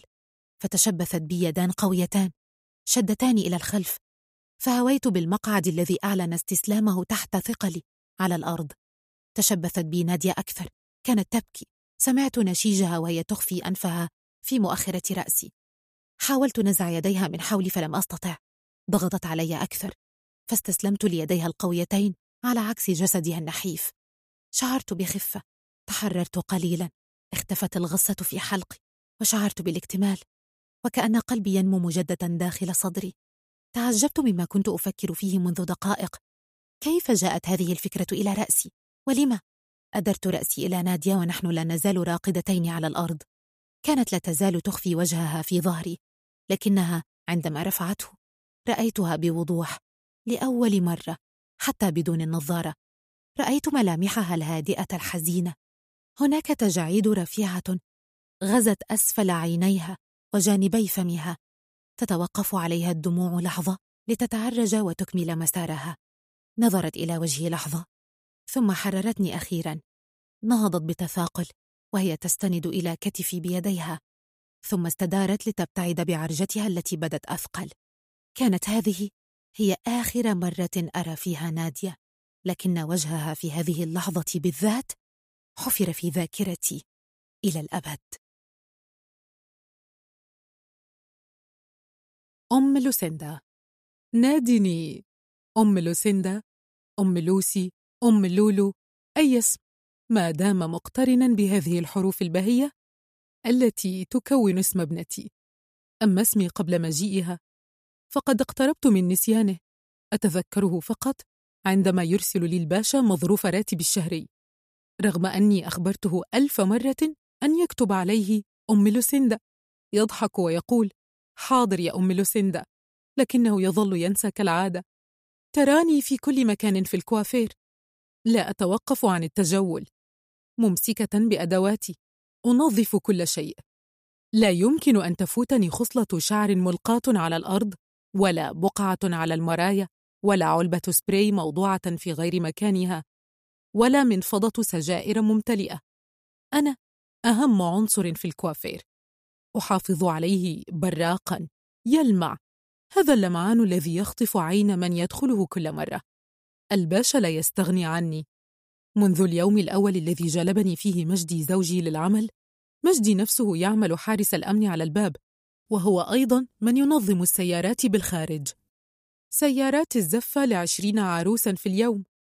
يمكن أن تسبب أزمة حقيقية لولا وجود مجدي. لأنني أفضل عاملة يسمح لي الباشا بجلب لوسي معي. أتركها مع البنات في غرفتهن بالطابق الأعلى. الجميع يحب لوسيندا. لأنها أجمل طفلة في العالم. هادئة ومطيعة لا تفعل شيئا. لم تعذبني لا في حملها ولا في ولادتها. الرب يحميك يا لوسيندا. جئتني بعد شوق. أنجبتها في الأربعين. لم يصدقني مجدي وأنا أخبره بأنني حامل. هو نفسه تزوجني في الخامسة والخمسين بعدما اكتشف فجأة أنه عاش عمره كله دون زواج. يعيش مجدي في بيت من طابق واحد. بناه بنفسه على سور السكة الحديد أمام سجن المدينة. تتناثر البيوت المبنية بدون ترخيص على امتداد هذا السور. لا أحد يتعرض لسكانها إذ إنهم محميون بحماية السجن نفسه. بينما أتجول أنا بين الزائرين الواقفين في حرارة الشمس في انتظار البوابة لتفتح. أبيع المناديل وحبات التفاح الصغيرة المغطاة بالكراميل أو بعض ثمار الجميز أو التوت في مواسمهما. أي شيء يجود به المزارعون في قريتي لكسب قوت اليوم؟ كنت أجلس بالطشت المعدني الصغير أمام باب بيت عم مجدي يسمح لي بالجلوس في الظل في انتظار الزائرين قبل الزيارة وبعدها. كان المكان مثاليا. أبيع ما معي في ساعتين زمن ثم أعود إلى قريتي من جديد. في أيام العطلات كنت أعمل في تنظيف المنازل أكافئ طيبة عم مجدي بتنظيف منزله في أعياد القيامة والميلاد بالذات. بيته مبني من الطوب والخشب. فسحة صغيرة وضع بها مائدة ومقعدين وتلفزيونا. ثم سلم خرساني بلا سور. يصل إلى الدور الثاني الذي هو عبارة عن غرفة واحدة بها سرير قديم ودولاب وكنبة اسطنبولي. لم يكن التنظيف يستهلك الكثير من الوقت. أمسح الأرض بالفينيك وأعيد ترتيب الأثاث القليل. أشد الملاءة على السرير. وأضع له بعض الورد البلدي الذي أبيعه في الأعياد. ينظر إليه ويبتسم. يقول البيت مختلف بوجودك يا ست رتيبة. تحمر وجنتاي. أربط الإشارب الأسود الصغير على رأسي للخلف بإحكام أكثر وأرد الله يكرمك يا عم مجدي. كنت أمر على البيوت المجاورة. أنظف هذا المنزل. أغسل الصحون لمنزل آخر. أزغط البط لمنزل ثالث. أقوم بأي مهمة توكل إلي. لأعود آخر النهار ببعض الجنيهات. أضعها في يد أخي الذي أقيم معه. داره في قرية صغيرة على مشارف المدينة. لا تبتعد عنها كثيرا. حتى إنني لا أركب أي مواصلة. أمشي المسافة بقدمي في الخف الدايب. وكأنني أسير حافية. لكن قدمي كانتا قد تعودتا على هذه المشقة منذ زمن. حتى إنهما قد كونتا طبقة صلبة. ربما أصلب من الخف ذاته. كنت أعيش مع أخي عوض وزوجته وأطفاله في دار فقيرة. هي دار أبينا في الأصل. تزوج أخي فيها وأنجب وعاش. لم أسأله عن إرث بعد وفاة أبينا. وهل يرث الفقير فقيرا؟ يكفي أنه يتركني أنام على فرشة في الفسحة الصغيرة الخارجية بينما يحتجد هو وزوجته والصغار في الغرفة الداخلية الخانقة. هناك عشة ملحقة نربي فيها بعض الدواجن والبط. طيور هزيلة لا تسر الناظرين مثلي تماما. وكأنها صفة موروثة في عائلتنا حتى إلى الحيوانات التي تعيش تحت سقفنا. أستيقظ من الفجر أحاول أن أكون خفيفة دائما. أغادر من الصباح سعيا للرزق تماما كما يفعل أخي. نحن أرزقية على باب الله. لا نستقر على عمل لكننا لا نعود إلا بما يسد رمق الأطفال. لذلك كانت دهشتي عارمة عندما طلبني عم مجدي للزواج. بربشت عيني كالفتيات الصغيرات. خجلت الابتسامة حتى من الظهور على شفتي. أنا يا عم مجدي؟ نعم أريد أن أأتنس بك يا ست رتيبة. الوحدة مرة. كنت قد ألغيت فكرة الزواج من عقلي. هل يعقل أن تعود إلي الآن؟ أقترب من الأربعين بثبات. حتى إن الشعيرات البيضاء بدأت في الظهور من أسفل الإشرب الأسود الذي أعصب به رأسي دائما كالعجائز. لكن أنا بائعة على باب الله. كلنا على باب الله يا ست رتيبة. وقتها نظرت إلى عم مجدي بشكل مختلف. كنا نقف أمام بيته في الصباح الباكر.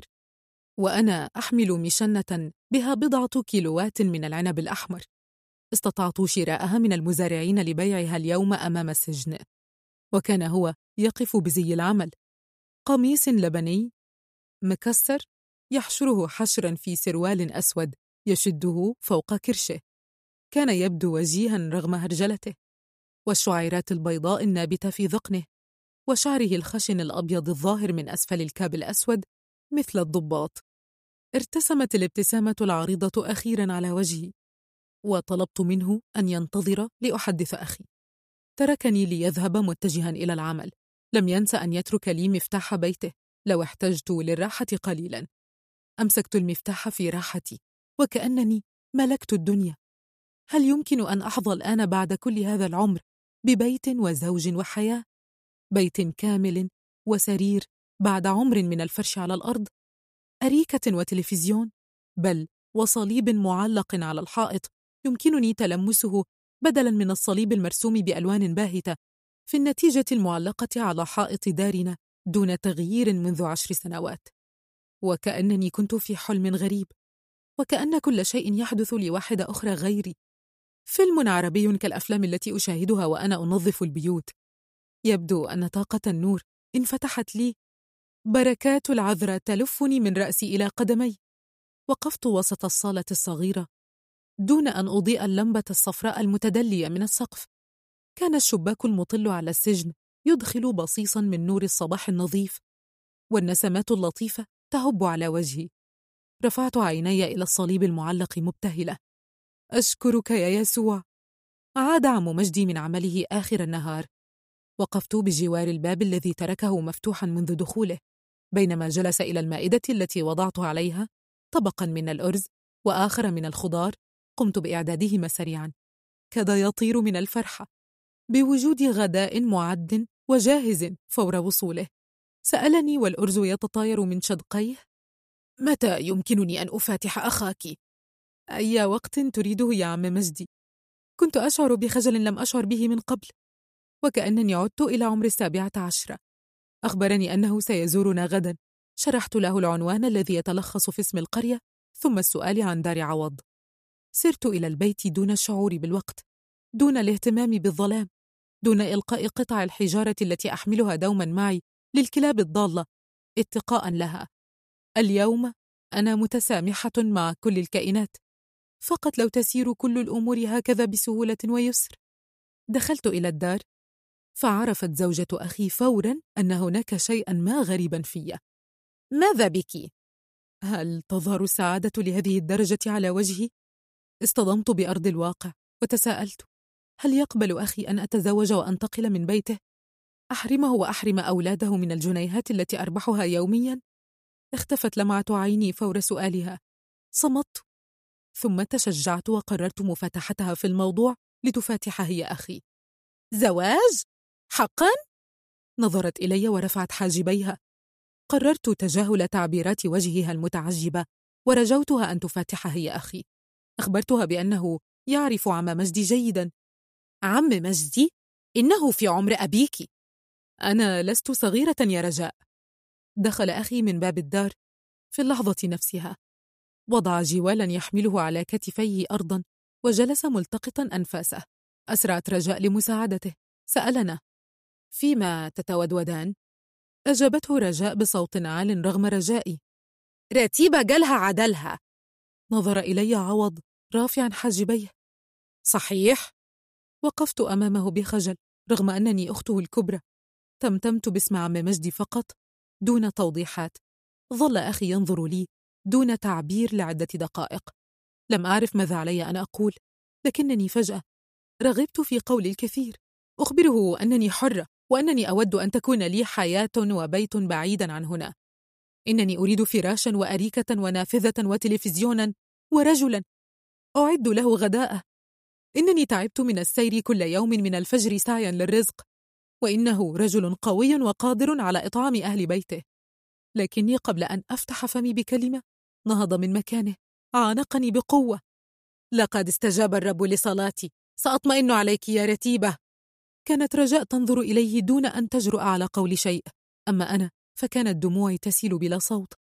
ضممت ذراعي حول أخي الذي لا أذكر متى احتضنني آخر مرة. لا أذكر متى ضمني أي شخص من الأصل. جرعة كبيرة من السعادة لم أكن قادرة على تحملها لكني سرعان ما اعتدتها.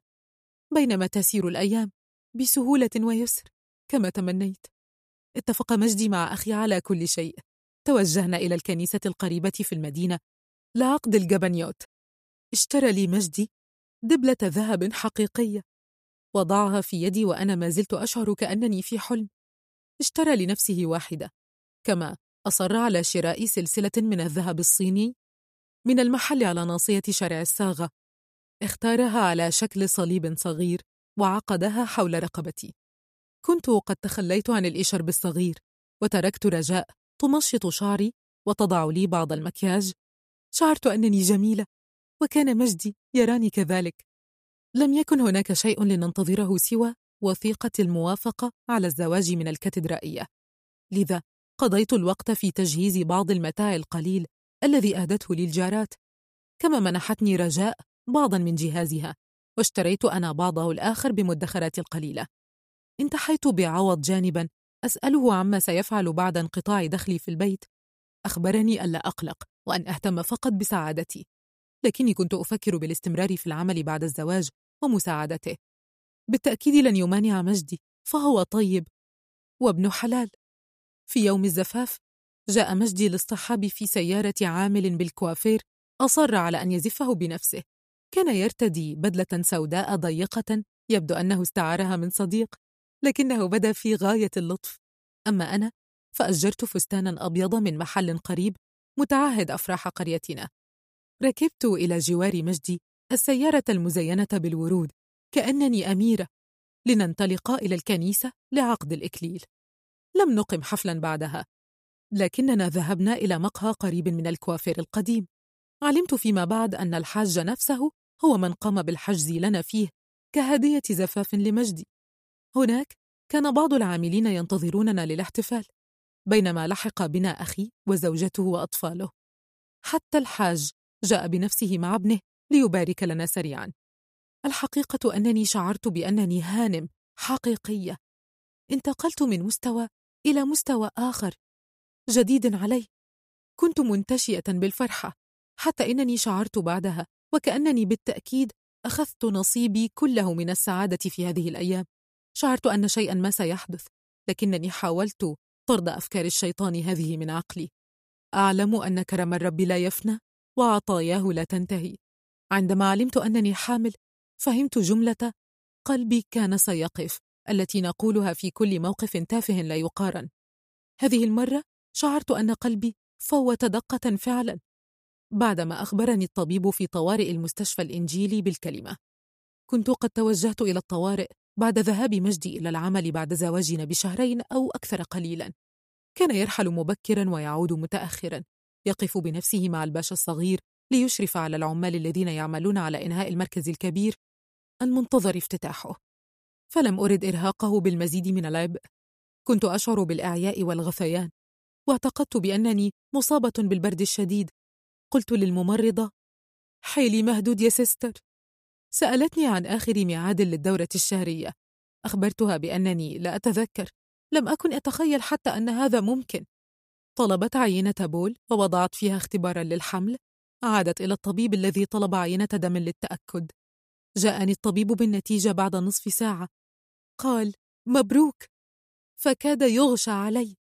كتب لي في الروشتة بعض المقويات. قرأ لي الأسماء والمواعيد فلم أسمع شيئا. تناولتها من يده بيد ترتعش. مشيت بحذر وكأنني في شهوري الأخيرة. وقررت أن أمر على مجدي في الكوافير لأخبره. كان هناك واقفا وسط العمال والرمال والأسمنت. العرق يغمر أسفل إبطيه ووجهه. وشعره الأبيض مغطى بالتراب. ربطة عنقه ملقاة على كتفه والقميص يخرج من سرواله بفوضى. بدا رائعا للغاية. ضحكت بقوة. حتى إنه التفت إلى صوت ضحكتي وأنا أقف بعيدا على رصيف المحل المقابل. ركض مسرعا باتجاهي والداشة تطل من ملامحه. سألني ما الذي أتى بي؟ لم أستطع التوقف عن الضحك. أردت أن أستجمع كلماتي لأخبره لكني كنت أضحك وأشعر بالدموع تنساب من عيني في الوقت ذاته. أمسكني من كتفي وطلب من السيدة في المحل أن تجلب لي كرسيا. جلست دون أن أتوقف عن البكاء والضحك. ربتت السيدة على كتفي وهي تنظر لي بشفقة. جثى مجدي على ركبتيه أمامي وسألني ملهوفا عما حدث. أخيرا استجمعت قوتي وأخبرته بالجملة. أنا حامل يا مجدي تخيل أنا حامل. لم ينطق مجدي بعدها. صمت لحظتين ثم بدأ يقهقه بقوة معي. يضحك ضحكته المتحشرجة التي أحبها. يضحك ويسعل وأنا أضحك وأبكي. والسيدة في المحل تضحك معنا وتضرب كفا بكف. ما زلت أذكر مجدي وهو يقف في منتصف الشارع أمامي وأمام العمال والمارة. وسط الرمل والأخشاب الملقاة. وجبال الطوب وتلال الأسمنت ثم يرقص فاتحا ذراعيه. الرجل الكبير ذو الشعر الأبيض يرقص ويضحك والجميع يضحك معه. أخبرهم أنه سيصبح أبا فشاركه العاملون الرقص في منتصف الشارع. إذا سألتني عن أسعد ثلاث لحظات في حياتي ستكون هذه واحدة منهن. الثالثة يوم طلبني مجدي للزواج والأولى بالطبع يوم رأيت لوسيندا للمرة الأولى. لم تكن شهور الحمل سهلة. كانت عذابا شديدا. تحملته بمفردي دون شكوى. كان مجدي يحاول جاهدا مساعدتي بكل الطرق. بينما كان أخي مشغولا بالسعي على رزقه طول الوقت. تأتني زوجته يوما في الأسبوع لمساعدتي بأعمال المنزل وتغيب طويلا انشغالا بأولادها. لكنني لم أشتكي قط. كنت أصلي كل يوم شكرا للرب على نعمته. أتاني مجدي بصورة كبيرة للعذراء تحمل طفلها. وضعتها أمام عيني وأنا أحلم باليوم الذي سأحمل فيه طفلتي أنا الأخرى مثلها. وكأنني منذ أتيت إلى الدنيا كانت هذه هي مهمتي الأسمى أن أكون أمًا أمًا لطفلة بالذات. سميتها من قبل أن تأتي. ولم أبالي بأن تخبرني الطبيبة في المستشفى بجنسها في الفحص الشهري لأنني كنت أعلم أنها لوسيندا. أرى لوسيندا وأشعر بها من قبل أن تتكون. أرى بطني يكبر أمامي. أمسه بحنان أعلم أنه يصلها. يأتي مجدي كل ليلة ليضع أذنه على بطني. لم يصدق أنه بهذه السرعة صارت له حياة وعائلة. أنه لم يعد وحيدا يعيش في صمت. أن هذا البيت لم يعد يتردد فيه صوت القطار فقط وصوت التلفزيون الذي لم يكن يشغله إلا قليلا. بعد أيام سيملأه صوت طفلة حقيقية تبكي وتلعب وتضحك وتكبر وتذهب إلى المدرسة. ربما يعيش ليزوجها أيضا ويرى أطفالها ويحملهم بيده. أخبرتني الطبيبة أن فرصة الولادة الطبيعية محدودة في سني هذه وأنها حتما ستضطر إلى اللجوء للولادة القيصرية. ابتسمت لها وأخبرتها بأنني لا أبالي لو قامت بشقي إلى نصفين لإخراج الطفلة. المهم أن تأتي سليمة. ضحكت الطبيبة وضحكت معها. كانت أياما جميلة أياما استعددت فيها جيدا لوصولها. خضت لها بنفسي فستانا أبيض صغيرا ليستقبلها فور ولادتها. اشترى لها مجدي بلوفر ورديا وسروالا يناسبان فتاة في عمر سنتين. ضحكت عليه أخبرته بأن مقاسهما كبير فزمجر قائلا إنها حتما ستحتاجهما ولو بعد حين. طيبت خاطره وقلت طبعا. طبقتهما ووضعتهما في الدولاب في مكان واضح ليراهما دوما حتى ترتديهما له بعد عامين. في يوم الولادة جاء زميل مجدي من الكوافير بسيارته ليوصلنا اسمه ماجد. هو نفسه الذي زفنا يوم الفرح. ناديته يا وش الخير؟ فابتسم خجلا. ربت مجدي على ظهره بعصبية. كان متوترا. يدخن كل دقيقة سيجارة ويلقيها دون أن يكملها. رأيت يديه ترتعشان. بينما أطبقت أنا قبضتي على الصليب المعلق في عنقي. صليت إلى العذراء لتباركني وتبارك لوسيندا. وصلنا إلى المستشفى فدخلت إلى غرفة الانتظار وحدي. كنت أحمل بطانية كما طلبوا مني. جلست بروب العمليات الأخضر وغطاء الشعر. تركت ملابسي وصليبي مع مجدي. لكني لم أتوقف عن الصلاة. كان قلبي يدق بسرعة وشعرت برهبة ووحدة. لكني تلمست بطني واحتميت بفتاتي فشعرت بالأمان. أدخلتني الممرضة إلى الغرفة الناصعة البياض. تركتني وحدي دقيقتين. دارت عيناي على الحيطان المغطى بالخزانات والأدوات الغريبة والكشاف الضخم المعلق في السقف. فجأة شعرت بالعشرات يحيطون بي. نمت على السرير. فردوا ذراعي على خشبتين كالصليب. كنت مصلوبة كالمسيح. فزاد إيماني باقتراب خلاصي. حقنوني بالمخدر ووضعوا القناع على وجهي. غبت عن الوعي. ثم أفقت. شعرت بحركاتهم من حولي. دفعوني إلى المصعد فحاولت التحدث. أين ابنتي؟ قربت ممرضة أذنها إلي لتفهم ما أقول. بخير يا حبيبتي سنجلبها لك بعد قليل. أشكرك. شكرا يا رب. كنت بردانة. أسناني تصطق وجسمي يرتعش. ألم رهيب في بطني وظهري. لم أشعر بساقي. قلت غطني أرجوك بردانة. سأجلب لك بطانية أخرى. وصلت إلى جناح النساء. حملوني من الترولي إلى السرير. وضعوني برفق. لكنني شعرت أنهم يلقون بي من الدور العاشر. صرخت فبكى مجدي بجواري. نظرت إليه وهو ينحني ليلثم يدي. ربت على خده. وسألته عن الطفلة. قادمة أخبرتني الممرضة أنها ستجلبها حالا. بجواره وقف أخي وزوجته. جلبت لي الممرضة لوسيندا أخيرا. حملها مجدي وقبلها وهو لا يتوقف عن البكاء. مددت يدي المرتعشة إليها. فقربها إلى وجهي. رأيت وجهها للمرة الأولى. متغضنا وأحمر.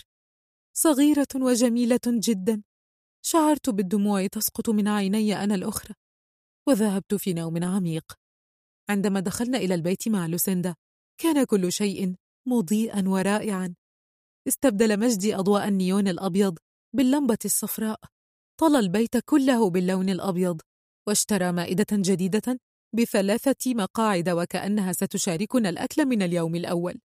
اشترى لها أيضا سريرا خشبيا صغيرا بجوار السرير الكبير وبعض الألعاب المحشوة الجميلة.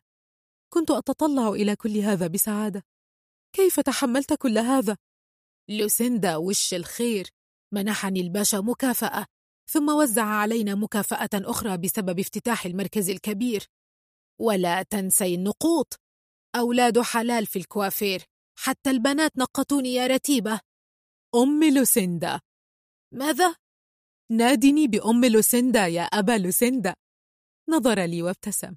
بدا وكأنه يستطعم الاسم الجديد من يومها وهو يناديني بأم لوسي إلا عندما نتعارك. تتم لوسي عامها الأول وهي لا تمنحني سوى الفرح. لا أنام ولا أتوقف عن خدمتها لكني لا أشتكي. كان كل شيء له طعم جديد ورائع. تفتح عينيها الزرقاوين الكبيرتين فتضحك الدنيا. ينبت شعرها الأشقر الخشن فأتباهى به. وأبدأ بوضع التوك الصغيرة وربطات الشعر الملونة. أقضي وقتي في خياطة الفساتين الملونة أو حكاية الحكايات أو تجربة الخضراوات الجديدة المهروسة والفاكهة المختلفة لها. حتى أتى اليوم الذي سألني فيه مجدي إن كنت أود أن أعمل معه في الكوافير. أخبرني أنني سأكون ولوسي إلى جواره. سيحظى برؤيتنا أكثر بما أنه يعود ونحن نائمون ويذهب ولوسي نائمة. أو ينام طيلة النهار ويذهب بالليل. أخبرني الباشا بأنه سيخصص لك راتبا محترما. يمكنك مساعدة أخيك كما كنت تتمنين ويمكنك اصطحاب لوسي. ستتسلى بدلا من الجلوس في البيت طوال النهار.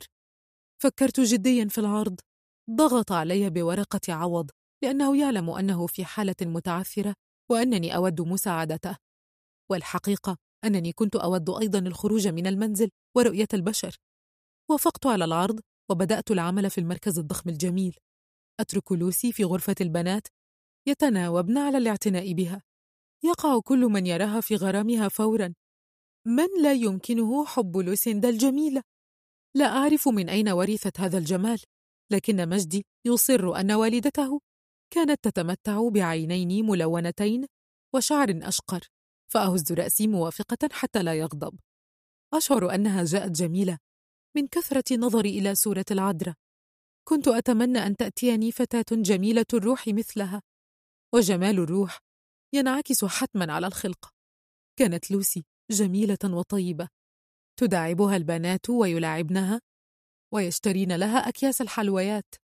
بالذات نادية الفتاة الجميلة السمراء التي تملك عرجة بسيطة في ساقها كانت شبه متفرغة. لذلك كانت لوسيندا تجلس معها معظم الوقت في غرفة الست منى. حتى الباشا يقبلها ويعطيها قطعا من الشوكولاتة الغالية. كنت أعلم أنه لم ينجب. أدعو الرب أن يرزقه كما رزقني. وأعود أنا ولوسيندا كل ليلة محملتين بحقيبة مليئة بكل ما لذ وطاب. لكن لوسي لم تكن تأكل كل هذا. كانت ضعيفة للغاية وكنت أتوسل لها أن تأكل. أخبرني مجدي أن كل الأطفال هكذا. وأنها حتما ستزداد وزنا كلما كبرت. كانت ستكمل عامين خلال شهور. لكنها لم تصل إلى الوزن المثالي بعد كما أخبرني الطبيب في المستشفى عندما ذهبت إليه ليفحصها. شعرت في قلبي بأن هناك شيئا غير طبيعي. زاد القلق عندما نادتني إحدى الزبونات لتسألني عن لوسيندا التي تسير خلفي ممسكة بطرف جلبابي. هذه طفلتك؟ نعم. حملتها إلى ركبتيها. تلمست عنقها وخلف أذنيها سألتني عن الانتفاخ فيهما فأخبرتها أنني لا أعرف. أنا طبيبة أطفال ربما عليك أن تفحصي الطفلة. أين تذهبين عادة؟ المستشفى الإنجيلي. أخرجت ورقة من حقيبتها وكتبت حروفا بالإنجليزية. ناولتني الورقة وابتسمت محاولة تلطيف الجو. لا تقلقي فقط أعطي الورقة لطبيبك. فحص معتاد للأطفال حتى لا نقلق. شكرتها والقلق ينهشني. لفني شعور بعدم الأمان وكأنني صرت عارية فجأة أمام الجميع وكأن قلبي سقط في بطني وتجمعت القطرات الباردة على جبيني. أعلم أن السعادة المستمرة أكذوبة كبيرة. هناك دائما شيء ما يحدث. شيء ما يذكرك بأن الحياة لا يمكن أن تمنحك كل شيء. ربي لا تدخلنا في تجربة لكن نجنا من الشرير. جلست مع مجدي في انتظار نتيجة التحاليل. كانت لوسي قد استسلمت منذ أيام لأخذ خزعة من ظهرها تحت المخدر بينما كاد قلبي يتوقف عليها. أنا التي لم أكن قادرة على تخيل إجراء عملية اللوز لها. أراهم وهم يغرسون إبرة طويلة في ظهرها بعد أن رفضت الخروج وتركها وحيدة. اضطر إلى إلباس رداء معقما وكمامة وترك إلى جوارها. في هذا اليوم ارتدت لوسي الكنزة الوردية والسروال الأزرق اللذين اشتراهما لها أبوها قبل مولدها للمرة الأولى. جلست على ساقي. تداعب أنفي وفمي بيدها وتضحك. نظرت إليها. ملأت عيني بوجهها الجميل. ربت مجدي على ركبتي مشجعا. كنا نجلس وحيدين في الطرقة شبه المظلمة. أمامي لوحة خشبية مكتوب عليها آية من إنجيل يوحنا. هذا المرض ليس للموت بل لأجل مجد الله. اقترب منا طبيب صغير السن وقف أمام مجدي ممسكا بأوراق. دعب شعر لوسي بيديه. حاول رسم ابتسامة لكنه عجز عن ذلك. فهمت كل شيء دون شرح. أخبر مجدي بتفاصيل. أصبحت بعد ذلك هي عالمي وحياتي. أخبره عن ضرورة توجهنا فورا إلى معهد الأورام. والبدء في العلاج. أن سنها الصغيرة تساعد على سرعة الشفاء. أخبره بأمور كثيرة لم أسمع نصفها. كان العالم يدور بي. وحياتي كاملة تمر أمام عيني. هل منحني الرب نعمة ليأخذها مجددا وبهذه السرعة؟ لماذا يا رب؟ نظر لي الطبيب فاكتشفت أنني نطقتها بصوت عال. بكيت فنهرني مجدي. ربتت لوسي على خدي بيديها الصغيرتين. كنت أعلم أن مجدي يحاول استجماع شجاعته.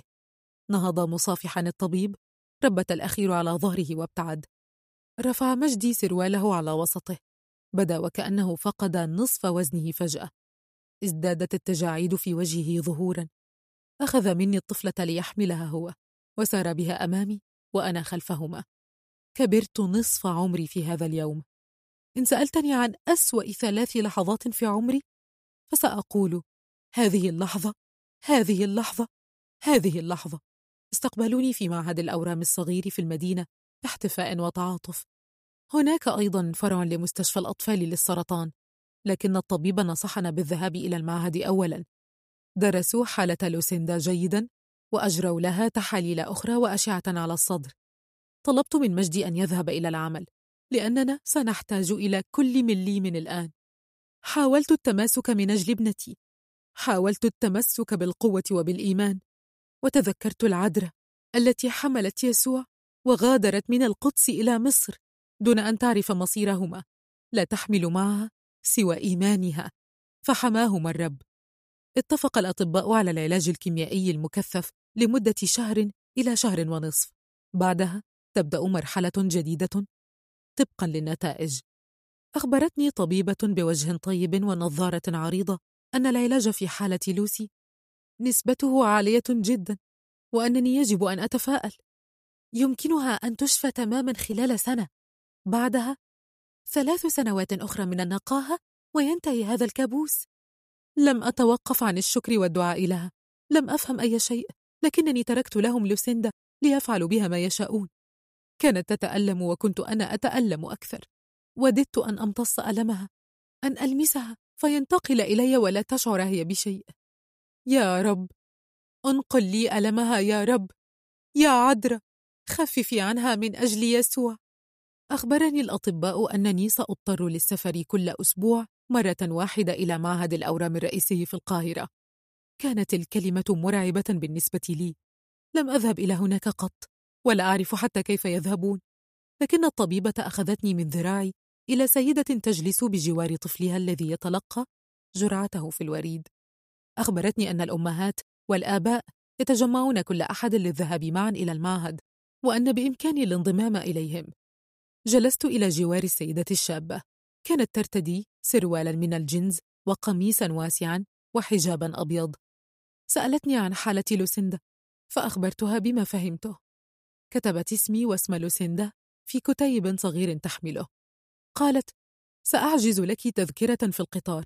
نحن نركب معا عربة واحدة يؤنس بعضنا بعضا وفي المحطة ينتظرنا آباء آخرون بأتوبيس للذهاب إلى المعهد.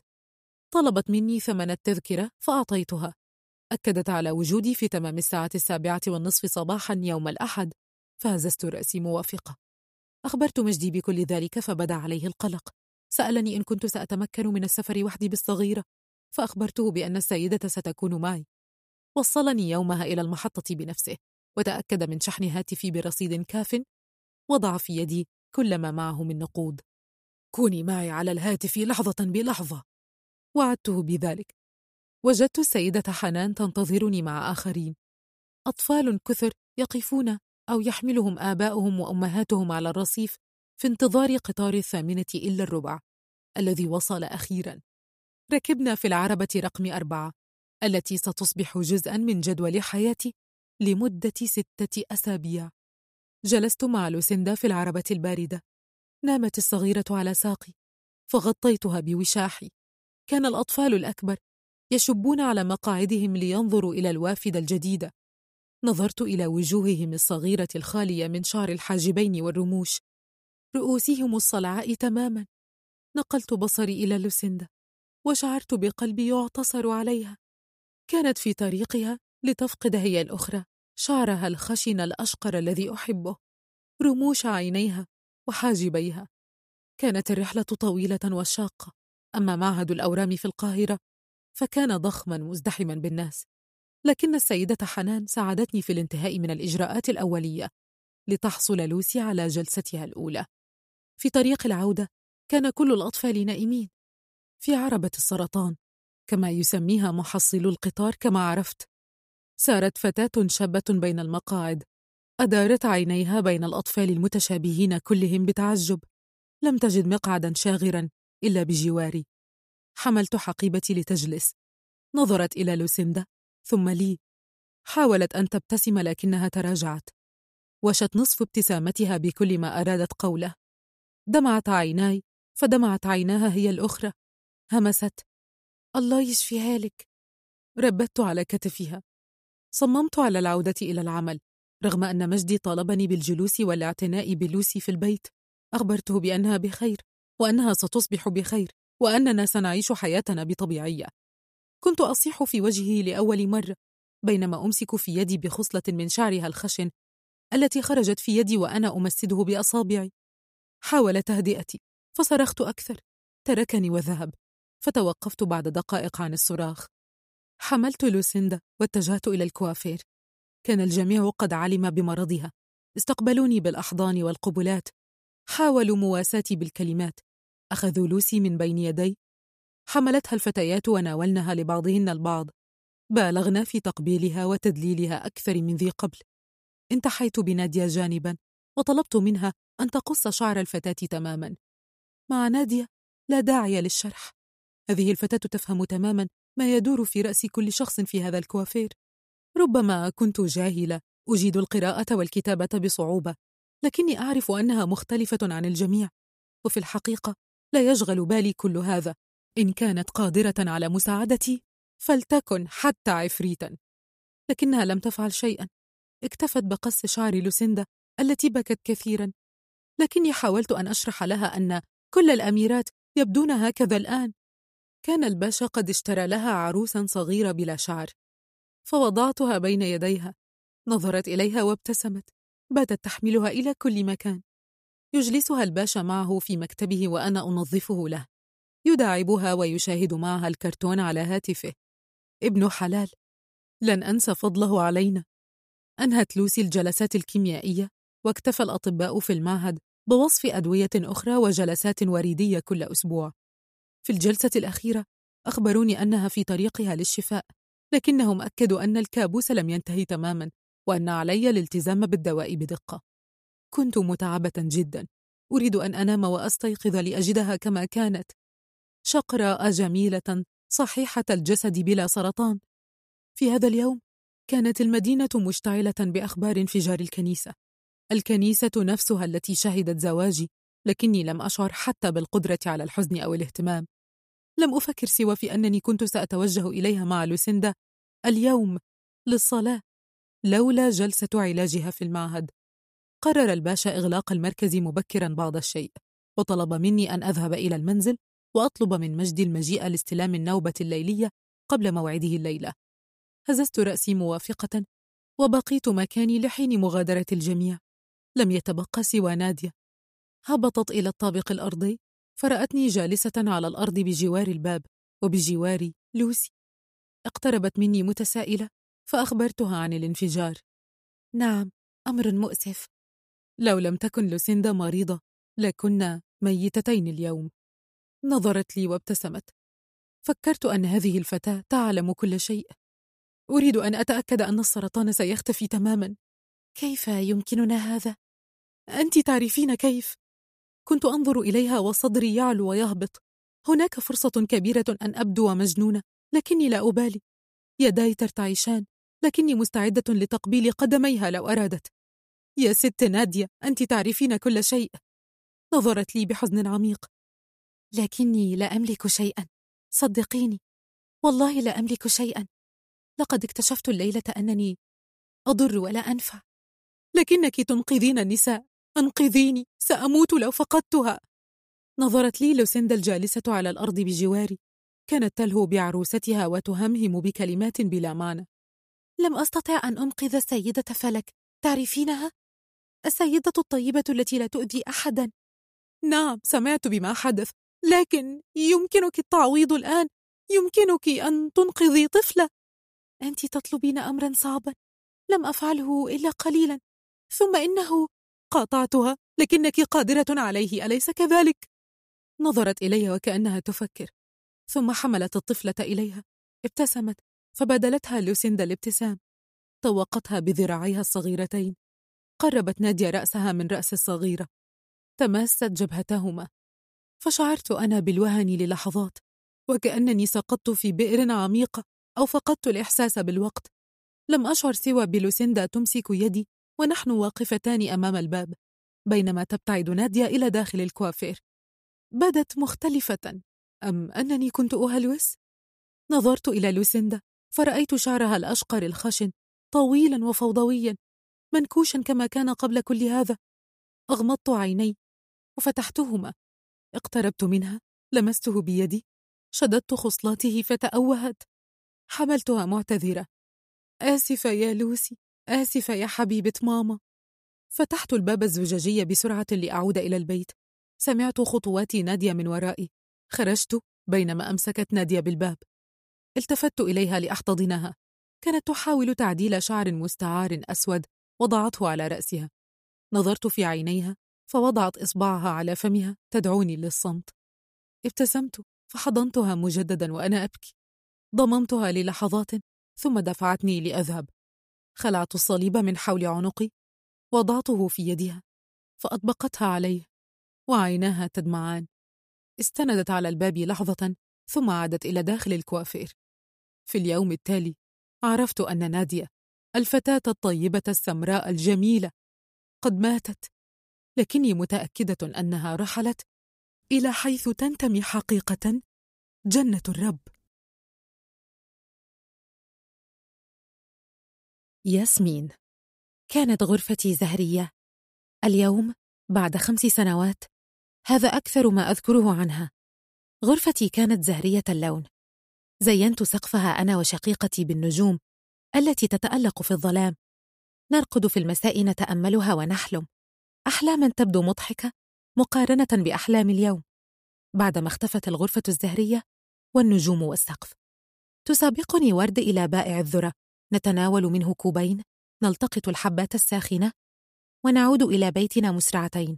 أمي تنتظر ككل يوم عودتنا لتوضيب المائدة. لا شيء يحدث في الحياة. لا شيء سوى شغف انتظار عودة أبينا الغائب دوما في البحر. حتى مواعيد عودته لا نعرفها. أذكر أيضا أن رائحة الهواء كانت مختلفة. هواء حلب معبق بشيء لا أعرفه. ربما لو شممته أنت لما شعرت به على الإطلاق. إنها الرائحة التي تختصر الوطن والتي تجعلك تشعر براحة ما. أنت آمن حتى لو كان وطنك ضائعا. كانت الثورة دائرة في شوارع سوريا وكانت حلب في مأمن. لم ينزل أحد إلى الشوارع إلا بعض النازحين من إدلب في حي صلاح الدين. لكننا كنا بعيدتين تماما. لم أدري أن ما أراه على شاشة التلفزيون يحدث في وطني. إلا عندما رأيت القلق باديا على وجه أمي. الحقيقة أنني أضحك اليوم عندما أتذكرني وورد وقتها. كان الأمر بالنسبة لنا مثيرا للغاية. حتى إنني تمنيت سرا لو تنتقل هذه الأحداث إلى حلب. هذه الأمنية التي أندم عليها اليوم مئتي مرة. بعدما جاءت الثورة بأكملها إلينا في شهر رمضان من عام 2012 مع أول انفجار يحدث في حلب كانت أمي قد حسمت رأيها. علينا الرحيل مع الآخرين. لن أنتظر أن يتهدم البيت على رؤوسنا أكثر من ذلك. كانت العناصر المسلحة تتوغل أكثر في حي هنانو. في الوقت نفسه الذي كنت ألملم فيه حاجياتي القليلة مع أمي وورد أترك لعبي وكتبي الدراسية وألبومات الصور ونكتفي بالملابس وبعض الأشياء الثمينة التي حملناها في حقائب الظهر. لم تأبه أمي بشيء سوى الخروج وبأسرع طريقة من هنا. نزحنا مع الجيران في سيارة صغيرة تكدسنا فيها جميعا إلى طرطوس في رحلة قصيرة. لم يكن الوضع خطيرا حينها.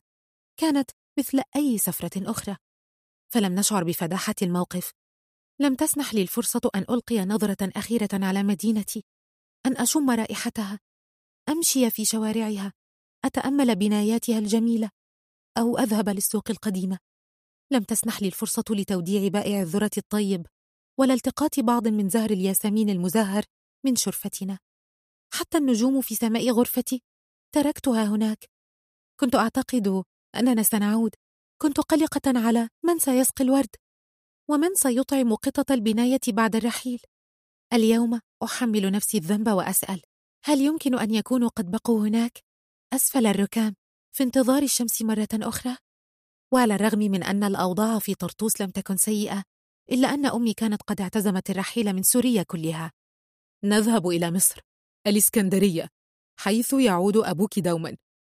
كان أبي خريج الأكاديمية البحرية في الإسكندرية مهندسا بحريا يجوب البحار طيلة العام بلا هاتف ثابت ويعود إلى الميناء في الإسكندرية قبل عودته إلينا. عرفت أمي على الفور أن مدينتنا سقطت ولن تعود الآن. وأبي أبدا لن يتمكن من إيجادنا هناك. ربما من الجيد أن أمي لم تنتظر. وقتها لم تكن هناك حاجة لتأشيرة دخول إلى ميناء الإسكندرية التي نقلتنا إليها سفينة صغيرة تصل بين المينائين. عندما وصلنا إلى الميناء ذهبت أمي إلى مكتب المهندسين البحريين هناك. يعرف الجميع أبي لكنهم لا يعرفون ميعاد عودته. سألتهم ألا ينسوا إخباره بأن عائلته هنا في الإسكندرية. وأنها ستعود برقم هاتف قريبا. كانت الرحلة لا تزال مثيرة لي ولورد. نحن نسافر إلى بلد جديد إلى مصر التي نراها في المسلسلات. ربما نرى أحمد السقا أو عمرو دياب هناك. نمشي في شوارع الإسكندرية التي لا تختلف كثيرا عن شوارع طرطوس.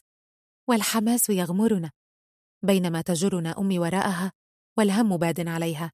جلسنا على مقهى. بينما ذهبت هي للبحث عن مسكن. السماسرة منتشرون في كل مكان لكننا رغبنا في مسكن مفروش لمدة طويلة. عادت لنا مع شاب نحيف. سرنا معه مسافات طويلة داخل الشوارع الرئيسية توغلنا كثيرا في قلب الإسكندرية. ابتعدنا عن البحر وتلاشت رائحة سوريا شيئا فشيئا. وصلنا إلى سوق كبيرة مزدحمة.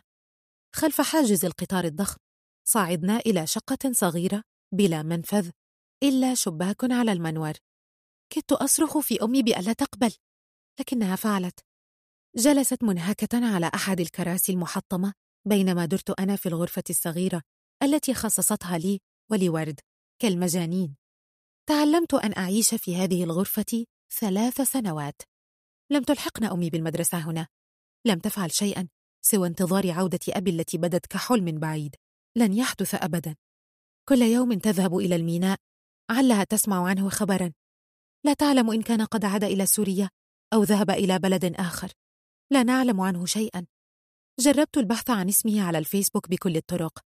سألت في صفحات النازحين السوريين وبقايا عائلاتنا المتناثرة بين تركيا والأردن ولبنان. بلا نتيجة. كانت أموالنا تنتهي. باعت أمي كل ما تملكه. حتى السلسلتين اللتين كانتا تحيطان بعنقين أنا وأختي. وتحملان اسمين معا. باعتهما في النهاية. لم يكن هناك حل سوى العمل. كان الأمر منتشرا. لم أبتكره. لكني أخذت الكثير من الوقت لإقناع أمي. منحتني بعض النقود القليلة المتبقية. فاشتريت بها كيزان الذرة النيئة من الكورنيش. كنت أسلقها بنفسي. وأضيف إليها التوابل والملح. وأحيانا السكر وماء الزهر. أدهنها بالزبدة أو العسل. وأغرس فيها عودا خشبيا رفيعا. أغلفها بالبلاستيك وأرصها على المائدة الصغيرة التي وضعتها أمي أمام باب البناية. أقف أنا وورد بالتبادل عليها. يشتري منا المارون شفقة أو إعجابا بشكل الذرة الغريب عليهم.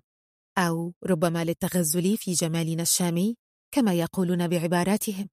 لا أقوى على الرد أكتفي بهز رأسي مبتسمة. يملون علي طلباتهم فأجيب تكرم عينك. فتقهقه البنات فرحات بالجملة. ويسبل الشباب بأعينهم أكثر. كنا نكبر وتزداد الأصناف على مائدتنا بعدما قبلت أمي المشاركة. تعد بعض المخبوزات والسلطات ونغلفها بطريقتنا المرتبة في الأطباق البلاستيكية. أحيانا أعد قائمة بالأصناف الموجودة أو التي يمكن طلبها بحجز مسبق. أكتبها بيدي وأصور منها عدة نسخ لتوزيعها. كنا في عمر السادسة عشرة.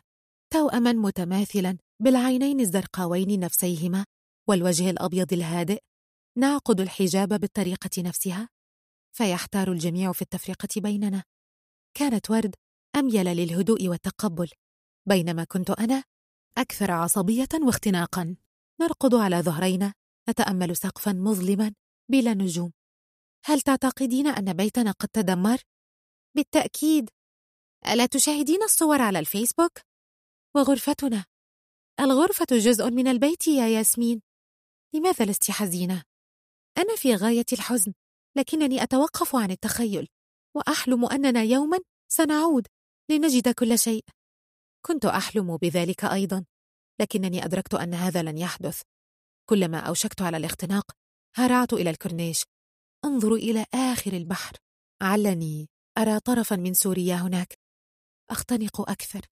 فأنسحب إلى البيت من جديد. يقف أمامي كل يوم شخص أو اثنان لتصويري أمام المائدة.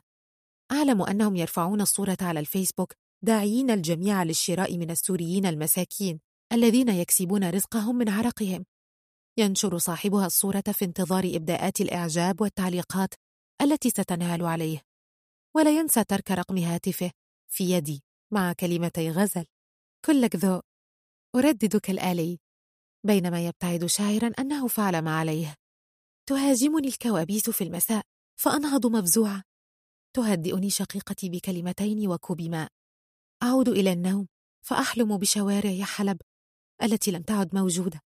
تهاجمني صور رمادية أراها في النشرات لبقايا مدينة لا أعرفها. أنساها شيئا فشيئا لكنها لا تغادر أحلامي. لم يكن سهلا على أمي أخذ قرار مثل ترك الإسكندرية وتوديع فرصتنا في الالتقاء بأبي من جديد. لكنها بدأت في التفكير بعد نصيحة العديد من السوريات بالنزوح إلى المحافظات الأصغر الأقل كلفة. كان ما نكسبه يكفينا بالكاد لدفع الإيجار وتناول ما يسد الرمق بينما لا تتوقف أمي عن العمل يوما واحدا في الأسبوع. إلى جانب الأطعمة السريعة التي نبيعها. باتت تعد الطعام الجاهز لمن يطلبه. تأتي الزبائن لأخذه أحيانا أو توصله هي بنفسها في أحيان أخرى. في هذا اليوم أرسلت أمي بورد إلى عنوان قريب على بعد عدة بنايات.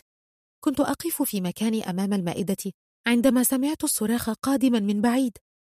جريت كما لم أجري وأنا أهرب من بيتنا في الحرب. كنت أدعو الله ألا تكون ورد. لكنها كانت هي. تشدها امرأة من حجابها في الشارع وتنعتها بأبشع الألفاظ. الساقطة السورية تغوي زوجي. تجمع الناس شيئا فشيئا. بينما ألقي نفسي على ورد أحاول انتزاعها من بين يدي المرأة. خرج رجل ضخم من البوابة ليجذب امرأته. لا يردد سوى كلمة فضحتينا نظرت لي ورد ودموعها تغرق عينيها بينما تنهال المرأة بالسباب علينا. يودن سرقة رجالنا المشردات في الشوارع. رددت النساء الواقفات كلامها. تفرجن علينا ونحن منهارات على الأرض. حاولت لف الحجاب على شعرها بينما يضرب الرجال أيديهم كفا بكف. لم ينسى واحد أو اثنان. المعاكسة ومد اليد وسط كل هذا. نهضنا وسرنا إلى المنزل. تشيعنا شتائم المرأة واتهامات النساء. بينما رفضت ورد أن تقص علي ما حدث بالداخل. حاولت أن أجعلها تحكي لي ماذا فعل الرجل بك؟ هل لمسك؟ هل أذاك؟ هزت رأسها نفيا بإصرار. توقفت عن البكاء والكلام. لم تسألها أمي شيئا. أمي لا تسأل. هي تنتظر فقط. لم تتحدث ورد بعدها إلا نادرا. أما أمي فاكتفت بحزم متاعنا القليل والخروج ليلا. بحثنا عن سيارة تنقلنا بعيدا. إلى مدينة بلا بحر بلا أمل. لا في عودتنا ولا عودة أبي. ربما كانت المدينة الجديدة صغيرة وخانقة لكنها لم تفرق معي كثيرا. أي أرض؟ هي مجرد أرض ما دامت ليست أرض الوطن. بدأنا من جديد رحلة البحث عن سكن. لم تنسى أمي السؤال عن محلات الذهب في المدينة لبيع آخر ما تملكه محبس زواجها. نظرت إلى عيني أمي وهي تتناول نقوده المعدودة التي خسف بها البائع الأرض. ورأيت فيها ما عجزت عن قوله لنا منذ سنين. تواطأت معها بالصمت وأكملنا الطريق للبحث عن شقة تضمنا. كانت المدينة بلا بحر لكنها كانت أكثر كرما من الإسكندرية. استقبلنا سكان العمارة المتواضعة بحفاوة غريبة علينا. حتى إن إحدى الجارات أرسلت لنا طعاما معدا كنوع من الترحاب. يبدو أنهم ناس طيبون. قالتها أمي وكأنها تزيح عن كتفيها هما. وافقناها الرأي وأنا أجر ورد التي لا تزال تعاني من صدمتها جرا إلى غرفة جديدة تضمنا معا. حاولت بكل الطرق إخراجها من حالتها. دعوتها للنزول والتعرف على المدينة. حاولت إضحاكها. غنيت لها أغانيها المفضلة. بلا مجيب. اتركيها قليلا وستتحسن. نصحتني أمي وصمتت ثانية. كنت أنت تحسنت يا أمي. كنت أشعر أنني أعيش مع امرأتين مكسورتين. أعجز عن إصلاحهما. نسيت أنني أنا نفسي في حاجة لإصلاح. عاودت أمي مهامها في إعداد الطعام السوري بينما توليت إعداد صفحة على الفيسبوك. وكتابة قائمة صغيرة طبعتها في محل مجاور تديره فتاة اسمها رضا. نصحتني رضا بتوزيع الورقة في مركز التجميل المقابل. العاملون سيشترون منك كل يوم. معظمهم يبتاع طعامه جاهزا. شكرتها على نصيحتها ونظرت إلى المحل الفخم. يسمونه الباشا beauty center وتسميه رضا الكوافير. دفعت الباب الزجاجي بحذر. خطوت إلى الداخل. أفزعتني ضخامة المكان وازدحامه. الجو المعبق بأبخرة السشوار. وروائح النفاذة اخترقت أنفي. سألني شاب يرتدي بذلة وقميصا وربطة عنق عما يمكنه تقديمه. أريد توزيع قائمة طعامنا هنا. هل تسمح لي بذلك؟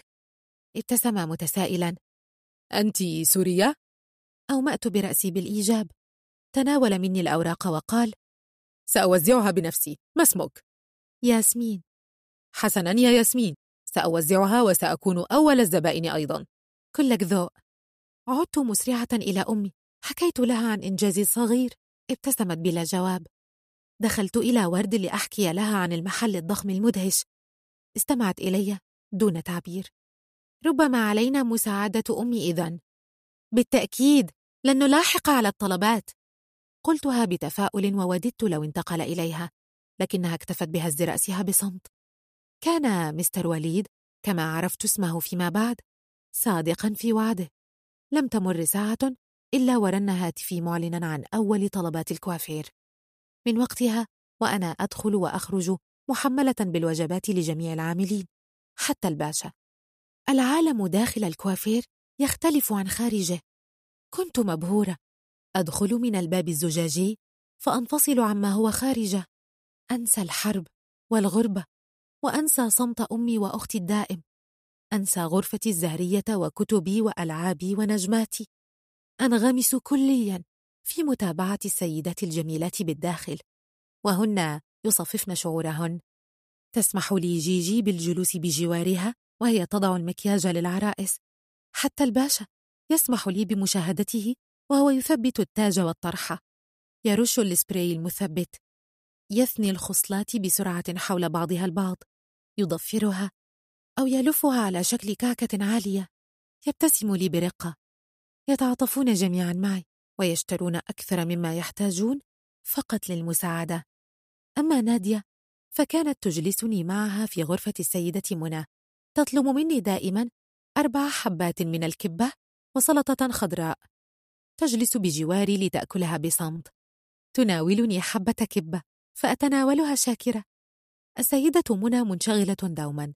لكنها تلقي علي السلام برفق وتدخل لتكمل عملها عندما بدأت نادية في الحديث معي بالشامية لم أستوعب ما تقول كنت قد تعودت على اللهجة المصرية خارج البيت حتى أتقنتها كانت الشامية تبدو منها وكأنها خارجة من مسلسل هندي أو تركي مدبلج هل تتحدثين الشامية؟ نعم لماذا؟ لماذا ماذا؟ أنا أتقنها لست مضطرة. أود ذلك. لكنني لم أكن سعيدة بذلك. كان الحديث معها يبدو غريبا على مسمعي. في البيت الصمت كان الغالب على ثلاثتنا. وفي الخارج كنت أستخدم الشامية بحساب ولأهداف تجارية بحتة. أعرف كيف ألقي بكلمة تجعل الزبائن يسعدون. أما نادية فقد ذكرتني بأيام بعيدة. أثارت في جسمي قشعريرة.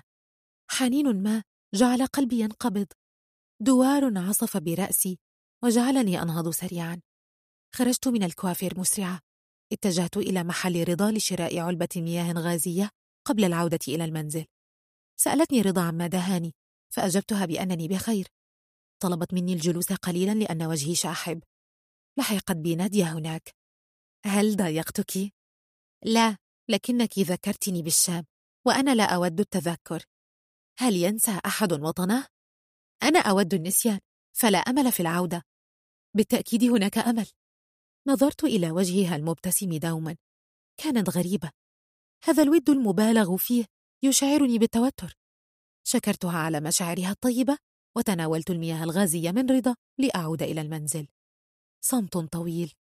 لا شيء يحدث في هذا الفراغ الذي أسبح فيه طيلة الوقت سوى إعداد الوجبات تحضيرها ولفها بالورق الشفاف. تقف أمي في المطبخ تشاهد المسلسلات وهي تعد الطعام بينما تجلس ورد في الغرفة تتأمل لا شيء من الشباك. أو تقرأ الكتب التي آتيها بها من سور الكتب القديمة القريب الذي اكتشفته منذ فترة.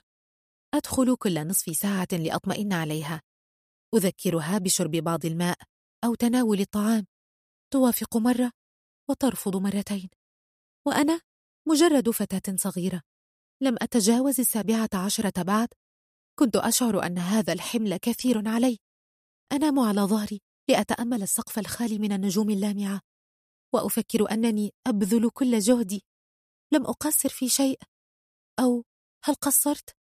الإجابة عن سؤالي كانت قريبة جدا. لماذا يا ورد فعلت هذا؟ كيف استطعت أن تتركيني بهذه البساطة؟ لقد أتينا معا إلى هذا العالم وكان ينبغي أن نرحل معا.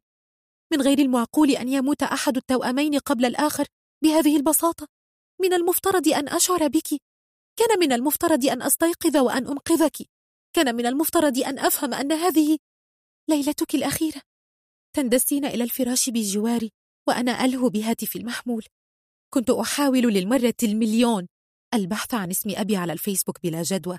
وأنت تنظرين لي فقط وتبتسمين تحيطينني بذراعك فأزيحه برفق أطلب منك الابتعاد قليلا لأنني مشغولة مشغولة بما؟ كيف لم أفهم أنك كنت تعانقينني للمرة الأخيرة؟ كيف لم أفهم أنك تعرفين؟ لماذا لم تخبريني بما حدث لك في هذا اليوم المشؤوم في الإسكندرية؟ وكيف تكونين بهذا الضعف يا ورد؟ تقتلك كلمات امرأة حمقاء غارت على زوج لا يساوي شيئا؟ أم قتلتك الغربة؟ أم فقدان كل شيء؟ أم ماذا؟ كنت أعتقد أنك لا تبالين أنك لا تشعرين بالمصيبة التي نحن فيها لكنني اكتشفت أن الوحيدة التي لا تشعر هي أنا أستيقظ من النوم لأجدك بجواري لا تتحركين باردة للغاية مبتسمة وكأنك أخيرا وصلت إلى ما تبتغينه أهزك برفق وشفتاي ترتعشان. أهزك أكثر ولا جدوى. ورد؟ لا تردين. ورد؟ أرجوك. كيف تتركينني يا ورد؟ وماذا أقول لأمك؟ جلست بجوارك لكم من الوقت؟ لساعة؟ اثنتين؟ ثلاث؟ لا أعرف. مر الوقت دون أن أدري. لم أشعر سوى بذراعي أمك على كتفي. جلست بجواري دون كلام. لم تبكي هي الأخرى ولم تنطق بأي كلمة من يومها. تولى الباشا كل شيء إجراءات الدفن وشهادة الوفاة والتغسيل. التفت الفتيات العاملات في الكوافير حولي. حاولن حثي على الكلام أو شرب بعض الماء. لكني كنت أجد أن التنفس نفسه فعل شديد الصعوبة. اختفت ورد أسفل التراب في أرض غريبة لا نعرفها. على بعد آلاف الأميال من أرضنا. اختفى نصفي تحت التراب فشعرت بفقدان التوازن وكأنني أسير بساق واحدة وذراع واحدة وأرى بعين واحدة. جلست نادية بجواري طيلة الوقت تمسك بيدي تسقيني بيدها تزورني كل يوم تصر على إطعامي. الغريب أنها كانت تشعرني فعلا بالتحسن. توقفت أمي عن فعل الحياة. تجلس ساهمة طيلة النهار. أدس في فمها بعض الخبز باللبن أو الشوربة. أسقيها الماء بالشفاط. أحملها حملا في المساء إلى السرير. أحملها إلى الحمام أحيانا أو إلى المسبح لتحميمها بعد أن فقدت السيطرة على نفسها. كانت الحياة تزداد قسوة.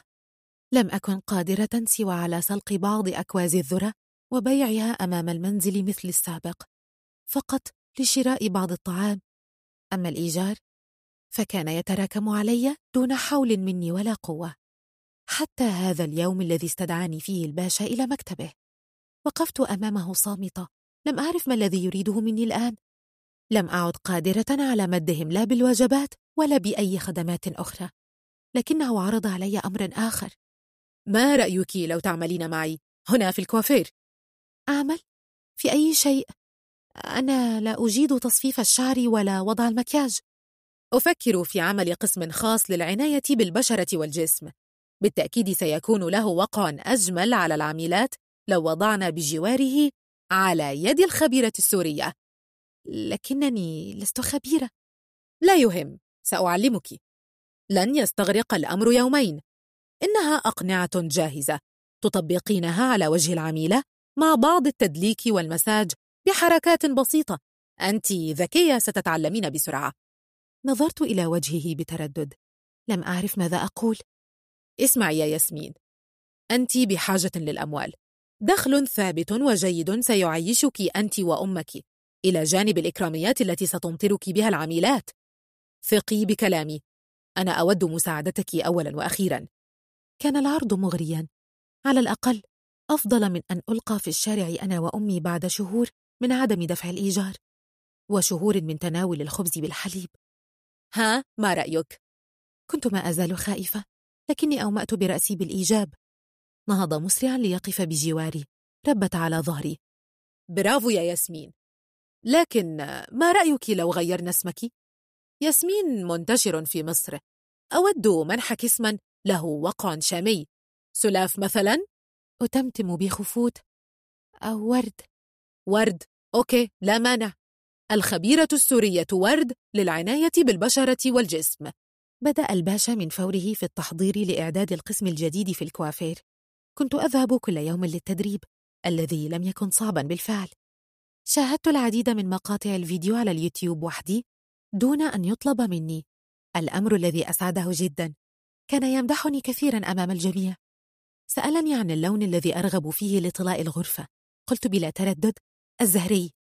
عندما دخلت إلى غرفتي أخيرا بعد الانتهاء منها بدا وكأنني أدخل إلى بيتنا في الشام. كانت مصممة على شكل البيوت السورية العتيقة. فروع خضراء متدلية من السقف. كرانيش وأرشات دائرية. وفي المنتصف مائدة نحاسية. عليها فناجين من القهوة. حتى مصفاة المتة الحلبية. وفنجانها وشفاطها موضوعان عليها. لا أدري من أين أتى بها الباشا. شيزلونج طويل موضوع لتتمدد عليه النساء. والحيطان باللون الزهري كما طلبت. أما السقف فتم لصق النجوم الفسفورية عليه لتتأمله النساء وهن راقدات. كان قلبي ينبض بقوة. وقفت أمام المرآة المذهبة الطويلة التي تحتل جدارا كاملا. رأيت ورد فيها. تنظر لي وتبتسم. أرأيت يا ورد؟ لقد عدنا إلى الشام. ألمسها بأطراف أناملي فيستبد بي الحنين أكثر. طرق الباشا على بابي وهو يقول أول زبونة. دخلت ومعها نادية لمساعدتي. تتوالى الزبونات وتتوالى الأيام. أدخل كل صباح إلى عالمي في الشام وأخرج في المساء إلى عالم آخر لا أعرفه. أعود إلى البيت حيث تجلس أمي. أطعمها بعض اللقيمات أحممها وأجلسها بجواري لبعض الوقت حتى تنام. الحياة تسير لكنني متعبة. أشعر بعدم التوازن. لا أمل من البحث عن أبي كل يوم على الفيسبوك. أترك رقم هاتفي مع أي شخص كان يعرفه. ربما سأل علينا يوما. يختفي الأمل رويدا رويدا. لكنه لا ينتهي تماما. أفكر أنه ربما يعود فتعود أمي إلى الحياة. ربما يعود فنعود جميعا إلى بيتنا. ربما يظل بيتنا صامدا أمام الهجمات والصواريخ. ربما تخطئه كل القنابل.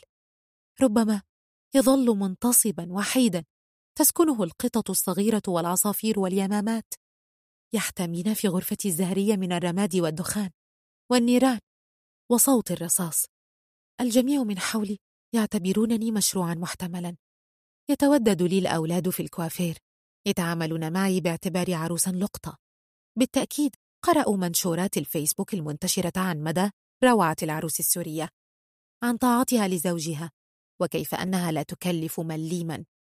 أن السوريات يتلهفن للزواج من مصري للحصول على الإقامة الدائمة ووطن جديد بدلا من التشرد في الشوارع. يسخرون من بنات وطنهن ويعددون في جمال بنات الشام. شعرنا الناعم وعيوننا الملونة وجمال طهنا ورقتنا في الفراش. يتساقط لعاب الرجال وينظرون لي كدجاجة مزينة يتصاعد منها طيب الرائحة. أو كما فعل الباشا مشروع تجاري مربح. السوريون جاءوا ليسرقوا قوت المصريين. عباقرة في التجارة يتسرسبون من كل شق. يقيمون محلات الشاورما والمطاعم الشامية يبيعون الهواء بكلماتهم المعسولة. يعملون في مراكز التجميل مثلما قال تكفي كلمة خبيرة سورية لتتوافد نساء. حتى لو لم أكن أفقه شيئا في عالم التجميل أنا دليل حي على ذلك. لا أحد يتكلم عن ضياع الوطن عن انكساري الشخصي عن رحلتي الصامتة من غرفتي إلى مدينة لا أعرفها عن الفراغ التام في قلبي عن فقداني في لحظة واحدة لعائلتي كلها. عن ضياع ألبوم الصور وحكايات الحب الأولى وخربشات نقشتها أنا وورد على مقاعد المدرسة في المرحلة الابتدائية وظننا أنها باقية للأبد دليل على مرورنا العابر عليها يوما. عن خطواتنا الأولى عن ملابس أول عيد احتفظت بها أمنا في صندوق صغير أسفل السرير عن علبة مغلقة سميتها الأرشيف. تحوي وردا مجففا اشتريته في الطريق للمدرسة. وكتيبا صغيرا ضم كلمات ساذجة كتبتها لي رفيقاتي في نهاية عام دراسي. وتذاكر الباص المقطعة وريشة حمامة هبطت يوما على كف يدي وأنا أصلي في المسجد الأموي. وطرفا من ثوب أمي الذي تمزق بلا أسباب. فقصقصته قطعا صغيرة لتصنع منه عرائس قطنية لي ولورد. احتفظت أنا بأقصوصة منه تحمل عطرها هل يعرف أحد التاريخ الإنساني لسكان سوريا؟ التاريخ الشخصي لكل فرد من أهل حلب التاريخ السري لكل فتاة ترعرعت في هذا التشتت والتمزق والغربة الإجبارية نحن جيل تربى على الألم فكيف نحيا؟ ولماذا؟ وكيف نحلم بالعودة إلى وطن لم يعد يعرفنا؟ وكيف نعيش في وطن لا نعرفه؟ نامت أمي. فضاقت بي الدنيا أكثر. اختنق صدري وشعرت بالرغبة في البكاء. نزلت إلى الشارع المظلم. كانت رضا لا تزال فاتحة أبوابها. اتجهت إلى المحل المضيء. جلست على الرصيف المرتفع أمامه. سمعت خطواتها قادمة من خلفي. ما الذي جلبك في هذه الساعة؟ ألم تسمعي عن الانفجار؟ أريد علبة مياه غازية. والانفجارات لا تخيفني. ناولتني إياها في يدي بصمت باردة جدا. فتحتها بسرعة وأخذت رشفة كبيرة.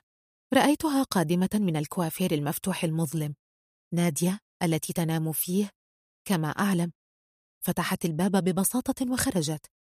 خرجت من خلفها العاملة أم لوسيندا مع طفلتها الجميلة. حضنت نادية بقوة. حملت طفلتها ثم ذهبت في الاتجاه المعاكس. تعجبت لبقائها حتى هذه الساعة معها في الكوافير وحدهما. استندت نادية لحظة على الباب الزجاجي وكأنها تستجمع قواها. ثم مشت في اتجاهي. جلست بجواري على الرصيف ورفعت رأسها تتأمل النجوم اللامعة في السماء. هل تفتقدين وطنك؟ أفتقد ما كنت عليه في وطني. انظري إلى السماء. إنها نفسها التي كنت ترينها هناك. رفعت رأسي لأرى ما تتحدث عنه. حتى السماء هنا تبدو مختلفة. لا ليست كذلك إنها مختلفة. الهواء مختلف والنجوم مختلفة. شكل الأرض مختلف. فقط إن أردت رؤيتها كذلك. نظرت إلى نادية بحدة. بدت متعبة جدا. وكأن التجاعيد غزت وجهها. حتى شعرها بدا مختلفا. وكأنه مثبت على رأسها. وكأنه مائل بشكل ما. كان الجميع يتحدث وكنت أسمع ما يقولونه عنها ولم يكن هناك داع لإخفاء هذا أكثر. لماذا لم تنقذي ورد؟ ماذا؟ لا داعي للإخفاء. الكل يتحدث. جيلان رضا حتى منى تتحدث. صمتت نادية دقيقة. أطرقت برأسها أرضا. أنت تتعاطفين معي. تمسكين بيدي وتطعمينني. تقولين إنك صديقتي لكنك تركتها تموت. ورد هي أنا وأنا هي ورد. لقد مت يوم ماتت ولم تنقذيني. لقد انتهت حكاية ورد. لم يكن هناك ما يمكن فعله. أما أنت فحكايتك لم تنتهي بعد. لا أنا انتهيت فعلا. أمسكت بيدي نظرت إلى عيني. أنت ياسمين لا تنسي ذلك. لا تفعلي. لكنها كانت تفعل ما تفعله دوما. لم أرد أن تنتزع الحزن من قلبي. كنت أريد أن يظل. أريد أن تظل ورد في قلبي. لكنها كانت تنزعها بقسوة. أنت لا تفيدينني هكذا. صدقيني أنا أفعل. قصتك لم تنتهي بعد. أنا لا أريد. وأنا لم يعد لدي المزيد من الوقت. حاولت نزع يدي من يدها لكنها تشبثت بها أكثر. بكيت. لأول مرة أبكي منذ موت ورد. شعرت بها تخرج مع دموعي. أبكي وأشهق فأتحرر. شعرت أنني أتنفس من جديد. ظلت ممسكة بيدي أكثر. نظرت إليها فوجدتها تبكي معي. كانت هذه المرة الأولى التي أرى فيها نادية تبكي. كانت تبكي بلا صوت وبلا تعبير. دموع غزيرة أغرقت وجهها. انعكست الأضواء عليها ببريق ساطع فبدت كالنجوم. كان وجهها يعكس نجوم حلب كما أتذكرها. كان وجهها في هذه اللحظة هو الوطن. ثبت عيني على وجهها مجدوها. توقفت عن البكاء أخيرا. فتركت يدي. حاولت الإمساك بها لكنها نهضت وتركتني. عادت إلى الكوافير المظلم بخطى متعثرة. استندت لحظة على الباب الزجاجي قبل أن تدخل وتغلقه وراءها. كانت هذه هي الليلة التي لحقت فيها نادية. بورد. فلك. في يوم واحد يفرغ البيت عليك وحدك. تنظرين في المرآة فتكتشفين أن السنين تركت آثارها على وجهك وشعرك وجسمك وأنك لم تعودي أنت.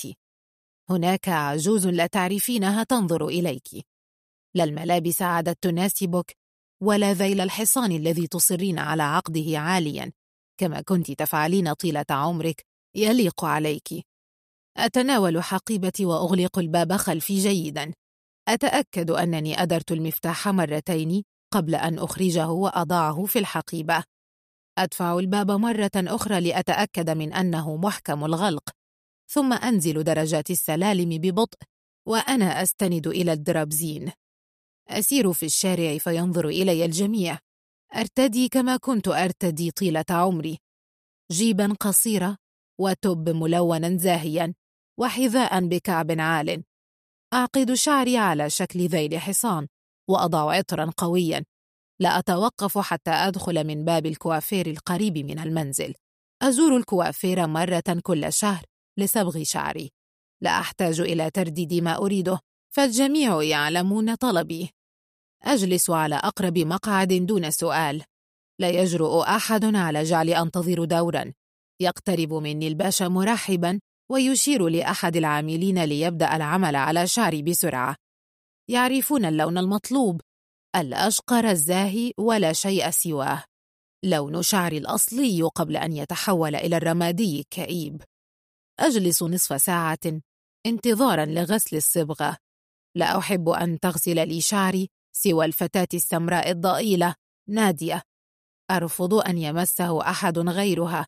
فيسرعون في تلبية أوامري حتى لا ألقنهم درسا قاسيا بلساني السليط الباشا نفسه كان طالبا لدي في المدرسة الابتدائية. لا يزال يناديني باسم مس فلك. تنتهي نادية من غسل شعري تدلكه ببطء. أحب كيف تخلل أصابعها في خصلاته وكأنها تمشطه برفق. تسألني هل أنت مرتاحة يا مس فلك؟ هل الماء دافئ؟ فأجيبها بنعم. تجففه بالسشوار قليلا ثم أنهض. لا أحب المكواة ولا أجعلها تلمس خصلاته. أتركه كما هو وأعقده ذيل حصان من جديد. ثم أخرج قلم الروج الأحمر من حقيبتي. ترتعش يدي قليلا كما تفعل منذ سنوات فلا أهتم. أمرر القلم على شفتي. يخرج اللون عنهما بعض الشيء لكني لا أبالي. النتيجة ترضيني في النهاية وهذا ما يهم. أخرج بضعة جنيهات من الحقيبة. أضعها في يد نادية التي تتناولها شاكرة. تمد يدها لمسح الروج الخارج عن حدود شفتي. لكني أمنعها. هل تعدلين علي يا حمقاء؟ بالتأكيد لا يا مس فلك. لا يقبل الباشا أخذ مقابل مني. هذا واجبه تجاهي كمعلمته القديمة. لا أعتبرها صدقة ولا إشفاقا بل هو حقي الكامل. أغادر الكوافير وأنا أرفع رأسي عاليا. أسمعهم يتهامسون في طريقي للخروج.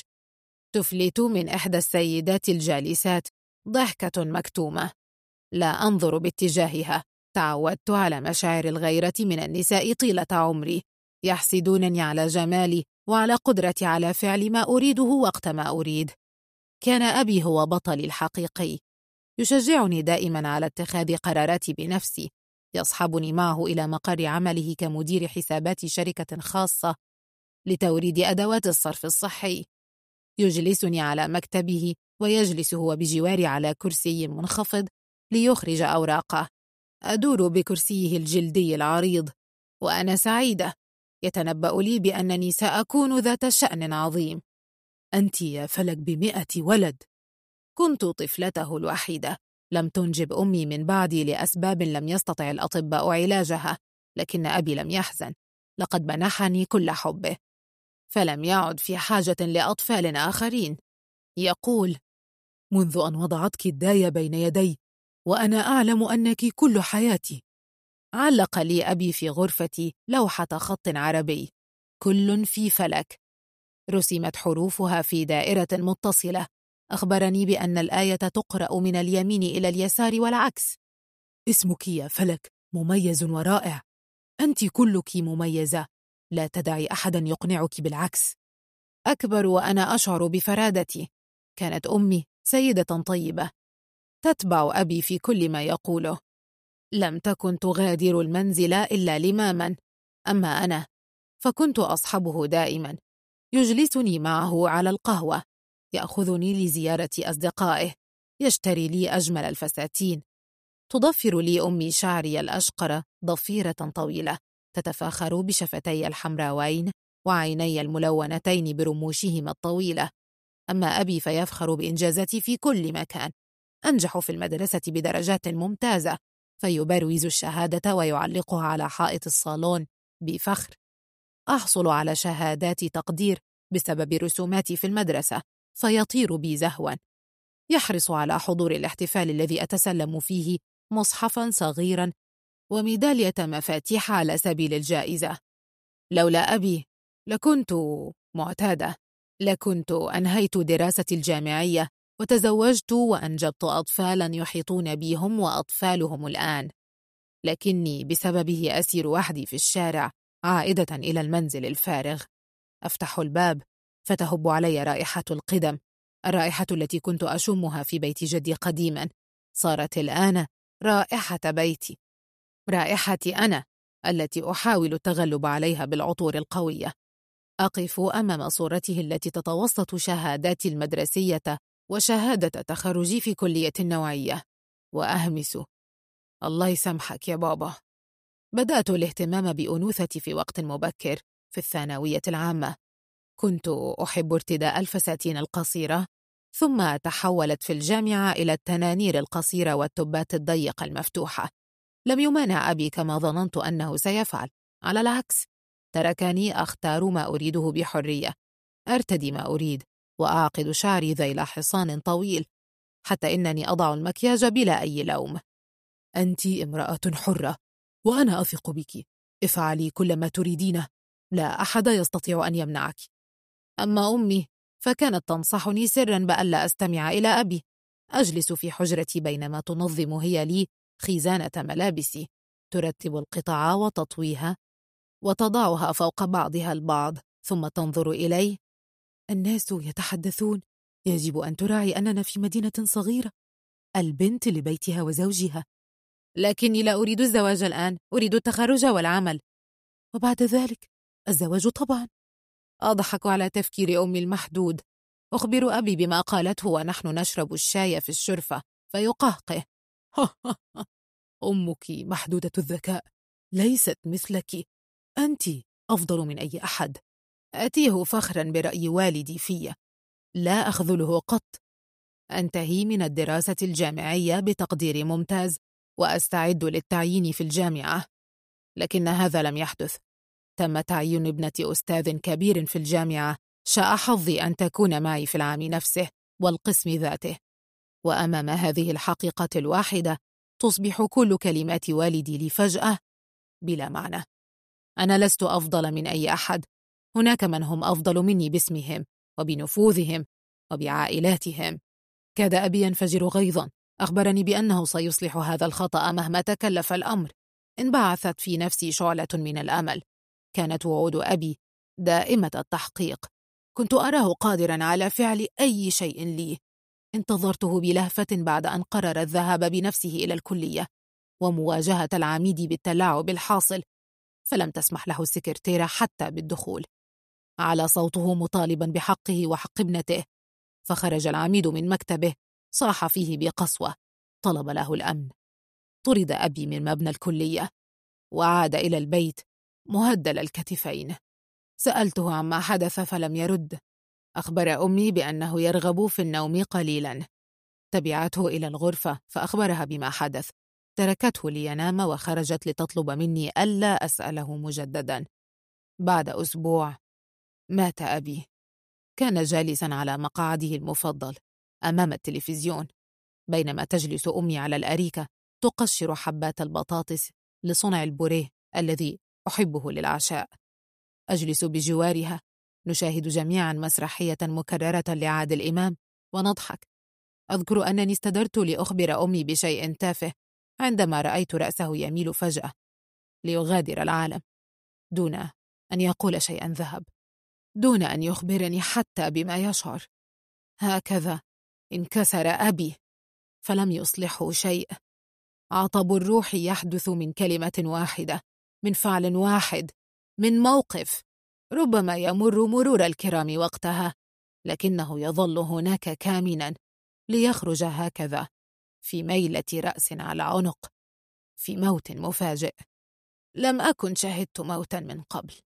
كان كل شيء غريبا علي. أرتعش وأنا أهزه بقوة. أدلك صدره. أحاول صب الماء بالسكر في حلقه. كانت أمي تصرخ بجواري وأنا فقط أنادي عليه. بابا بابا بابا أرجوك أفق من أجلي. لم يجبني. عندها. أدركت أنه لن يفيق. وأننا امرأتان عاجزتان تحيطان به دون معين.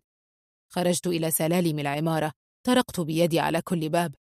كان الجميع يخرجون متسائلين عما يحدث. نظرة واحدة إلى وجهي الأصفر وارتعاشة جسدي كانت كفيلة بأن يركضوا باتجاه باب شقتنا المفتوح. عدت إليها لأجد حشدا من الرجال والنساء حول أبي. كان الرجال يحاولون مثلي إفاقته لكنه كان قد ذهب. اقتربت مني إحدى الجارات وهي تبكي. قالت شدي حيلك. لم أفهم شيئا. كنت أرتعش. توقفت عن الإدراك والرؤية والسمع. غصت فجأة في ظلام حالك. تولوا المساعدة في كل شيء. كانت أمي بائسة مثلي تماما. تجلس في ركن الصالة التي خلت من الأثاث. بعد أن كومته الجارات في حجرة ما لاستقبال المعزيات في الصالة المفروشة بالحصر. بينما صف الرجال الكراسي الخشبية أسفل العمارة على سبيل الصوان الصغير. يأتي الموت فجأة لينتزع من نحبهم من وسطنا قبل أن نخبرهم بكل شيء. أفكر في عشرات الأسئلة التي كنت أريد طرحها على أبي. في عشرات الجمل التي كنت أريد أن أخبره بها. في الاعتذار له عما حدث وأنني لا أود التعيين في الجامعة من الأصل وأن سعادتي بتقديره لي أهم من سعادتي بتقدير العالم كله لكنني لم أقل شيئا. سمعت كلام أمي ولم أحدثه في الأمر رغم أنني كان علي ذلك. كان علي أن أنفذ ما أريد كما نصحني دوما لكني لن أنسى وصيته مجددا. لن أنساها وأنا أقرر العمل في مدرسة خاصة ابتدائية بعقد خاص دون انتظار التعيين الحكومي. أخبرتني أمي أنني سأفصل بعد عام. لكنني لم أبالي. كنا في حاجة لأموال إضافية فوق ما يأتينا من معاش أبي الذي تضاءلت قيمته بمرور الأيام. وكانت أمي مخطئة كالعادة. استمررت في العمل فيها خمس سنوات كاملة بعقد خاص قبل تثبيتي أخيرا. كنت أعلم الأطفال الرسم الذي أحبه. كان الأولاد ينظرون لي ساهمين طيلة الحصة. يرسمون لي مع لوحاتهم قلوبا وزهورا. ويرسلون جوابات غرامية بدون أسماء. تمر السنون وتتغير الوجوه ولا تتوقف الرسائل عن المجيء. كنت في الثلاثينيات من العمر وما زلت عزباء. حلما لكل المدرسين الزملاء والتلاميذ الذين يرونني فتاة الأحلام. كنت أدرك هذا وأتلذذ به. أستمر في رفض العرسان المتقدمين وأتعامل بجفاء مع الجميع إلا تلاميذي. أقرأ رسائلهم وأضحك. أحتفظ بها إلى اليوم. أملك رسالة من الباشا أيضا. أهدده بها عندما لا ألقى الترحيب الذي أريده في الكوافير. كنت أرتدي الجيب القصيرة والتوب الضيق الملون. كل يوم أسير غير عابئة بالأنظار. توقفني السيدات في الشارع داعيات لي بالهداية. فأنظر إليهن بسخرية وأكمل طريقي. في منتصف التسعينيات. قل توافد العرسان على بيتنا وبدأت أمي في القلق. الرجال يريدون فتاة ملتزمة للزواج وأنت تسيرين وكأن لا أحد يهمك. لا أحد يهمني بالفعل. أنا لن أعيش لك. لا يجب أن يعيش لي أحد لن تستطيعي العيش وحدك يا فلك. أريد أن أطمئن عليك قبل أن أموت. اطمئني يا أمي. أنا بمئة رجل. الله يسامح أبوك ويرحمه. تتمتم بهذه الدعوة كلما جاءت سيرة الزواج كلما ذهبنا إلى أي مكان إلى أي زفاف حتى إلى السوبر ماركت. أنظر في المرآة معجبة بشكلي. الحقيقة أن لا أحد يستحق هذا الجمال. يجب أن يكون شخصا مميزا للغاية رائعا يختلف عن الجميع حتى تقبل به فلك. وكان هذا الشخص هو محمود. مدرس الرياضيات المنقولة حديثا. يصغرني بعامين لكنني لم أبالي. قررت أن يكون هو سعيد الحظ الذي أحبه وأوافق على الاقتران به. كان محمود خجولا للغاية. يطرق على باب الفصل فأفتح له. يتبادل معي بعض الكلمات بصوت هامس بينما يصيح الصبيان خلفنا بأصوات عالية تجعلني لا أسمع نصف كلامه لكني كنت أفهمه رغم ذلك.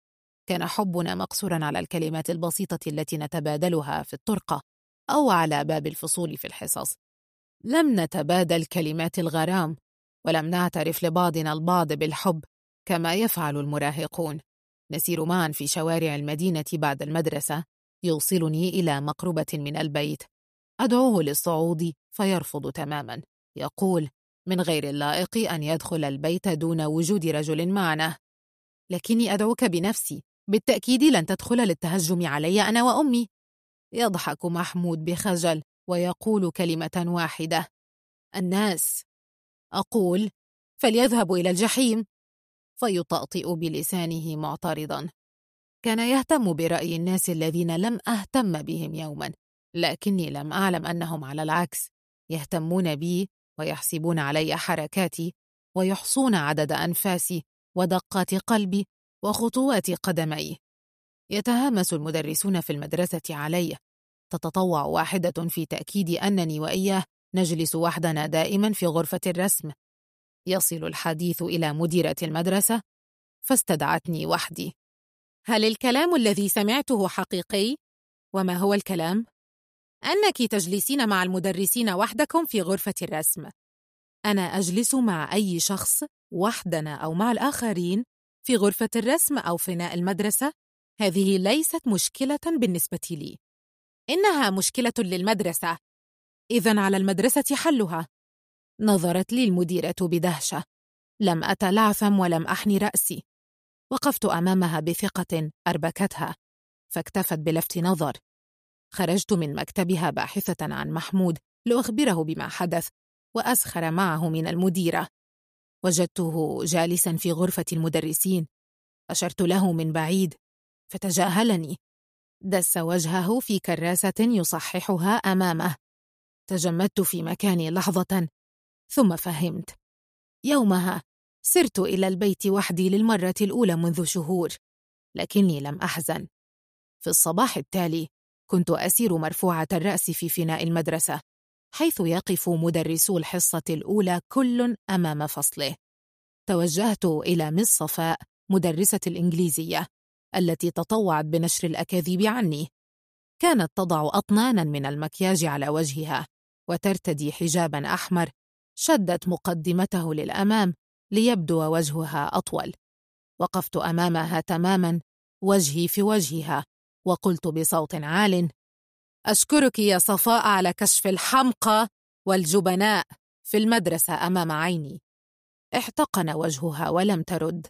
نظر إلينا الأطفال بفضول بينما هبط صمت ثقيل على الطابور الصباحي دائم الإزعاج. عدت إلى غرفة الرسم دون أن أنظر لأحد لكني لمحت محمود منزويا بجوار الجدار. يكاد يختفي داخله. نظرت إليه باحتقار. وأكملت طريقي. انتهى محمود من حياتي وقتما أشح ببصره عني حتى إنني حضرت زفافه بنفسي على صفاء بعد شهور. يومها ارتديت فستانا أسود بلا كتفين وتركت شعري الأشقر على كتفي. وضعت أحمر الشفاه القوي الذي أحبه وجلست مكاني أتطلع إليه. وهو يزف إلى الفتاة المعتادة. لولا أبي لكنت معتادة. الله يسامحك يا أبي. تمتمت لا إراديا بدعوة أمي فشعرت بالسكين تخترق قلبي للمرة الأولى. لم أحزن على محمود لكني تمنيت لو كنت أجلس مكان الفتاة المعتادة بفستان الزفاف الأبيض المعتاد الطرحة المعتادة مع خصلة الشعر الكبيرة المصبوغة من الأمام والمكياج المعتاد. نهضت من مكاني لتتجه إلي العيون كلها. غادرت القاعة الصغيرة وعدت إلى البيت. استقبلتني أمي بوجه عابس فطلبت منها ألا تلقي علي المحاضرة نفسها ولو ليوم واحد لأني أريد أن أنام. أستيقظ وأنام أذهب إلى العمل وأعود منه. أسير في الشوارع وحيدة بلا أصدقاء لأن لا أحد يجرؤ على السير بجواري. بلا حبيب بعد أن توقف الجميع عن طلب يدي أو التودد إليه. في عيد ميلادي الأربعين رحلت أمي. كان رحيلها غير مفاجئ في المستشفى بعد رحلة طويلة مع المرض لكنها كانت سعيدة الحظ بوجودي إلى جوارها. أخلل أصابعي في خصلات شعرها الرمادية. كانت تشعر بالاطمئنان لمجرد وجودي. نظرت إلي مطولا وقالت لآخر مرة الله يسامح أبوك ويرحمه. كنت اعتدت التعامل مع الموت. لم أرتعش مثل ما حدث من قبل. استقبلت الخبر بثبات وأنهيت أوراقها كلها. أتممت مراسم الدفن وتلقي العزاء ثم أغلقت علي باب البيت للمرة الأولى. وحدي. أعيش وحدي في البيت الكبير في صمت لا يقطعه سوى صوت التلفزيون إن أشعلته. أكتفي بالعمل وشرب الشاي في الشرفة ثم النوم بعد صلاة العشاء مباشرة. لا أنام منذ أن رحلت أمي.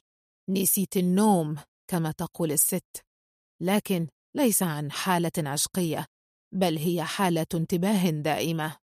أشعر وكأنني نائمة لكنني في الوقت ذاته مستيقظة جدا. أكاد أرى حدود جسمي والفراش والخزانة والتسريحة. حدود كل الموجودات في الغرفة في الظلام الدامس بل يمكنني رؤية كل تفاصيل المنزل والشارع والمدينة. منتبهة لكل شيء لكل صوت. أسمع الهمسات والخطوات. صفير القطارات في المحطة البعيدة. أسمع صوت دعاء المصلين الذين يتوافدون على المسجد في الشارع المجاور. أسمع صوت تنفس طفل الجيران وصوت تقلب شقيقته. أتناول كل المهدئات والمنومات بلا فائدة. نائمة ولا نائمة. يخبرني الطبيب أنني أتوهم وأن هذه بالتأكيد مجرد أحلام لكنني أعرف أنها ليست كذلك. أحاول اعتياد حياتي بهذا الشكل. النوم اللا نوم بهذه الطريقة. نصف حياة نصف نوم نصف عمل. تمضي الأيام بسرعة لا تصدق رغم أنها في الوقت نفسه. بطيئة للغاية. أكاد أموت مللا في انتظار نهاية الشهر لكن نهاية العام تأتي وكأن التي تسبقها كانت بالأمس. أترقى لأصبح موجهة رسم فأمر على المدارس المختلفة. لا أتخلى عن ملابسي المعتادة حتى لو كنت في الطريق إلى قرية صغيرة تابعة لإدارتي بجوار المدينة. أخرس الألسنة بنظراتي الحادة ولساني الذي أصبح سليطا حتى لم يعد أحد قادرا على رفع عينيه في عيني. أترقى أكثر لأصبح موجهة أولى. ولتنتهي رحلتي بالجلوس في الإدارة طيلة النهار للإشراف دون عمل شيء. أتأمل في الفراغ لأكتشف أنني أصبحت ما كنت أخشاه دوما. معتادة والأسوأ وحيدة. أقف أمام حائط الإنجازات الذي أقامه لي أبي في البيت لا أجد سوى بضع شهادات مثيرة للضحك. الشهادة الابتدائية والثانوية والتخرج وشهادات تقدير وشهادات أخرى ملونة لا أعرف من أين حصلت عليها. صوري مع أبي وصور أخرى وحدي. ما الإنجاز الذي فعلته سوى استمراري في فعل ما أريده دون الاهتمام بأحد؟ بعض اللوحات التي حملتها معي من المدرسة بعد انتهاء خدمتي. لوحات ساذجة ترضي مناهج الوزارة ومرور الموجهين المفاجئ. أهم ما فيها هو كتابة العام الدراسي واسم المدير بخط واضح على جنب. لم أملك موهبة حقيقية. كنت طالبة متفوقة لأنني أنفذ ما يريده الأساتذة في المدرسة والكلية وكنت مدرسة جيدة لأنني كنت أطبق ما يريدونه في الوزارة. لم أكن أملك هذا الوهج الذي يميز الفنانين الحقيقيين الذين درست أعمالهم. أنظر إلى خطوط المحنتفة وألواني الجامدة وأعلم وحدي الحقيقة. لا أتميز بشيء سوى جمال اختفى أسفل التجاعيد والشعر الرمادي سوى بعض قطع الملابس البالية التي لم أغيرها منذ ثلاثين عاماً. قرر زملائي إقامة حفل توديع لي بمناسبة خروجي على المعاش. وقفت أمام المرآة لأرتدي ملابسي. اخترت فستانا قصيرا قديما من القطيفة الخضراء ووضعت وشاحا أحمر حول رقبتي. تأملت وجهي المرهق بتجاعيده وشعري الذي اختلط فيه الأشقر بالأبيض. فقررت المرور على الكوافير الجديد الذي افتتح قريبا من المنزل. صاحبه كان تلميذي. استقبلني بحفاوة فطالبته بمعاملة خاصة بكل تأفف. أجلسني بنفسه على المقعد وأمر عامله بتلبية كل طلباتي. من يومها وأنا أداوم على الذهاب مرة في الشهر لصبغ شعري. وعدم السماح لمثل هذا اللون الرمادي بالظهور أبدا. كنت غاضبة طوال الوقت. غاضبة من أنني كبرت إلى هذا الحد دون أن أنجز شيئا. وأنني لم أحقق ما توقعه لي أبي ولا ما تمنته لي أمي أجلس على مقعدي الدائم في صالة البيت وأشعر بالغصة أين إنجازاتك يا فلك؟ وأين الجميع؟ لم أتوقف عن تأمل الفساتين البيضاء في فتارين العرض يوميا إلى هذه السن حان الوقت لمصارحة نفسي بأنني لم أنجز شيئا لأن حلمي الحقيقي لم يكن سوى ما رفضته طيلة عمري. كنت أتمنى ارتداء الفستان الأبيض والأهم من ذلك الاستناد على رجل بجواري. التفاصيل البسيطة التي أراها في كل مكان من حولي مثل تسوق رجل وامرأته في السوبر ماركت بمظهرهما المتعب البائس وجدالهما حول متطلبات البيت تجعلني أدمع وأحسدهما. جلوس سيدة بجوار زوجها في عيادة الطبيب. توقف امرأة أمام محل. يعرض قمصان النوم. مستلزمات الأطفال في الصيدلية. فكرة الشعور بأنفاس حارة تلفح عنقي وأنا نائمة. كلها أفكار تجعلني أزداد تمسكا بأنني لم أكبر. فتحت عيني على الحقيقة. صارحت نفسي بأن جل ما أتمناه اليوم هو ارتداء فستان أبيض. هو الشعور بلمسة رجل على وجنتي بأصابعه تتخلل خصلات شعري. هو التعلق في ذراعيه. والسير معه. والجلوس بجواره ليرانا الجميع. أريد النوم وهناك شخص ما بجواري. يهدهدني ويطبطب على كتفي. وقفت في منتصف الصالة وصرخت. أنا وحيدة جدا! لم يسمعني أحد. لكني أسمع نفسي. كانت هذه هي المرة الأولى التي أعترف فيها صراحة بهذا وكان هذا يكفي ليجعلني أشعر بهذه الحقيقة أكثر وأكثر. في هذه اللحظة عرفت ما علي فعله. نزلت من البيت لأتمشى بين فتارين عرض فساتين الزفاف البراقة الجميلة. اخترت الصباح الباكر الذي تخف فيه حركة الزبائن والمارة. دخلت من الباب فنظرت لي البائعات بتعجب.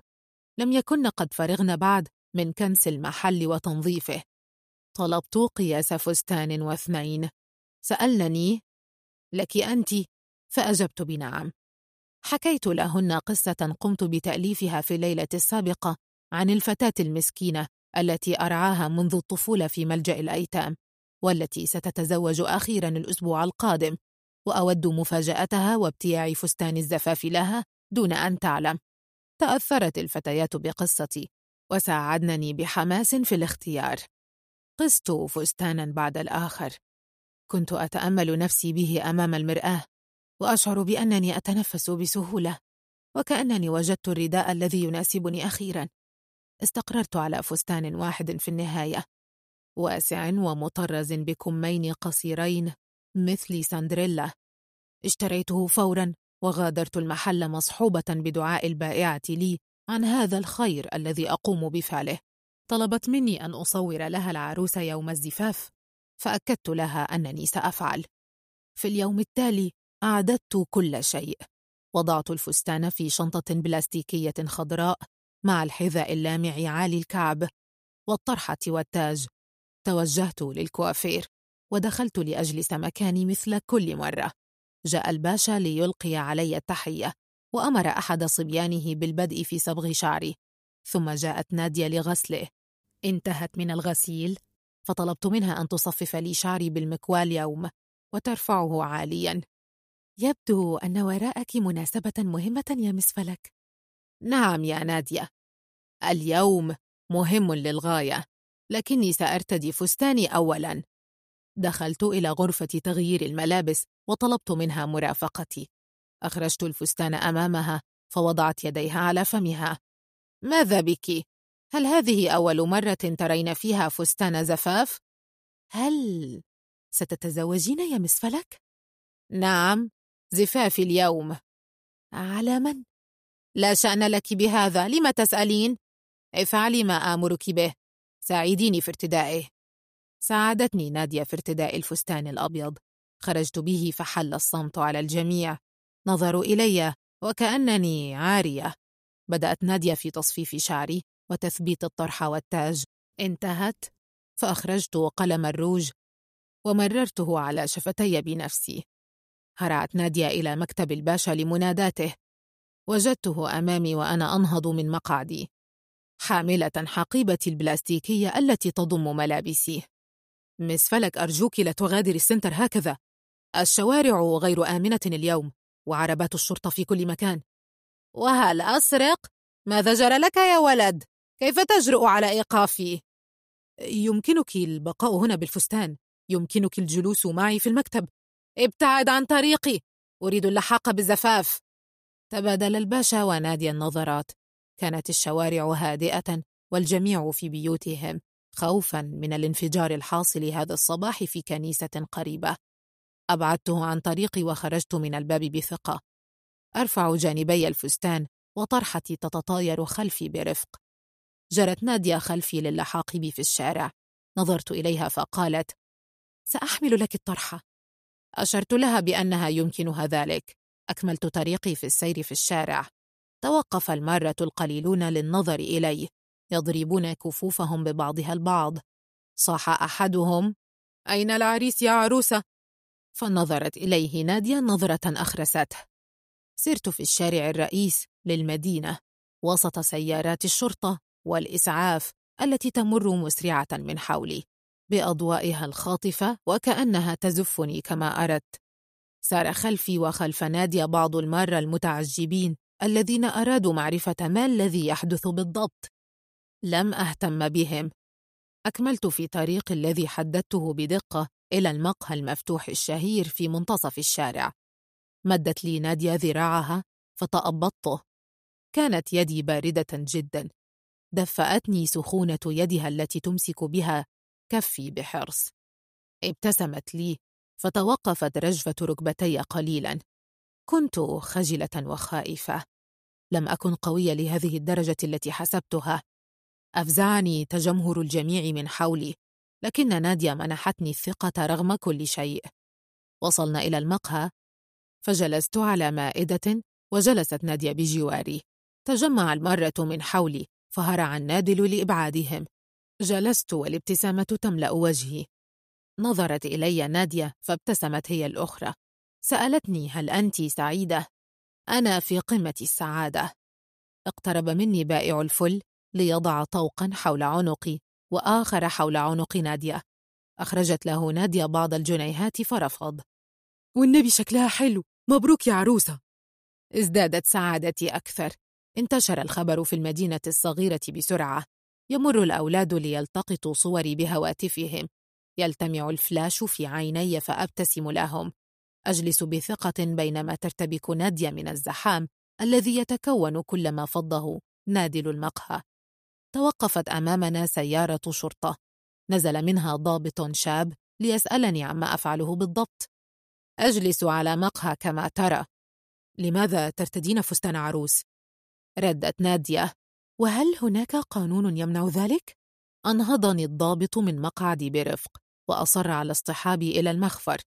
حاولت نادية إيقافه فسألها عن قرابتها لي. صمتت فطلب منها الابتعاد. الأوامر التي صدرت لي هي اصطحابها إلى المخفر وتحرير محضر إثبات حالة خشية إيذائها لنفسها أو الغير.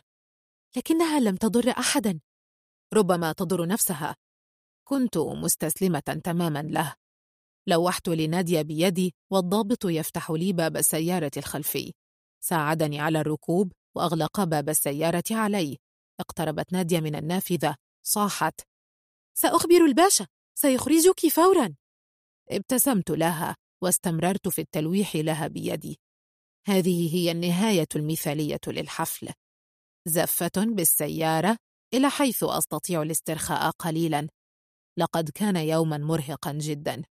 كانت نادية تبتعد عن ناظري شيئا فشيئا. أرحت رأسي على مسند الأريكة الخلفية.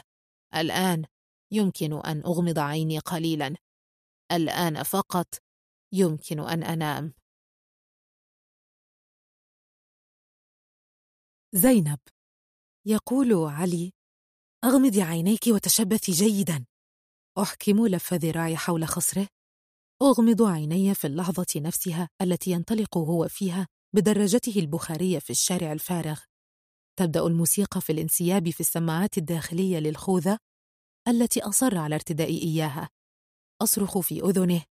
ما اسم هذه الموسيقى؟ يجيب بشيء لا أسمعه.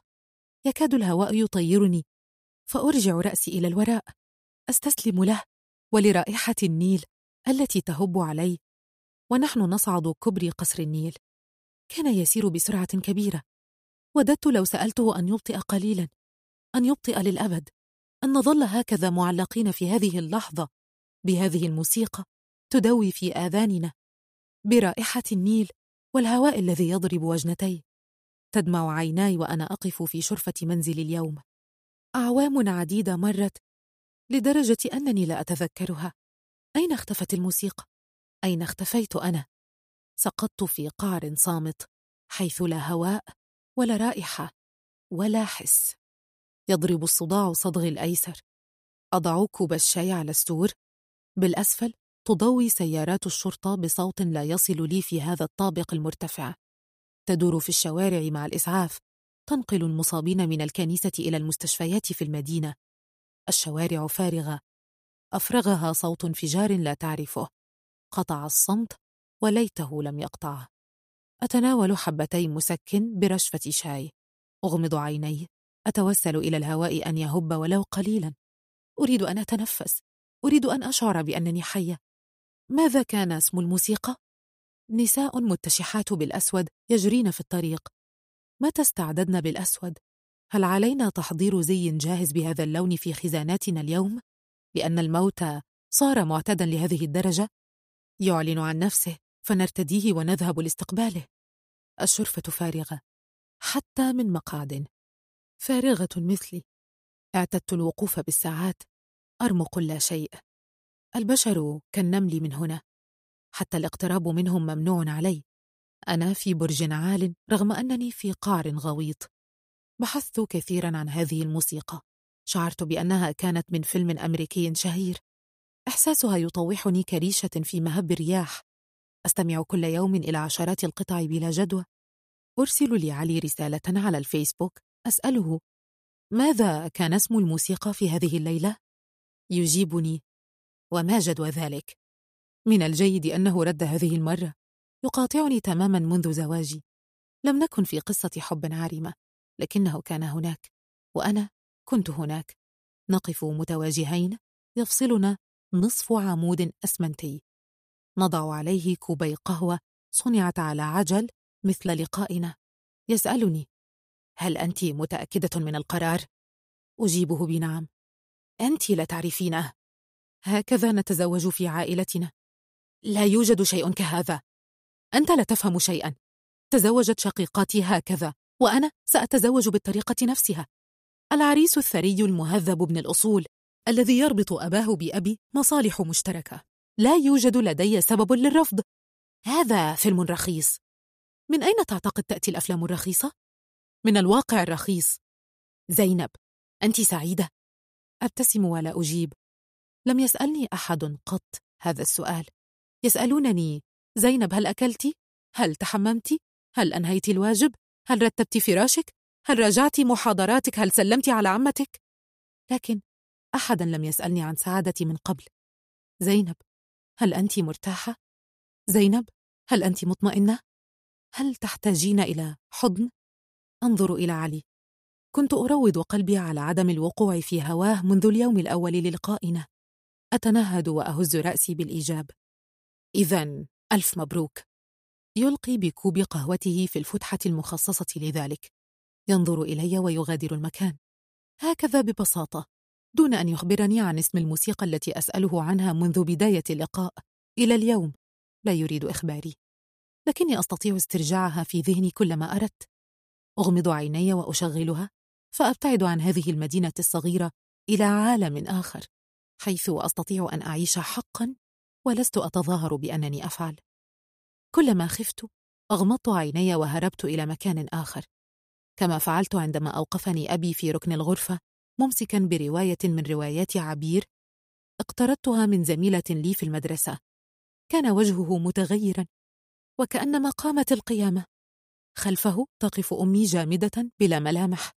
هي من جلبته لتأديبي بعد أن وجدت الرواية وسط كتبي. في حملاتها التفتيشية على غرفتي أنا وشقيقاتي. الحب الملتهب! لمن تقرأينها يا هانم؟ أخبريني الآن! كنت أضع أصابعي في فمي بعد صفعته المفاجئة لي لحظة اقتحامه لغرفتي. كان أبي يقتحم غرفنا في أي وقت حتى ولو كنا نغير ملابسنا. يخلع الأقفال ويلغي المفاتيح بيده عند أي تغيير لمقابض البيت. لا باب يغلق ولا خصوصية. أقسم إنها رواية صديقتي وإنني أقرأها على سبيل التسلية لا أكثر.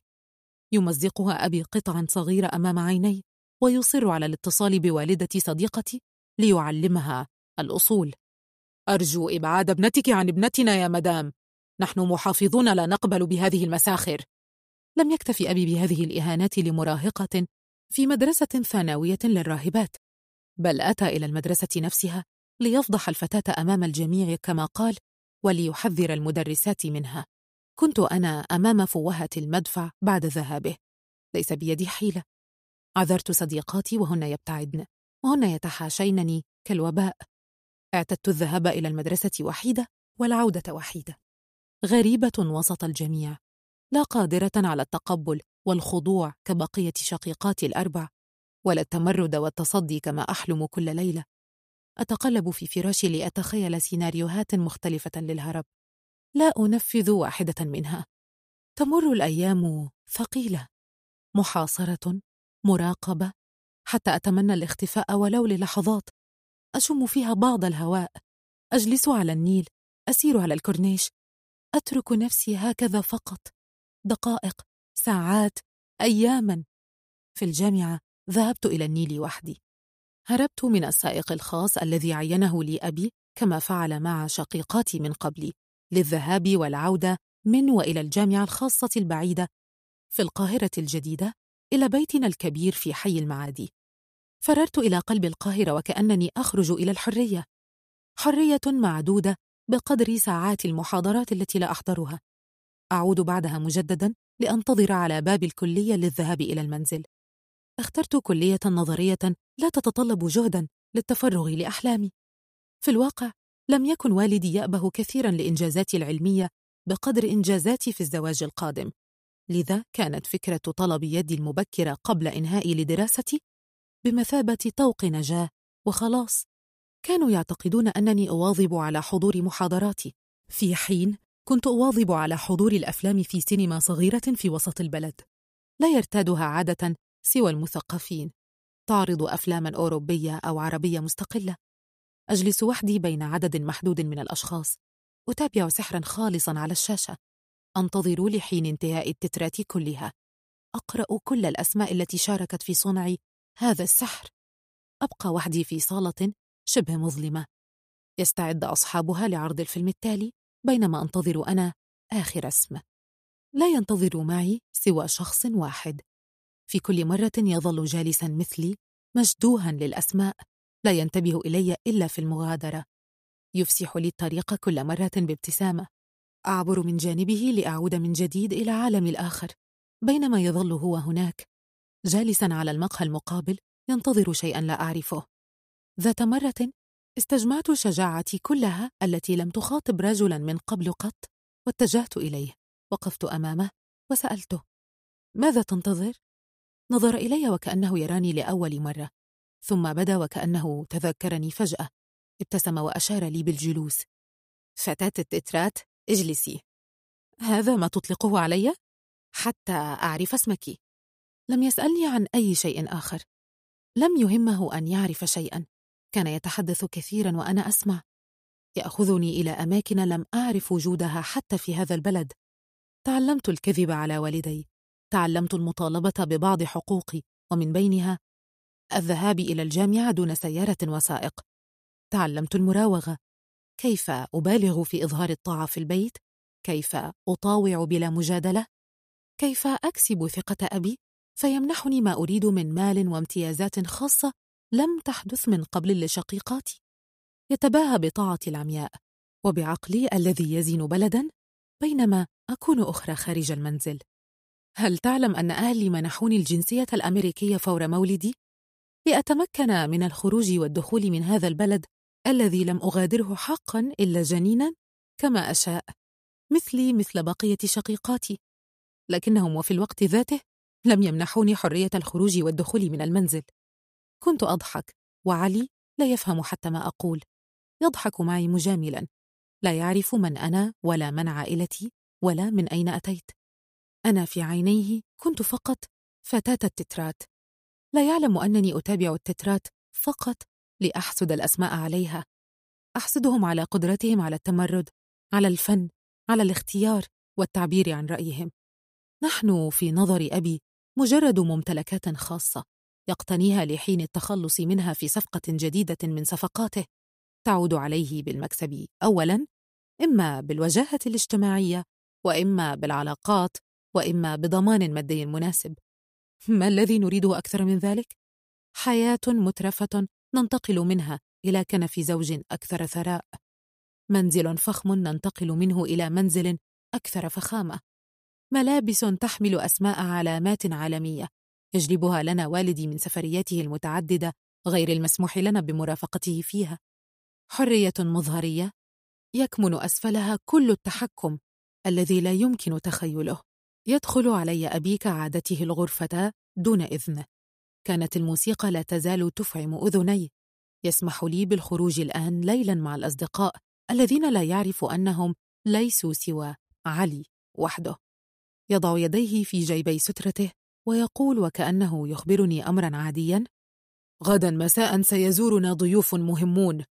صديق قديم لطلب يديك لابنه. نظرت إليه ولم أرد.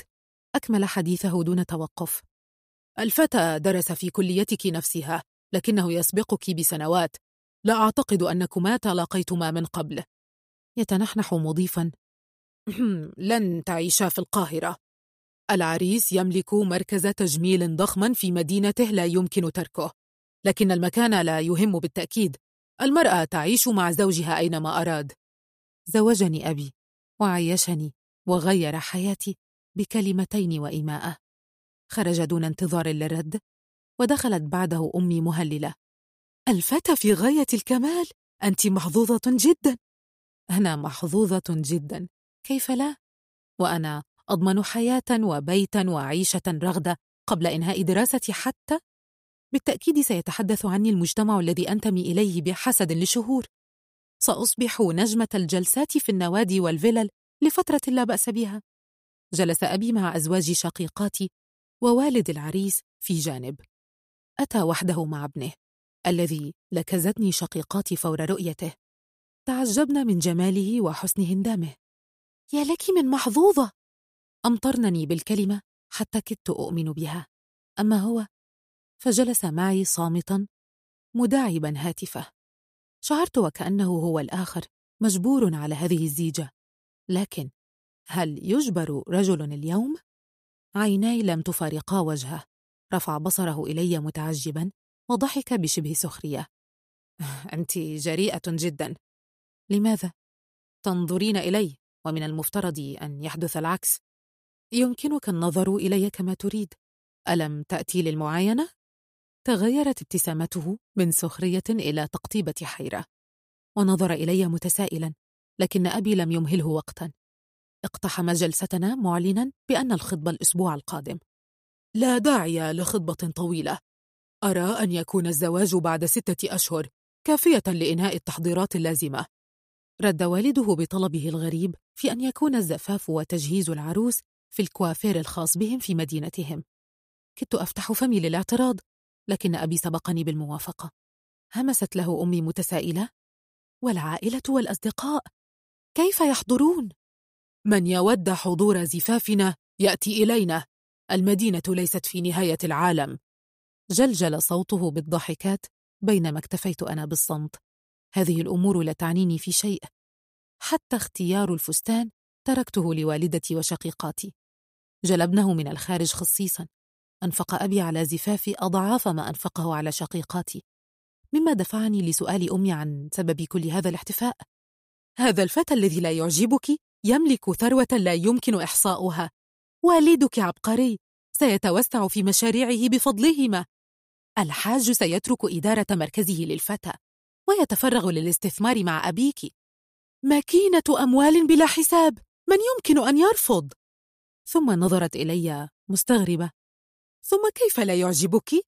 إنه يعجب الحجر يشبه نجوم السينما يا حمقاء هل كنت تحلمين بنصفه؟ أأنا قبيحة لهذه الدرجة؟ لا يهم. المهم سمعتنا التي لا تشوبها شائبة والتي جلبته إلى هنا. أنهت كلامها وغادرت الغرفة. وقفت أمام المرآة أتأمل وجهي. لم أكن قبيحة لكني كنت أقل منه جمالا. توقعت تعليقات الحضور في زفافنا. كان خيالي يجلب لي المشاهد المستقبلية دائما في كل موقف. سمعت الأسئلة التي ستنتشر خلال الفرح. وكأنها تقال الآن. كيف يتزوج هذا البدر من هذه؟ صحيح. المخدة الواحدة لا تتحمل قمرين. مررت يدي على عنقي الطويل شفتي الرفيعتين. أنفي المستقيم.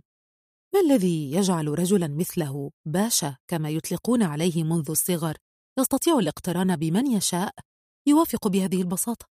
إلا لو لم يكن الأمر غير فارق. أنا مثل غيري. مجرد امرأة تضاف إلى مظهره الاجتماعي ليتفرغ إلى ما هو أهم. كنت أفهم الباشا دون أن أعرفه أكثر من أي شخص آخر وكانت كل أفكاري تجاهه تتأكد بمرور الوقت. الباشا بهي الطلعة مجرد وعاء أجوف لا يفكر سوى في نفسه لا يشغل رأسه الجميل بمثل هذه الجدالات الفارغة. مثل الاعتراض على عروس يقترحها أبوه أو الذهاب لمقابلة امرأة ستصبح زوجته بعد شهور إرضاء للشكل الاجتماعي. جلسنا معا على مائدة في مطعم فخم على النيل. كان المكان يسعدني ويمنحني القدرة على التنفس. أما هو فكان ممسكا بهاتفه يخاطب أشخاصا ويتابع أعمالا. هل تحب النيل؟ أحبه إنه ضروري للبقاء. لا أتحدث عن فائدته الجيولوجية لمصر. النيل أكبر من مجرد وعاء للشرب. بالتأكيد إنه وعاء للتفريغ أيضا. ضحك ضحكته الجانبية الساخرة فانقبض قلبي. عاد لمواصلة ما يفعل دون أن يعبأ بوجودي. لا يهتم في أي مكان نزوره سوى بالسؤال عن تفاصيل سيره ديكوراته نظام العاملين به. أفكر في فتح سلسلة مطاعم ربما مول تجاري ضخم. المدينة لا تزال أرضا خصبة للمشاريع. أهلها يحبون التجريب إنهم يسافرون خصيصا إلى القاهرة. لتجربة مطعم أو مول جديد. يستمر في الحديث عن العمل وأستمر أنا في الصمت. يخبرني عن سفرياته العديدة إلى الخارج ويتعجب من فكرة عدم مغادرتي. لماذا تملكين جوازا أمريكيا إذن؟ على العموم هو مفيد لنا. يمكننا السفر في شهر العسل. أفكر في لندن. أملك أصدقاء كثيرين هناك. بعدها أود الذهاب إلى دهب. للقاء أصدقاء آخرين يرغبون في الاحتفال بنا. ما رأيك؟ لم يكن ينتظر رأيي حقيقة. يخبرني فقط بخط سيرنا المقبل. كزوجين لا يعرف بعضنا بعضا. وافقته بإماءة من رأسي. حاولت تخيل حياتي مع رجل لا أكاد أطيق ابتسامته. كتمت نفسي حتى شعرت بالدوار. احتقن رأسي وكاد صدري ينفجر. فزفرت بقوة. كانت هذه طريقتي للتأوه بصوت عال. حتى ولو كنت جالسة وحدي. لأنني لا أجرؤ حتى على التألم. سألني علي في الهاتف. هل أنت متأكدة مما تفعلين؟ أجبت بنعم وأنا أكاد أصرخ. أنقذني. لكنه لم يفهم. صمت لحظة وقال إذا أرجو ألا نتحدث ثانية. أنهى المكالمة والحديث بيننا للأبد. حذفني من حساباته على الفيسبوك وكل وسائل التواصل. بينما استعددت أنا لتغيير الحالة من مخطوبة إلى متزوجة. زاد عدد متابعي على الفيسبوك فجأة فور اقتران اسمي باسمه. بدأ أنهن معجبات الباشا. يتساءلن عن هذه السندريلا التي خطفت فارسهن. دخلت بخجل إلى المركز الضخم الذي لم أتخيل أنه بهذه الفخامة في المدينة الصغيرة التي لا يشي مدخلها بكل هذا الترف. عرفني الحاج والده بمنى. فهمت أنه يعتمد عليها في كل شيء. قادتني إلى حجرة التجهيز. عاملتني بحنو كأنني ابنتها. كانت تعدد في مزايا الباشا وكأنه النبي يوسف. عليك أن تكوني بالذكاء الكافي لامتلاك قلبه. الباشا طيب لكنه يحب التدليل. لم أنطق بكلمة. انتهت منى من عملها بسرعة حتى إني لم أنتبه. في الواقع لم أكن مهتمة وكأن جسدي ليس ملكي. والحقيقة هو أنه بالفعل ليس كذلك. اليوم تنتقل ملكيته من والدي إلى الباشا. الاثنان من حقهما اقتحام خصوصيته وقت ما يشاءان. جسمي ليس من ممتلكاتي الخاصة فلما الاهتمام إذن؟ قادتني منى إلى غرفة التجميل. فيها كانت تنتظرني فتاة فارعة تجلس على مقعد عال أمام المرآة المضيئة. نظرت إلي من أسفل لأعلى وكأنها تحفر ملامحي في عقلها. حدثتها منى بشماتة واضحة وكأنها انتصرت عليها في لعبة ما. عروس الباشا! اعتني بها يا جيجي. ابتسمت جيجي ابتسامة صفراء أجلستني إلى المقعد وبدأت في وضع المكياج ببطء. بدت عنيفة حتى إنني شعرت بها تكاد تقتلع عيني بفرشاة ظلال الجفون لكني لم أنطق ولو باعتراض. كانت ذبذبات الكراهية تنبعث منها تجاهي وشعرت كأن رائحة الباشا تهب علي منها. أدركت لحظتها كل شيء وفهمت أنها تحبه. فتحت عيني ورأيت وجها آخر محل وجهي في المرآة. كانت جيجي محترفة بالفعل. حولتني لامرأة أخرى. ربما جميلة لكنها ليست أنا حتما. لم يشعرني هذا بالسعادة. تناولت حقيبتي لأعطيها بقشيشا. نظراتها القاسية أخجلتني. فمنحتها ورقة من فئة المئة جنيه. شعرت بأنها تتساءل السؤال نفسه. لماذا أنا بالذات؟ لكني بالفعل لم أملك ردا سوى الحظ. الذي يبدو سعيدا للكل تعيسا لي. وربما لها. لا أحد يدري بما يحدث في قصة الشخص المجاور له. نحن كتب مغلقة خادعة الأغلفة. كتابي كان بغلاف ملون صاخب لكن صفحاته كانت رمادية كئيبة تمرض من يقرأه. في يوم زفافنا تركني عريسي في الساعة الرابعة فجرا وذهب. كنت قد تظاهرت بالنوم بعد ساعات من الجلوس صامتين لا شيء بيننا لنقوله. جلس بملابسه ليداعب هاتفه كما أراه دوما بينما جلست أنا على الفراش صامتة. في النهاية أغلقت عيني علني أستيقظ لأجد نفسي في مكان آخر. فتناول هو مفاتيحه وخرج. أسرعت إلى الشرفة الخالية وراقبت سيارته تبتعد. وقفت أتأمل الشارع الصامت. أكبر شارع في المدينة. لا منظر لديهم أجمل منه. لا نيل لا بحر لا شيء. مدينة مغلقة لا يوجد بها ملجأ للمختنقين بالغصات لغسل أحزانهم. فلماذا إذن أضع مقعدا في شرفة تطل على كتل إسمنتية عالية؟ في اليوم التالي كنا في طريقنا إلى رحلته التي خطط لها وحده. المرة الأولى التي أسافر فيها خارج البلاد أكون مقيدة إلى يد رجل لا أعرفه.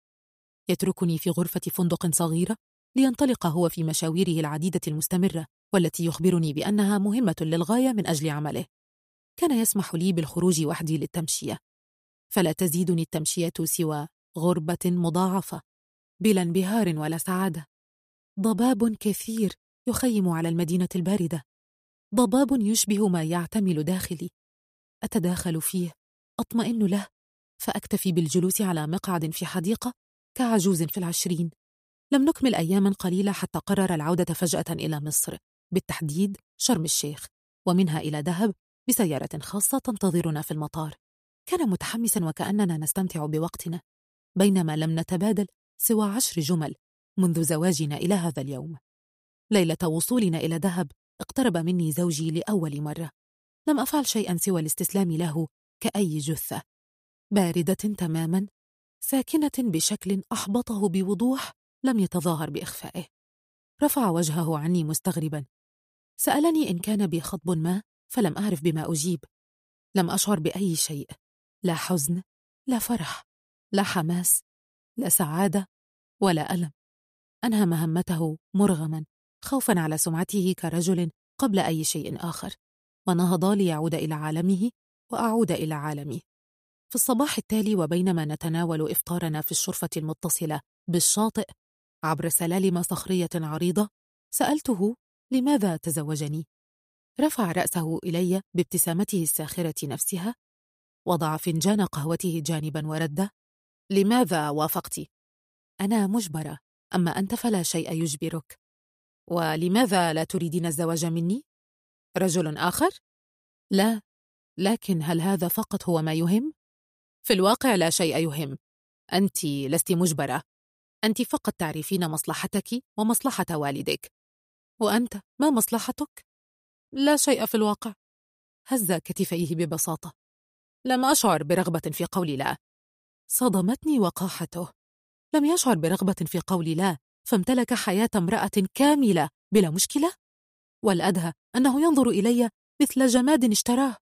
تماما كما يراني والدي. جمادا باعه. نهضت من مكاني. شعرت بالغثيان. حاولت الاتجاه إلى البحر لاستعادة قدرتي على التنفس لكني تعثرت على أول درجة من درجات السلم الصخري المرتفع. لم أشعر بنفسي إلا وأنا أتدحرج على الدرجات كلها. كان هو يصيح باسمي مندفعا إلي بينما راقدت أنا على ظهري على رمال الشاطئ. نظرت إلى السماء التي لا تزال رفيقة بلا شمس حارقة. لكن الألم كان حارقا في ساقي اليمنى. حاولت أن أتحسسها بيدي فلم أشعر سوى بانثنائها الشديد حول نفسها. لم أستطع التأوه. ظللت صامتة لتقتحم رؤيتي وجهها لأول مرة. أطلت علي نادية بوجهها الأسمر الهادئ. نظرت إلى عيني بتمعن ثم مسدت بيدها على ساقي. لحق بها الباشا متسائلا عما بي. ركع إلى جواري بينما استمرت هي بالتمسيد على ساقي. فقدت الوعي. استيقظت في فراشي. علمت أنني لم أغب عن الوعي سوى دقائق. كان الباشا يقف بجواري وقد بدا عليه الذعر فعلا. فكرة فقدان عروسه في شهر العسل بالتأكيد ستدمر سمعته. بجواره وقفت نادية هادئة تستند على ظهر مقعد بكلتا يديها. تنظر إلي دون حديث. هل أنت بخير؟ هل تستطيعين تحريك ساقك؟ تذكرت الألم الرهيب في ساقي. لكني أدركت أنه زال الآن. حركتها فاستجابت لي. غير معقول. لقد رأيتها بعيني منثنية تماما. رأيته ينظر إلى نادية بشك. نظرت هي إلي نظرتها الناعسة التي لا تشي بشيء. قالت سلامتك. واستدارت لتبتعد. تمكنت من ملاحظة عرج خفيف في ساقها اليمنى. خرج الباشا وراءها ثم عاد بعد نصف ساعة بوجه أحمر متحمس.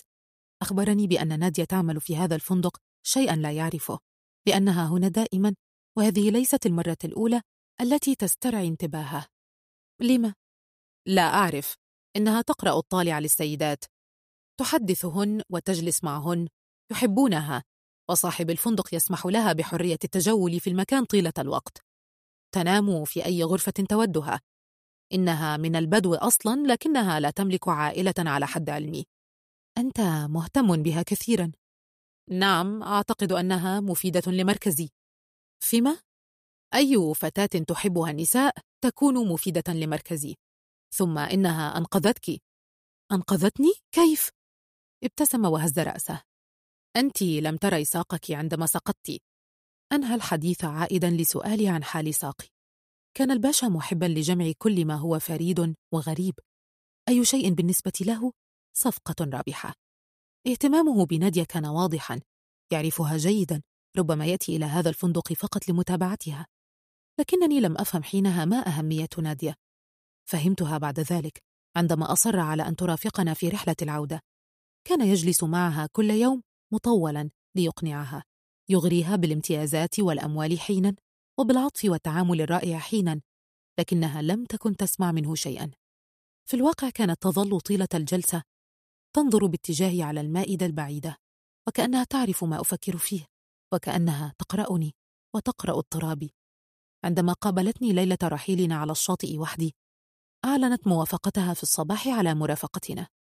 كنت أجلس أمام البحر على الرمال أضم ركبتي إلى ذقني أحاول استنشاق أكبر قدر من هوائه قبل عودتي إلى المدينة. كان البحر يغسلني فتمطر عيناي الدموع جلست هي بجواري وربتت على كتفي. لم تسألني عن سبب بكائي لكنها فقط ربتت على كتفي. والغريب أنني شعرت بالتحسن. كانت هذه هي مهمة نادية في المركز وفي بيتي طيلة السنوات التالية. أعيش مثل زرعة الصبار الوحيدة التي حرصت على جلبها من غرفتي في بيت أبي إلى الشرفة الخالية في هذه الشقة الكبيرة. يأتي الباشا ويرحل دون حديث. يلمسني على مضض بين الحين والآخر فأنام على ظهري متصلبة لحين انتهائه. أشعر وكأنني دمية جنس بلا مشاعر ويشعر هو بالشيء ذاته. أشعر أنني موصومة رغم أنه حلالي. فهمت أن ورقة ومأذونا وزفافا وإشهارا لا تحلل الجنس بين اثنين. يحلله فقط الحب ولو عارضه الجميع. في اليوم التالي جاءت نادية لتربت على كتفي ولتخرج آثاره من جسدي. يرسلها لي قبل أن أفكر في الحزن قبل أن أفكر في الانطواء أو التقوقع. يرسلها لتمسحني تماما لتعيدني امرأة مبرمجة. آكل وأشرب وأنام وأستيقظ. أظهر أمام الجميع كزوجة الباشا السعيدة حتى لا يهتز مركزه في مدينة صغيرة تتداول بها الأخبار بسرعة البرق. أغدق عليها بالملابس. أجلسها إلى جواري لتتحدث. تحكي لي قصصا عن الكوافير. أعرف كل الحكايات التي تمتصها من الأخريات. أعرف حتى حكاية جيجي وما يفعله معها زوجي. لم أغضب. على العكس كنت أتعاطف معها ومع حزنها وقهرها. مع زواجها الإجباري مثلي حتى لو اختلفت الغاية والكيفية. مسكينة. تتمنى موقعي الذي لا أريده وأتمنى لو كنت قادرة على التنازل لها عنه. أحيانا كنت أذهب بنفسي إلى الكوافير لأرى أصحاب هؤلاء الحكايات عن قرب. يجلسني الباشا في مكتبه بعيدة عن الجميع. يحسبن أنني آتي لأراقبهن خوفا عليه. فلا يزددن إلا نفورا. علمتني نادية المسامحة. أتعاطف مع جميع البنات وقصصهن. أكتشف الجوانب الداخلية لكل قصة. تنقل لي نادية مشاعرهن الداخلية التي لا يفهمها أحد. تشرح لي بالتفصيل الشديد ما الذي يعنيه وجود امرأة في هذا العالم في هذا البلد. أضع نفسي مكانهن كما تفعل نادية.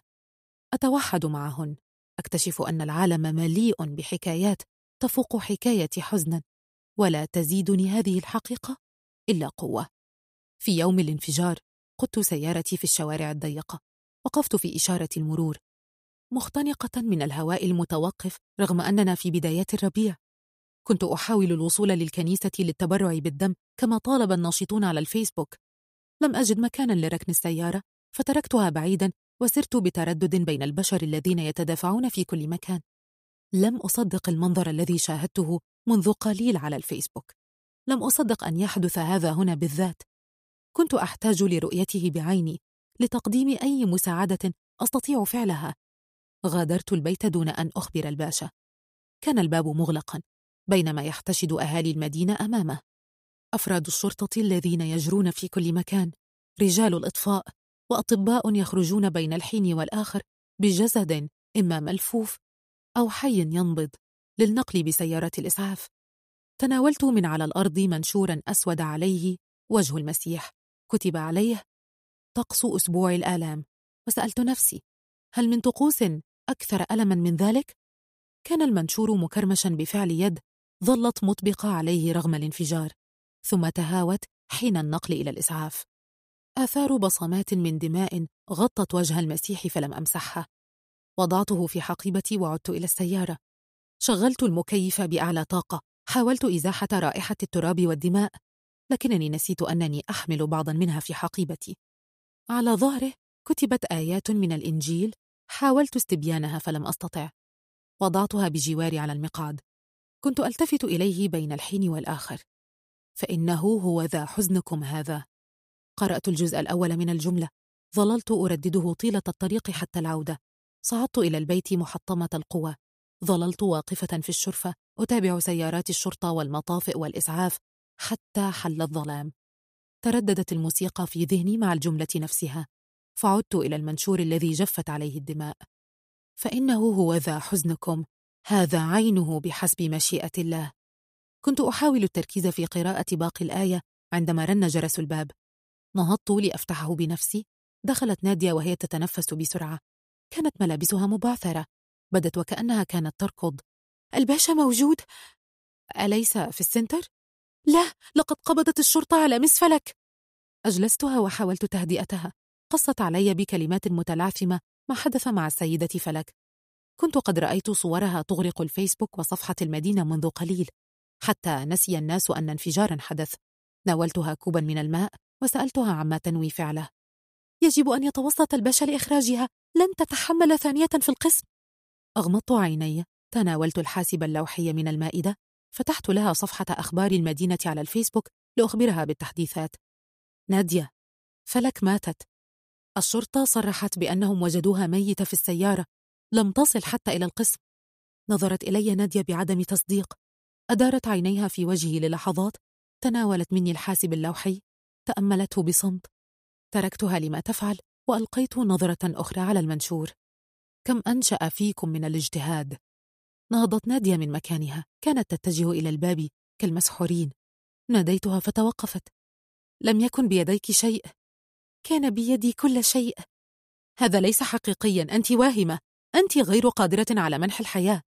لكنني كنت قادرة على إزاحة الحزن. الحزن ضروري للمواصلة. استدارت لي بعنف نظرت إلي بعينين جاحظتين. خفت قليلا. اجتهدت لالتقاط أنفاسي. حاولت التحدث بسرعة في وجهها. حاولت إخبارها بكل ما حضرته من كلام. حاولت أن أصف لها الحزن الذي شممت رائحته اليوم. ورأيته حيا متجسدا أمامي. في كنيسة لطالما شهدت فرحا بعد فرح. الحزن مجرد محطة. إنه دفعة يمنحها لنا القدر لنتمكن من تحقيق ما لا نجرؤ على فعله. هل تقصدين أنني أقف في طريق الحياة؟ أخذت نفسا عميقا والآية لا تزال تتردد في رأسي. بل من الاحتجاج. نادية بسببك أنا أسيرة هذا البيت. غير قادرة على المطالبة بحريتي. أعلم أنك تريدين مساعدتي لكني غير راغبة في المساعدة. بل من الغيظ. أريد أن أتحرر يا نادية. أريد أن أتمكن من المغادرة وعدم العودة إلى أبي. أريد حقي وأريد المطالبة بحرية الأخريات. بل من الخوف. أنا خائفة. أمضيت سنوات في هذا المنزل أفكر في قيمة حياتي. من أنا؟ ماذا أفعل؟ مجرد جماد ينتقل من ملكية أب إلى ملكية زوج. أنا اختصار جميع القصص التي تحكينها لي كل يوم. أنا القهر مجسدا. هل تعرفين ما معنى القهر يا نادية؟ تقدمت نادية خطوات في اتجاهي وقفت أمامي تماما لمست وجهي بيديها فابتعدت بحركة لا إرادية. لا تخافي أنا فقط ألمسك. بل من الشوق. لقد أتيت إلى هنا من أجلك. رأيت تعاستك في عينيك. فجئت لمساعدتك.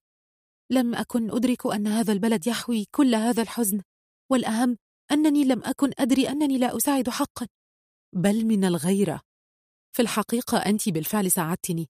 ساعدتني على معرفة أنني قادرة وأنني أستطيع المواجهة أستطيع الوقوف بجانب نفسي أستطيع أن أكون أنا ولا أن أظل مجرد سلعة تشترى وتباع.